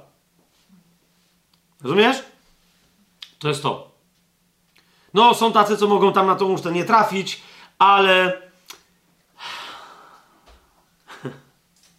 I teraz, kochani, ta oblubienica, ta oblubienica to jest w małżeństwie z barankiem, to jest docelowe, perfekcyjne, nowe stworzenie. do, człowiek dojrzały na miarę pełni Chrystusa, dojrzały, doskonały, który jest celem, o którym mówi czwarty rozdział listu do Efezjan. Amen? Ten człowiek, ten związek, małże, to małżeństwo człowieka zbawionego jako oblubienicy z Bogo-człowiekiem, Chrystusem Jezusem. Ten związek jest nazwia, nazwiany niebieskim miastem, świętym miastem wstępującym z nieba, Nowym Jeruzalem. To jest 21 rozdział, drugi werset. Ja, Jan, zobaczyłem święte miasto, Nowe Jeruzalem, wstępujące z nieba od Boga, przygotowane jak oblubienica, przeozdobiona dla swojego męża. Amen? Teraz, żebyście coś zrozumieli, dołożę jeszcze jedną teraz ognistą cegłę do całości. Otwórzmy sobie list do, Eze, list do Ezechiela. List Ezechiela do nas, Ducha Świętego przez Ezechiela do nas wszystkich. Księgę Ezechiela, 28 rozdział. 28 hmm? rozdział. Jest tam mowa o szatanie. Czemu? Eee, bo musimy zrozumieć, kapujecie, jak kiedyś wyglądało najwspanialsze stworzenie z wszystkich stworzeń Bożych. Po co? Żebyśmy załapali, jak przebija to stworzenie eklezja, czyli nowe stworzenie, nowe Jeruzalem, oblubienica Chrystusa. Ok? W 28 rozdziale, od 13 wersetu, Bóg mówi wprost, czy prorok Boży, słowami Bożymi, mówi wprost do samego we własnej osobie szatana. Byłeś w Edenie. Czytam od 13 wersetu, 28 rozdział Księgi Ezechiela. Byłeś w Edenie, w ogrodzie Bożym. Twoim nakryciem był wszelki drogi kamień. Bada, bada, badam, bam! Zwróciliście na to uwagę wcześniej? W tym kontekście? Twoim nakryciem był wszelki drogi kamień. Był tym okryty. Karneol, topaz i jaspit, chryzolit, onyks i beryl, szafir, karbunkuł i szmaragd oraz złoto. Wykonanie Twoich bębenków i fletów zostało przygotowane w dniu, kiedy zostałeś stworzony, a więc wiemy, że to jest stworzenie. Ty jesteś namaszczonym cherubinem nakrywającym, a więc zagłówkiem tronu Bożego. Ja Ciebie takim ustanowiłem. Byłeś na świętej górze Boga, przechadzałeś się wśród kamieni ognistych. Uważajcie na to, byłeś doskonały w swoich drogach od pierwszego dnia, kiedy zostałeś stworzony, aż znalazła się w tobie Nieprawość, a więc to jest coś, co jest przeciwne sprawiedliwości Bożej. Ok? Szukajcie najpierw królestwa i odejdź, idźcie ode mnie precz, wy wszyscy, którzy mówicie do mnie, panie, panie, ale czynicie nieprawość. To jest nieprawość, która się w nim znalazła najpierw pierwszym. Przez twój ogromny handel pełno pośród ciebie bezprawia i zgrzeszyłeś, dlatego zrzucę cię z góry Boga, cherubinie nakrywający, wyniszczę cię pośród kamieni ognistych. Unios... Popatrzcie na to, 17 werset. Uniosło się twoje serce z powodu twojej piękności. Znieważyłeś swoją mądrość z powodu twojego blasku. Rzucę cię na ziemię i postawię cię przed królami, abyś się tobie przypatrzyli. Mnóstwem twoich nieprawości i nieprawością twojego handlu splugawiłeś swoją świątynię i tak dalej, i tak dalej. 19 werset, staniesz się postrachem i nie będzie ciebie już na wieki. Piękno tej istoty spowodowało, że się zbuntowała. Teraz nie będę w to wnikał, ale widzicie, wielu teologów mówi, że Bóg, kiedy się zapoznał, e, nie Bóg, tylko szatan, będąc najpiękniejszą z, istot Bożych do tej pory, najcudowniejszym Bożym stworzeniem, kiedy się zapoznał z oryginalnym planem Bożym, list do Efezjan, Pierwszy rozdział. Tak? Ty, ty, jeden, jedyny człowieku Boży, ty ludzkości, byłaś przeze mnie zamyślana, aby być z Tobą w miłości. Jak przez Chrystusa, z Chrystusem i w Chrystusie w małżeństwie. Kiedy diabeł, te, ta, to stworzenie nie było żadnym diabłem ani żadnym przeciwnikiem, żadnym szatana. ok? Kiedy zobaczyło, co Bóg zamierza i jakim stworzeniem wymyślił, że będzie dla Boga człowiek, wtedy Bóg powiedział, szatan powiedział Bogu: Nie będę ci służyć. Nie będę ci służyć. Ok? Nie będę ci służyć. Nie, nie, nie może być nic piękniejszego. Jeżeli tak, to, to ja się buntuję i rozpoczynam walkę z tobą i z tym stworzeniem. Koniec. Nie może być nic piękniejszego ode mnie. Dlatego nie ma niczego piękniejszego w najpiękniejszej z niewiast, jak pokora. Pokora zawsze ma na imię my i mówi my i myśli my i robi my, a nie ja.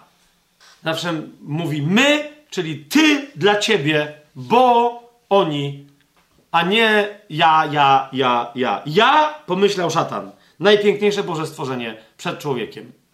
Ok? I teraz drugi jeszcze wątek, z tym połączymy. Księga Izajasza. Kochani. Zapowiedź nowego stworzenia. Jest jeszcze raz. Paweł powiedział, to była tajemnica. Prorocy prorokowali, nie rozumieli, co gadają. Nie? Ale rzucam wam wyzwanie. Przeczytajcie sobie jeszcze raz Izajasza, przynajmniej od 52 rozdziału. Więc jak sobie otworzycie Izajasza 52 rozdział, dlaczego? No bo wiecie, co jest w 53 rozdziale. Nie? Więc jest 52 rozdział. Nie tylko, ale przynajmniej od 52 rozdziału. Według mnie znacznie wcześniej, już w 40 którymś, mniejsza o to teraz, bo będziemy się. E, pamiętacie, jak w liście do Efezjan e, Paweł wydaje się, przywołuje jakiś psalm, hymn chrześcijański, nie wiadomo co, obudź się śpiący. Powstań z martwych, a zajaśnieje ci Chrystus. Nie? Zobaczcie, jak się 52 rozdział Izajasza zaczyna. Obudź się, obudź się, przeoblecz się w swoją siłę Syjonie. Hmm? Na Syjonie kto mieszka? Ona, Hefsiba, Jerozolima. Tak? Syjon u Izajasza to jest zawsze ona, to jest zawsze Jerozolima, a Jerozolima to jest zawsze Syjon.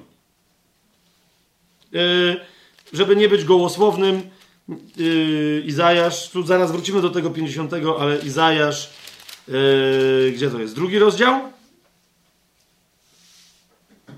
To, to jest jeden z tych przykładów, który mówi o przyszłości. Już drugi rozdział Izajasza, trzeci werset. Z Syjonu bowiem wyjdzie prawo i słowo Jachwę z Jerozolimy. Jerozolima to jest Syjon, Syjon to jest Jerozolima. Amen? Więc zaraz popatrzcie, w 52 rozdziale Księgi Izajasza, w 52 rozdziale Księgi Izajasza jest obudź się Syjonie, przyoblecz się w swoją wspaniałą szatę Jerozolimę, Jerozolimo, miasto święte. Jeszcze raz, co, co, co, co, co się, co się, co się tu dzieje? Przyoblecz się w swoją wspaniałą szatę. Obudź się, przyoblecz, przyoblecz się w, spo, w swoją wspaniałą szatę, otrząśnij się z prochu, powstań i tak, i tak dalej. Ale jak się to ma stać? No tak, pod koniec 52 rozdziału, od 13 wersetu słyszymy, oto się szczęśliwie powiedzie mojemu słudze. Hmm? I 53 rozdział potem mamy cały o Jezusie, który umiera. Po co on umiera? Umiera, 11 werset 53 rozdziału, aby z udręki swojej duszy ujrzeć owoc i się nim nasycić. Mój sprawiedliwy sługa swoim poznaniem usprawiedliwi wielu, bo sam poniesie ich nieprawości. Dlatego dam mu dział wśród wielkich. Tak? Zgadza się? I teraz co się dzieje? Więc chodzi o to, obudź się Jerozolimo, ale jak się mam obudzić? Oto mój sługa, jemu się powiedzie. Gdzie? Na krzyżu mu się powiedzie. On zmartwychwstanie. I masz 54 werset znowu co? Powrót i znowu wezwanie do kogo? Do Jerozolimy. Śpiewaj niepłodna, która jeszcze nie rodziłaś. Ale do jakiej Jerozolimy? Jerozolima pierwsza nie była niepłodna. Pamiętacie, co mówi Paweł w liście do Galacjan? Mówi, to są jej dzieci. To jest stara Jerozolima. Nasza, rozumiecie, on mówi do, do miasta, które do tej pory było niepłodne. Śpiewaj niepłodna, która jeszcze nie rodziłaś. Śpiewaj głośno i krzycz, która jeszcze nigdy nie zaznałaś bólu wrodzenia. Więcej bowiem jest synów opuszczonej niż synów zamężnej, mówi Jahwe. Co się tu dzieje? Ósmy werset. To jest zapowiedź nowej Jerozolimy. ok? W niewielkim gniewie ukryłem na chwilę swoją twarz przed Tobą ale zlituje się nad Tobą w wiecznym miłosierdziu, mówi Jahwe, Twój odkupiciel. Jest to bowiem dla mnie tak, uwaga, jak przy potopie Noego, hmm? który czego jest obrazem, potem mówi y, Piotr na przykład, ale to jest przełom, rozumiecie? Zniszczenie starego, otwarcie, na, zniszczenie starego, wszystkiego starego. w wodzie. Jak przysięgałem, że wody Noego już więcej nie będą rozlewać się po ziemi, tak też przysięgałem, że nie rozgniewam się na ciebie, ani nie będę cię gromić. A choćby i góry się poruszyły, i pogórki się zachwiały, moje miłosierdzie nie odstąpi od ciebie, a przymierze mojego pokoju nie zachwieje się, mówi Jahwe, który lituje się nad tobą. O utrapiona, smagana wichrem, niepocieszona, oto położę twoje kamienie na błyszczących kamieniach, a twoje fundamenty na szafirach. Księga Objawienia. To jest jeden, rozumiecie, ja nie chcę się teraz rozwodzić, tak? Macie jednego, który był ubrany w te wszystkie rzeczy. A rozumiesz, była zapowiedź. Zresztą, jak zobaczycie potem, bo, bo jeszcze raz, pa, patrzcie Izajasz dalej. Nie? Żeby nie było. Patrzcie Izajasz dalej. No. 62 rozdział. No przecież o tym dzisiaj wspominałem, to czemu mam tego nie? 62 rozdział. Drugi werset. I ujrzą i dalej. Czyli tu jest, ale powiecie, no dobra, ale tu był co? Tu był 54. To spraw, pro, proszę was, no nie mamy czasu teraz, tak? Ale przestudiujcie sobie sami. 55.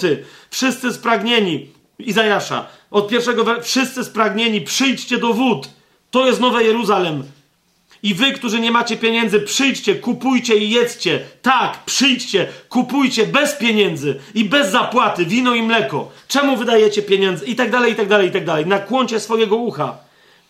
To się ciągnie, to się ciągnie, rozumiecie, to się ciągnie. 60 y, rozdział, pier, pier, da, pierwszy werset i dalej. Powstań, zajaśnij, ponieważ przyszła Twoja światłość i chwała Jachwę wzeszła nad Tobą. Ale zobaczcie 62 rozdział od drugiego do piątego wersetu. I ujrzą narody Twoją sprawiedliwość i wszyscy królowie Twoją chwałę. I nazwą Cię nowym imieniem, które usta Jahwe ustalą. A propos nowego imienia. Jakie to będzie nowe imię? Zaraz. Będziesz koroną chwały w ręku Jahwe i królewskim diademem w ręce Twojego Boga. Co ma król królów i pan panów na swojej głowie? Dokładnie ten diadem. Nie będą cię więcej zwać opuszczoną, ani twoja ziemia nigdy więcej nie będzie nazwana spustoszoną, ale ty będziesz nazywana Hefsiba, a twoja ziemia Beula, bo Jahwe, Pan, ma w tobie upodobanie i twoja ziemia będzie jaka? Poślubiona.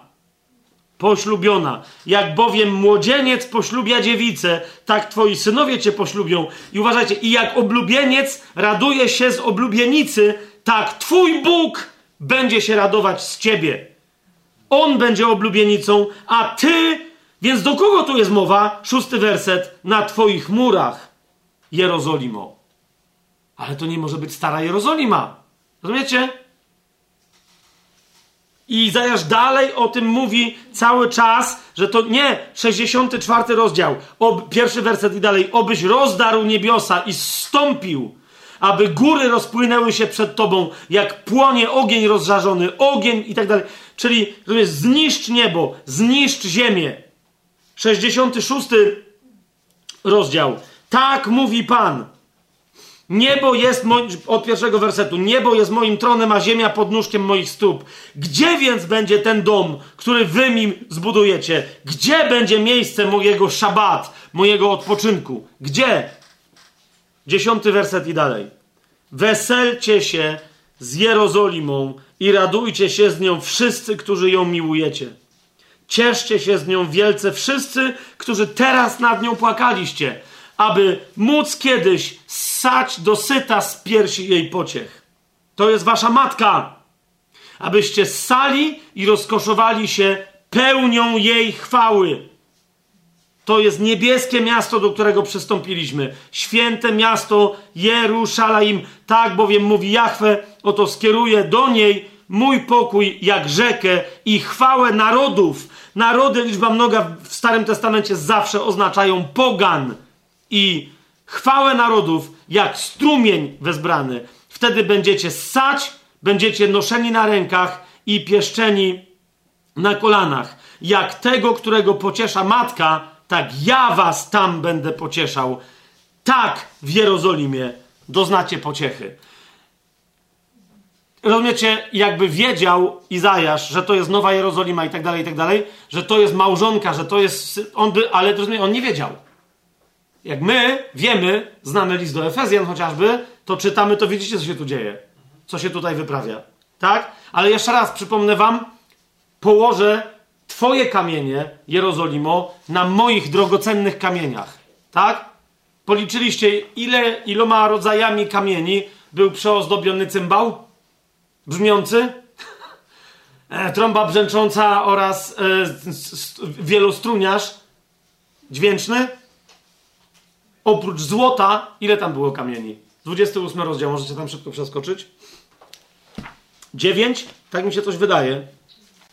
9 kamieni. Nie? To była niegdyś liczba doskonałości. Niektórzy uważają, że nadal jest. Nie, nie jest. Ale to była niegdyś liczba doskonałości. Ok? 9?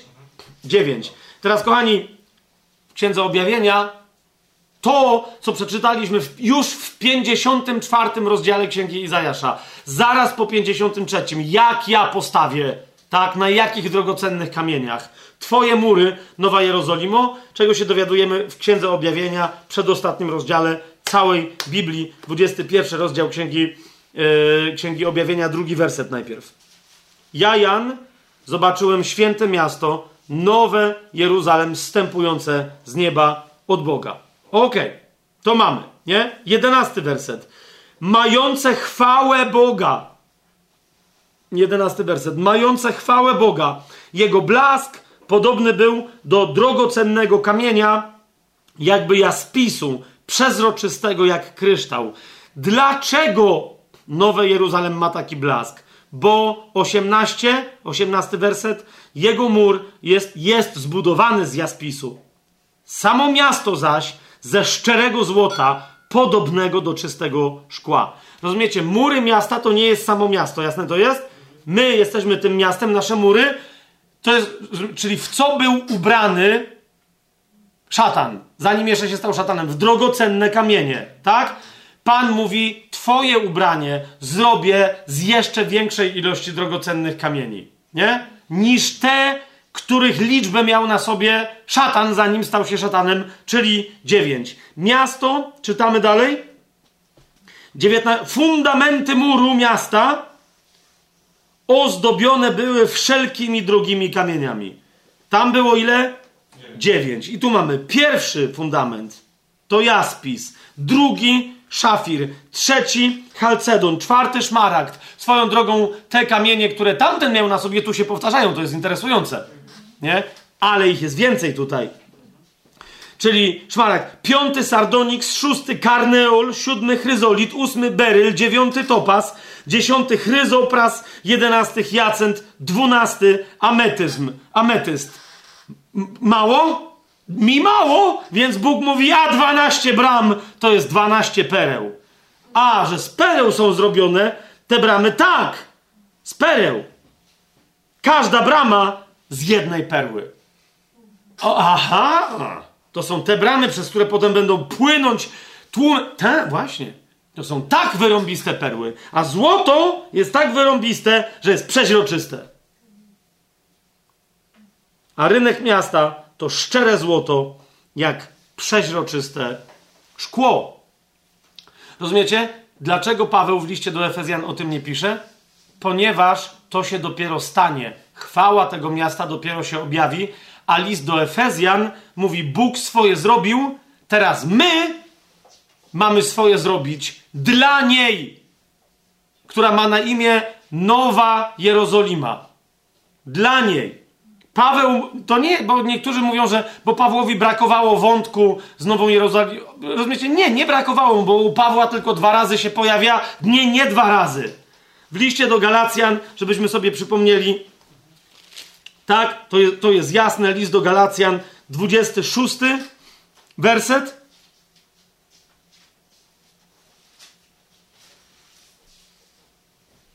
Natomiast Jeruzalem, które jest w górze, bo widzicie, widzicie, jest też Jeruzalem, które jest w dole. Tak? I nie o nie chodzi, Paweł mówi wyraźnie. 25 werset. Hagar to góra Synaj w Arabii, a ona odpowiada dzisiejszemu Jeruzalemowi, bo ono jest w niewoli razem ze swoimi dziećmi. Paweł mówi, a naszą mat, natomiast Jeruzalem, które jest w górze, jest wolne i ono jest matką nas wszystkich. Tak? To jest ta matka z piersi pociech, której możemy ssać. Tak? To jest to. Jest to. Dalej, gdzie? No, yy, list do kogo? Hebrajczyków. Tak? Tak? Ale nie dwunasty rozdział. Jeszcze. List do Hebrajczyków, jedenasty rozdział. Gdzie w jedenastym rozdziale, panie Fabianie, bracie durnowaty, jest, w jakiś, jest jakiś Nowe Jeruzalem? W jedenastym rozdziale, gdzie jest mowa o Abrahamie. Hmm? W dziesiątym wersecie. Oczekiwał on bowiem miasta mającego fundamenty, którego budowniczym i twórcą jest sam Bóg. I o tym to jest to, czego oczekiwali nasi poprzednicy w wierze. Rozumiecie? A oni nie wiedzieli. I teraz do tego miasta my przystąpiliśmy, to jest 12 rozdział, 22 werset. Ale wy przystąpiliście do góry Syjon. Jakiej? No tej nowej góry Syjon, na której jest nowe Jeruzalem. Gdzie Syjon, tam Jeruzalem. Gdzie Jeruzalem, tam Syjon. Jasne? Ale jest stara Jerozolima, ona ma jest, jest matką niewolników i jej obrazem nie jest właściwy Syjon, ale Synaj. List do Galacjan, tak? Prawdziwy Syjon to jest prawdziwa Jero Jerozolima, a prawdziwa Jerozolima jest duchowa. Wy podeszliście do góry Syjon, do miasta Boga żywego, do niebieskiego lub też niebiańskiego Jeruzalem. Amen? Paweł, on to wie, ale nie o to mu chodzi w liście do Efezjan. Czy mamy jasność w tej kwestii? On, to, to jest nasz cel. To jest rzecz, która jest jeszcze niedokończona i ona, uważajcie, od nas zależy. Zauważcie, dlaczego Pan będzie sprawdzał, czy my mu przyniesiemy złoto, srebro i drogie kamienie. Hmm? Popatrzcie teraz, pierwszy do Koryntian. Tak, pierwszy do Koryntian, trzeci rozdział. Jemu tylko o to chodzi. Zobaczcie, jaka to jest odpowiedzialność. On mówi: Ja ze swojej strony wszystko zrobiłem, są plany i tak dalej, ale teraz potrze potrzebuję, żebyście wy dokończyli razem ze mną tą budowlę. Co wy na to? Szał! Pierwszy do Koryntian, trzeci rozdział. Czy ktoś na tym fundamencie, znowu dwunasty werset, buduje ze złota, srebra, z drogich kamieni, czy też z drewna, siana, czy ze słomy, dzieło każdego okaże się jawne. I teraz przyjdzie dzień, kiedy Pan będzie to sprawdzał. No co będzie? Oddzieli dziadostwo, przyjdzie ogień. No, rozumiesz? Potem Pan będzie musiał. Kapujesz, jeżeli ja jestem odpowiedzialny za jakiś kawałek muru tej nowej Jerozolimy i nie dostarczę tam od siebie swoich drogich kamieni duchowych, wiecie o co, wie, wiecie o co mi chodzi? To potem będzie dziura, trzeba to będzie jakoś. A może Rozumiecie, wymiary będą takie, ale może wszystkie nasze braki będą potem do, dokładnie, z nich powstanie dziadowska na wieki mozaika dziureczek, jak wiecie, próchnica w zębie. Dobra, nie, nie myślę, że Pan to jednak uzupełni, ale na litość boską. Nie? My w tysiącletnim królestwie będziemy widzieli, jak On pracuje za nas, kiedy my tak bardzo twierdzimy, że Go kochamy, że, że ponoć wszystko dla Niego byśmy zrobili.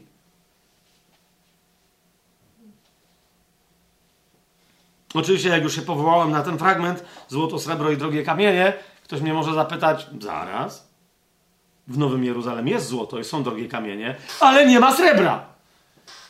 I do tej tajemnicy też jeszcze kiedyś wrócimy, jak będziemy mówić stricte tylko i wyłącznie o samym Nowym Jeruzalem. Gdzie z tego naszego srebra, co z tym naszym srebrem, gdzie ono się podzieje, że go nie ma w Nowym Jeruzalem? Ale to jest nie dzisiaj. To jest nie dzisiaj, nie dzisiaj. Nie dam się przekonać i proszę bardzo, żebyście mnie nie zmuszali. Czego nikt absolutnie nie robi. Mówię teraz to do tych, którzy słuchają i nie wiedzą, co się tu dzieje. Teraz, co my mamy robić, kochani? List do Efezjan. Wróćmy do listu do Efezjan. Ja tu jeszcze mam parę rzeczy, bo, bo jeszcze ja mam, już mi minęło 3,5 godziny, nie? A ja jeszcze mam strukturę, strukturę listu. Ile?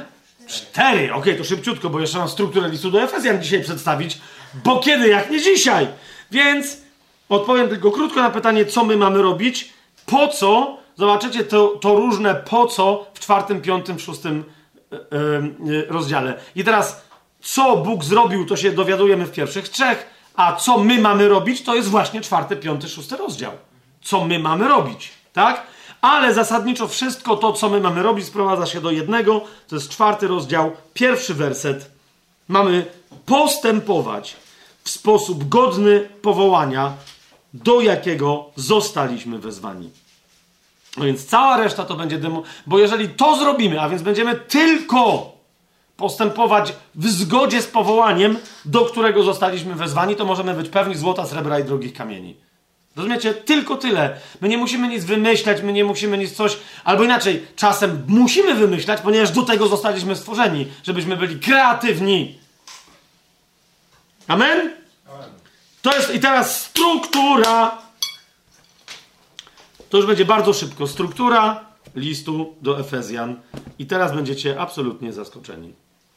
Sami sobie to potem prze, prze, przeanalizujcie, prześledźcie. Myślę, że będziecie zaskoczeni. Teraz, teraz zobaczycie, dlaczego powiedziałem. Najpierw musimy te wszystkie tematy rozważyć. Bo jakbym na początku powiedział to, co teraz powiem, to by było. E, moglibyśmy się ciężko nie zrozumieć. Otóż struktura listu do Efezjan. To już powiedziałem, to są pierwsze trzy rozdziały i ostatnie trzy rozdziały. Tak? Pierwsza część i ostatnia część. Pierwsza część mówi o tym, co i po co już zrobił Bóg ze swojej strony. Druga część mówi o tym, co i po co my mamy zrobić ze swojej strony, abyśmy wszyscy wspólnie w szczęściu i dumie wzajemnej żyli ze sobą na wieki. Amen? Pierwsza część natomiast, jaką ma dokładną strukturę. A więc, pierwsza część to jest, ma pięć punktów, pierwsza część. Tylko pięć punktów. Po pierwsze, no i z nich jeden jest drobniuteńki, to jest adres. Pierwszy rozdział, wersety pierwszy i drugi. Tak, tak zwany adres. Czyli kto do kogo pisze e, i e, początkowe, otwierające pozdrowienie. Tak? To jest pierwszy, pierwsza część, bo są dwie duże części, tak? Listu do Efezjan. To jest pierwsza część rozdział pierwszy, de facto, dwuwersetowy. Potem mamy kolejny, drugi rozdział listu do Efezjan, de facto te, w tej strukturze. To jest rozdział pierwszy od wersetu 13 do 14. Wiecie, bo jak tak będę mówił, to, to, to strasznie mieszam. Nazwijmy to, że są dwie. Dwa skrzydła! List do Efezjan ma dwa skrzydła bo to jest kościół i on potem na tych dwóch skrzydłach orlich poleci, ma dwa skrzydła. Ok? I więc tak, pierwsze skrzydło składa się z pięciu części. O, i wtedy rozdziały będą normalnymi rozdziałami. Pierwsza część pierwszego skrzydła to jest list do Efezjan, rozdział pierwszy, wersety 1-2. Druga część pierwszego skrzydła to jest list do Efezjan, rozdział pierwszy, wersety 3 do 14. Co to jest? Nazwałbym to całościowy Boży plan. Ok? To jest całościowy plan, Boży plan. Od trzeciego do czternastego wersetu, odnoszący się do tego, co Pan oryginalnie planował, do tego, jak myśmy oryginalny jego plan zepsuli i jak Pan naprawił to, co my zepsuliśmy i wrócił do realizacji oryginalnego planu. Tak? Trzecia część pierwszego skrzydła listu do Efezjan to jest pierwsza modlitwa Pawła. I ta modlitwa, kochani, ciągnie się od pierwszego rozdziału, 15 wersetu. Uważajcie na to, co teraz powiem, bo to, że wewnątrz tej modlitwy znajduje się mnóstwo różnych prawd, to fantastycznie, ale ta modlitwa ciągnie się aż do drugiego, kochani, rozdziału, do wersetu drugiego. gramatycznie rzecz ujmując, strukturalnie na to patrząc, ta modlitwa, która zaczyna się słowami dlatego i ja, gdy usłyszałem o waszej wierze w Pana Jezusa i o miłości względem wszystkich świętych, nie przestaję dziękować za was, czyniąc wzmiankę o was w moich modlitwach, prosząc, aby Bóg naszego Pana Jezusa Chrystusa i tak dalej, i tak dalej. I ta, ta modlitwa trwa aż do drugiego rozdziału, do drugiego wersetu. To jest trzecia część pierwszego skrzydła listu do Efezjan. Mamy to? jest bardzo ważne. czwarta część pierwszego skrzydła listu do Efezjan jest właściwą odpowiedzią na pytanie, jak Bóg zapewnił sobie zwycięską realizację swojego oryginalnego planu. Bo to, że ją sobie zapewnił, to my już się wcześniej dowiedzieliśmy, chociażby w pierwszym rozdziale, w którym mamy odkupienie przez Jego krew i tak dalej, i tak dalej. Ale jak konkretnie, tak? Jak Bóg zapewnił sobie zwycięską realizację swojego oryginalnego planu? Przez łaskę, która nam przez naszą wiarę przynosi zbawienie, przez stworzenie jednego nowego człowieka, którym jest Kościół. Jasne? Taka jest ogólnie rzecz ujmując odpowiedź, ona się ciągnie e, dalej. To jest drugi rozdział, ale zasadniczo odpowiedź na to pytanie, jak Bóg zapewnił sobie zwycięską realizację oryginalnego planu. Jak on to zrobił, to jest drugi rozdział, wersety od trzeciego do dwudziestego drugiego włącznie. Czyli do końca drugiego rozdziału. Potem mamy objawienie w najbardziej, najśmielej, lapidarnie, najkrótszej możliwie formie objawienie tajemnicy tajemnic. To jest czwarta część listu do Efezjan. Objawienie. E, czwarta część pierwszego skrzydła listu do Efezjan. To jest po prostu. Jak piąta? O, przepraszam, piąta. Tak, tak, tak. Czyli ja się pomyliłem w swoich tu rozliczeniach, to jest piąta a potem będzie jeszcze szósta, czyli ta pierwsza, czyli adres. Nie musimy jej liczyć i wtedy z powrotem wyjdzie nam pięć. Dobra, nieważne. Czyli następna w tym wypadku piąta to jest tajemnica tajemnic. List do Efezjan, trzeci rozdział od pierwszego do dwunastego wersetu. List do Efezjan, trzeci rozdział od pierwszego do dwunastego wersetu włącznie.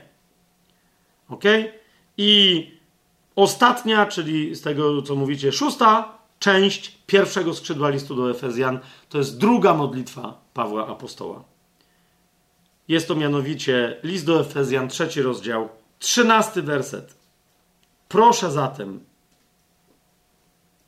to się tu zaczyna, nie w czternastym wersecie, ale tu proszę zatem, abyście wy, a ja, dlatego zginam moje kolana e, i tak dalej, aż do 21 wersetu, czyli do końca trzeciego rozdziału, aż do Amen, które kończy pierwsze skrzydło listu do Efezjan.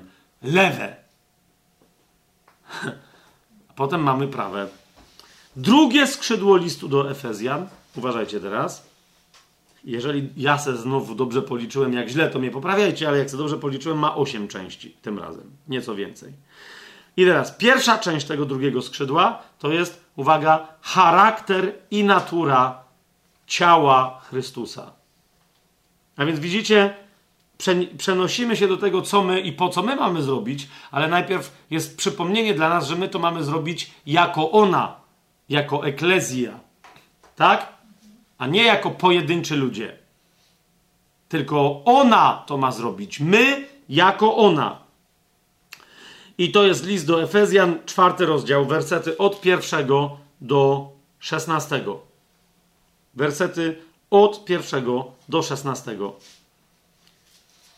Teraz druga część drugiego skrzydła to jest odpowiedź na pytanie, co mają wobec tego, nie jaka ma być ona, czyli jaka ma być eklezja, jaki ma być ten człowiek doskonały, do którego dążymy. Bo to jest odpowiedź w tej pierwszej części, charakter i natura ciała Chrystusowego. Efezjan 4, 1 do 16. Tak? Ale teraz, co w związku z tym mają czynić poszczególne członki? Pojedyncze osoby to są poszczególne członki. Co więc w ramach tego, kim ona jest, ta cudowna, przedziwna, tajemnicza eklezja, Nowa Jerozolima w budowie, co wobec tego mają robić poszczególni ludzie? Takie pada pytanie. To jest druga część drugiego skrzydła i odpowiedź na to pytanie pada w liście do Efezjan w czwartym rozdziale od 17 do aż 32 wersetu. Więc to jest odpowiedź. Jak już wiecie, kim my jesteśmy jako Kościół, kim my jesteśmy jako ona, tak? Taka jest, to teraz tak. Co mają robić poszczególni, pojedynczy ludzie? Uważajcie dalej. Trzecia część. Co mają czynić poszczególne eklezje, czyli kościoły Boże? To jest trzecia część. I odpowiedź na to pytanie, co, więc co mamy robić my, kiedy jesteśmy, na przykład, co ma robić Kościół w Efezie, co ma robić Kościół w Kenchrach, co ma robić Kościół w Kolosach, co ma robić Kościół w Laodycei, całościowo rozumiany. Co ma robić Kościół, który się gromadził u smoka w domu, nawróconego, ochrzczonego, który już nie zieje ogniem.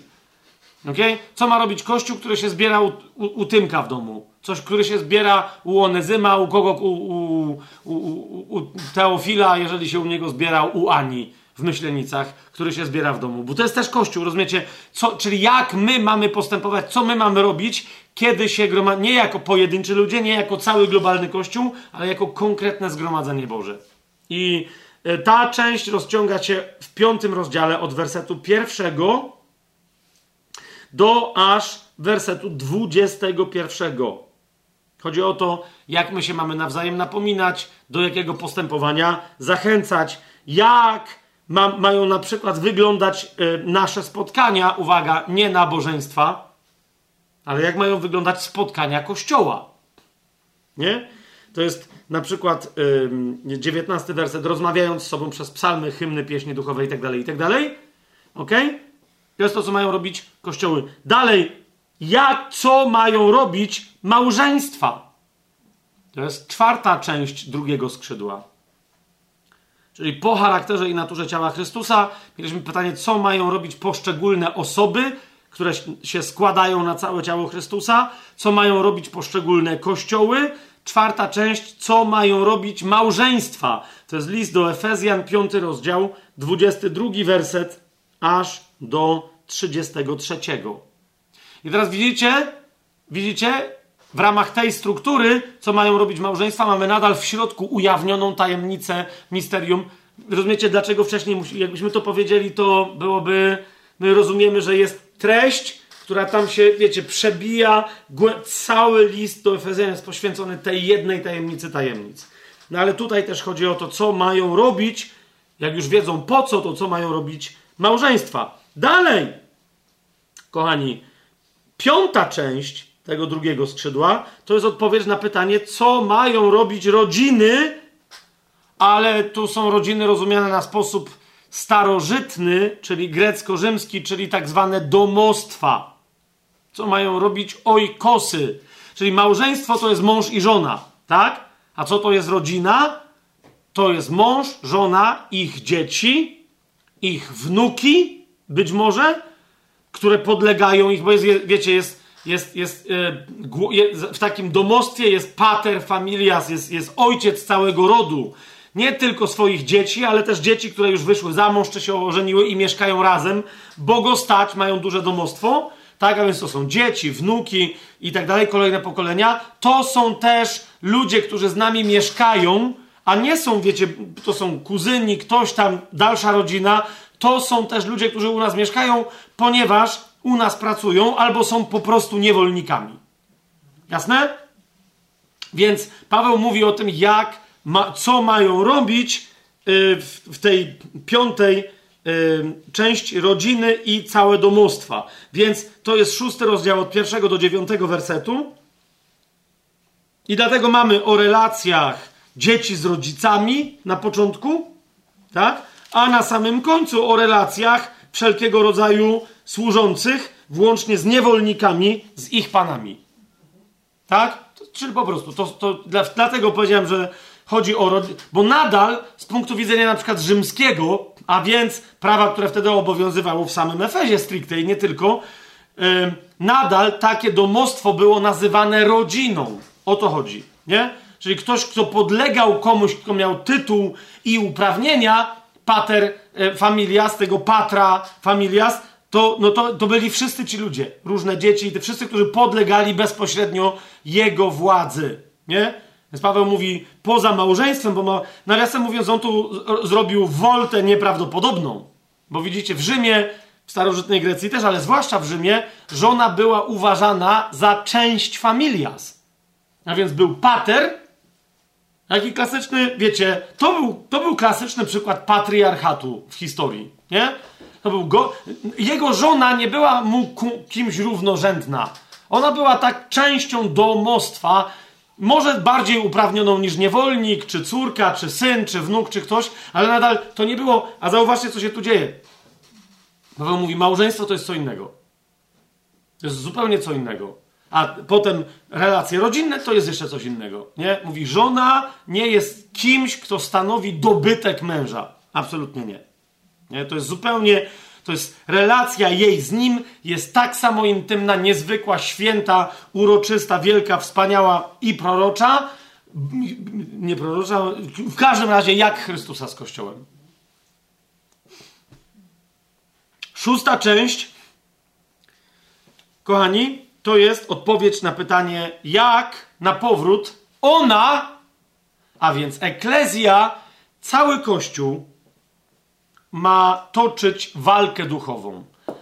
Jeżeli to się będzie tyczyć nas, bo pamiętajcie, że Paweł na koniec roztrząsa pewien bardzo istotny temat. Czyli mówi, co Chrystus już zrobił ze zwierzchnościami, władzami itd., itd., itd., itd., nie? Ale mówi, ale z nimi jeszcze trzeba coś robić. Coś zrobić. I to, i to my mamy to zrobić. Więc teraz mówi, czy w tej całej logice, czyli logika była taka, całe ciało Chrystusa poszczególni pojedynczy ludzie, małżeństwa i yy, kościo- yy, pojedynczy ludzie, kościoły, małżeństwa i całe domostwa, czyli rodziny. Tak?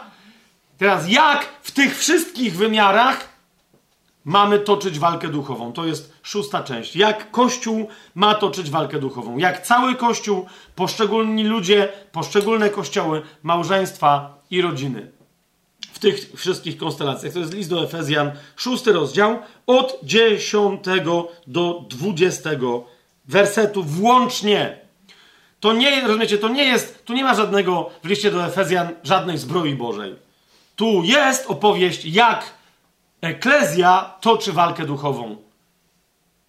Co robi i po co to robi. Znaczy, po co to już jest wyjaśnione wcześniej, w tych trzech i wcześniejszych też rozdziałach, ale co, jak, co robi, żeby wykonać cel, który przed nią stoi, tej walki duchowej. Amen? I mamy jeszcze siódmy, siódmą malutką cząsteczkę. E, no i tutaj, więc de facto tutaj też mamy sześć części, tak? No nadal więcej niż, niż w pierwszym skrzydle. W tym drugim skrzydle jest jeszcze siódma część, którą bym nazwał misja Tychika. To jest mianowicie szósty rozdział listu do Efezjan, wersety 21 i 22. Żebyście zaś wiedzieli i wy, co się ze mną dzieje i tak dalej, i tak dalej, oznajmię wam wszystko tych, którego posłałem. To jest szósty rozdział, 21 i 22 werset. Tak? Jest tam Tychik. Po co, żebyście wiedzieli i tak dalej, i tak dalej. Co tam, Ania, się dzieje, że tam... Szósty rozdział, a okej, okay, porównujesz. 21, 22 werset. I ósma część drugiego skrzydła. To są pozdrowienia końcowe Pawła, czyli szósty rozdział listu do Efezjan, werset 23 i 24, werset 23, 24. Jeszcze raz, kochani, list do Efezjan, nie, nieważne jak bardzo się zagłębicie w jakiś konkret tam, rozumiecie, rozważań na temat małżeństwa, czegoś w praktyczne sposoby podejścia, pamiętajcie, że kluczem jest jeżeli coś jest napisane w liście do Efezjan, to mu to się odnosi do tajemnicy tajemnic, czyli Kościoła w relacji z Chrystusem i jego przeznaczenia, jej przeznaczenia wiecznego. I teraz z tego wynika cokolwiek praktycznego, co my myślimy, że z listu do Efezjan wynika dla nas na dzisiaj. Tak? Tak i tylko tak można czytać list do Efezjan. A jak my przeczytamy coś, co dla nas praktycznie dzisiaj, mówimy, nie, to wynika z listu do Efezjan, to to coś jeszcze raz będzie mieć potwierdzenie, że naprawdę Paweł o tym pisze, jeżeli to coś będzie przyczynkiem do ostatecznego kształtu i wyglądu nowego Jerusalem wstępującego z nieba. To jest punkt wyjścia i punkt dojścia listu do Efezjan. List do Efezjan w taki właśnie sposób objawia tajemnicę tajemnic, choć wprost o Nowym Jeruzalem nie mówi, ponieważ mówi o tym, co już Bóg zrobił i co my mamy zrobić, a nie co jeszcze my razem z Bogiem wspólnie uczynimy, kiedy już dojdzie do konsumpcji tego małżeństwa. Amen!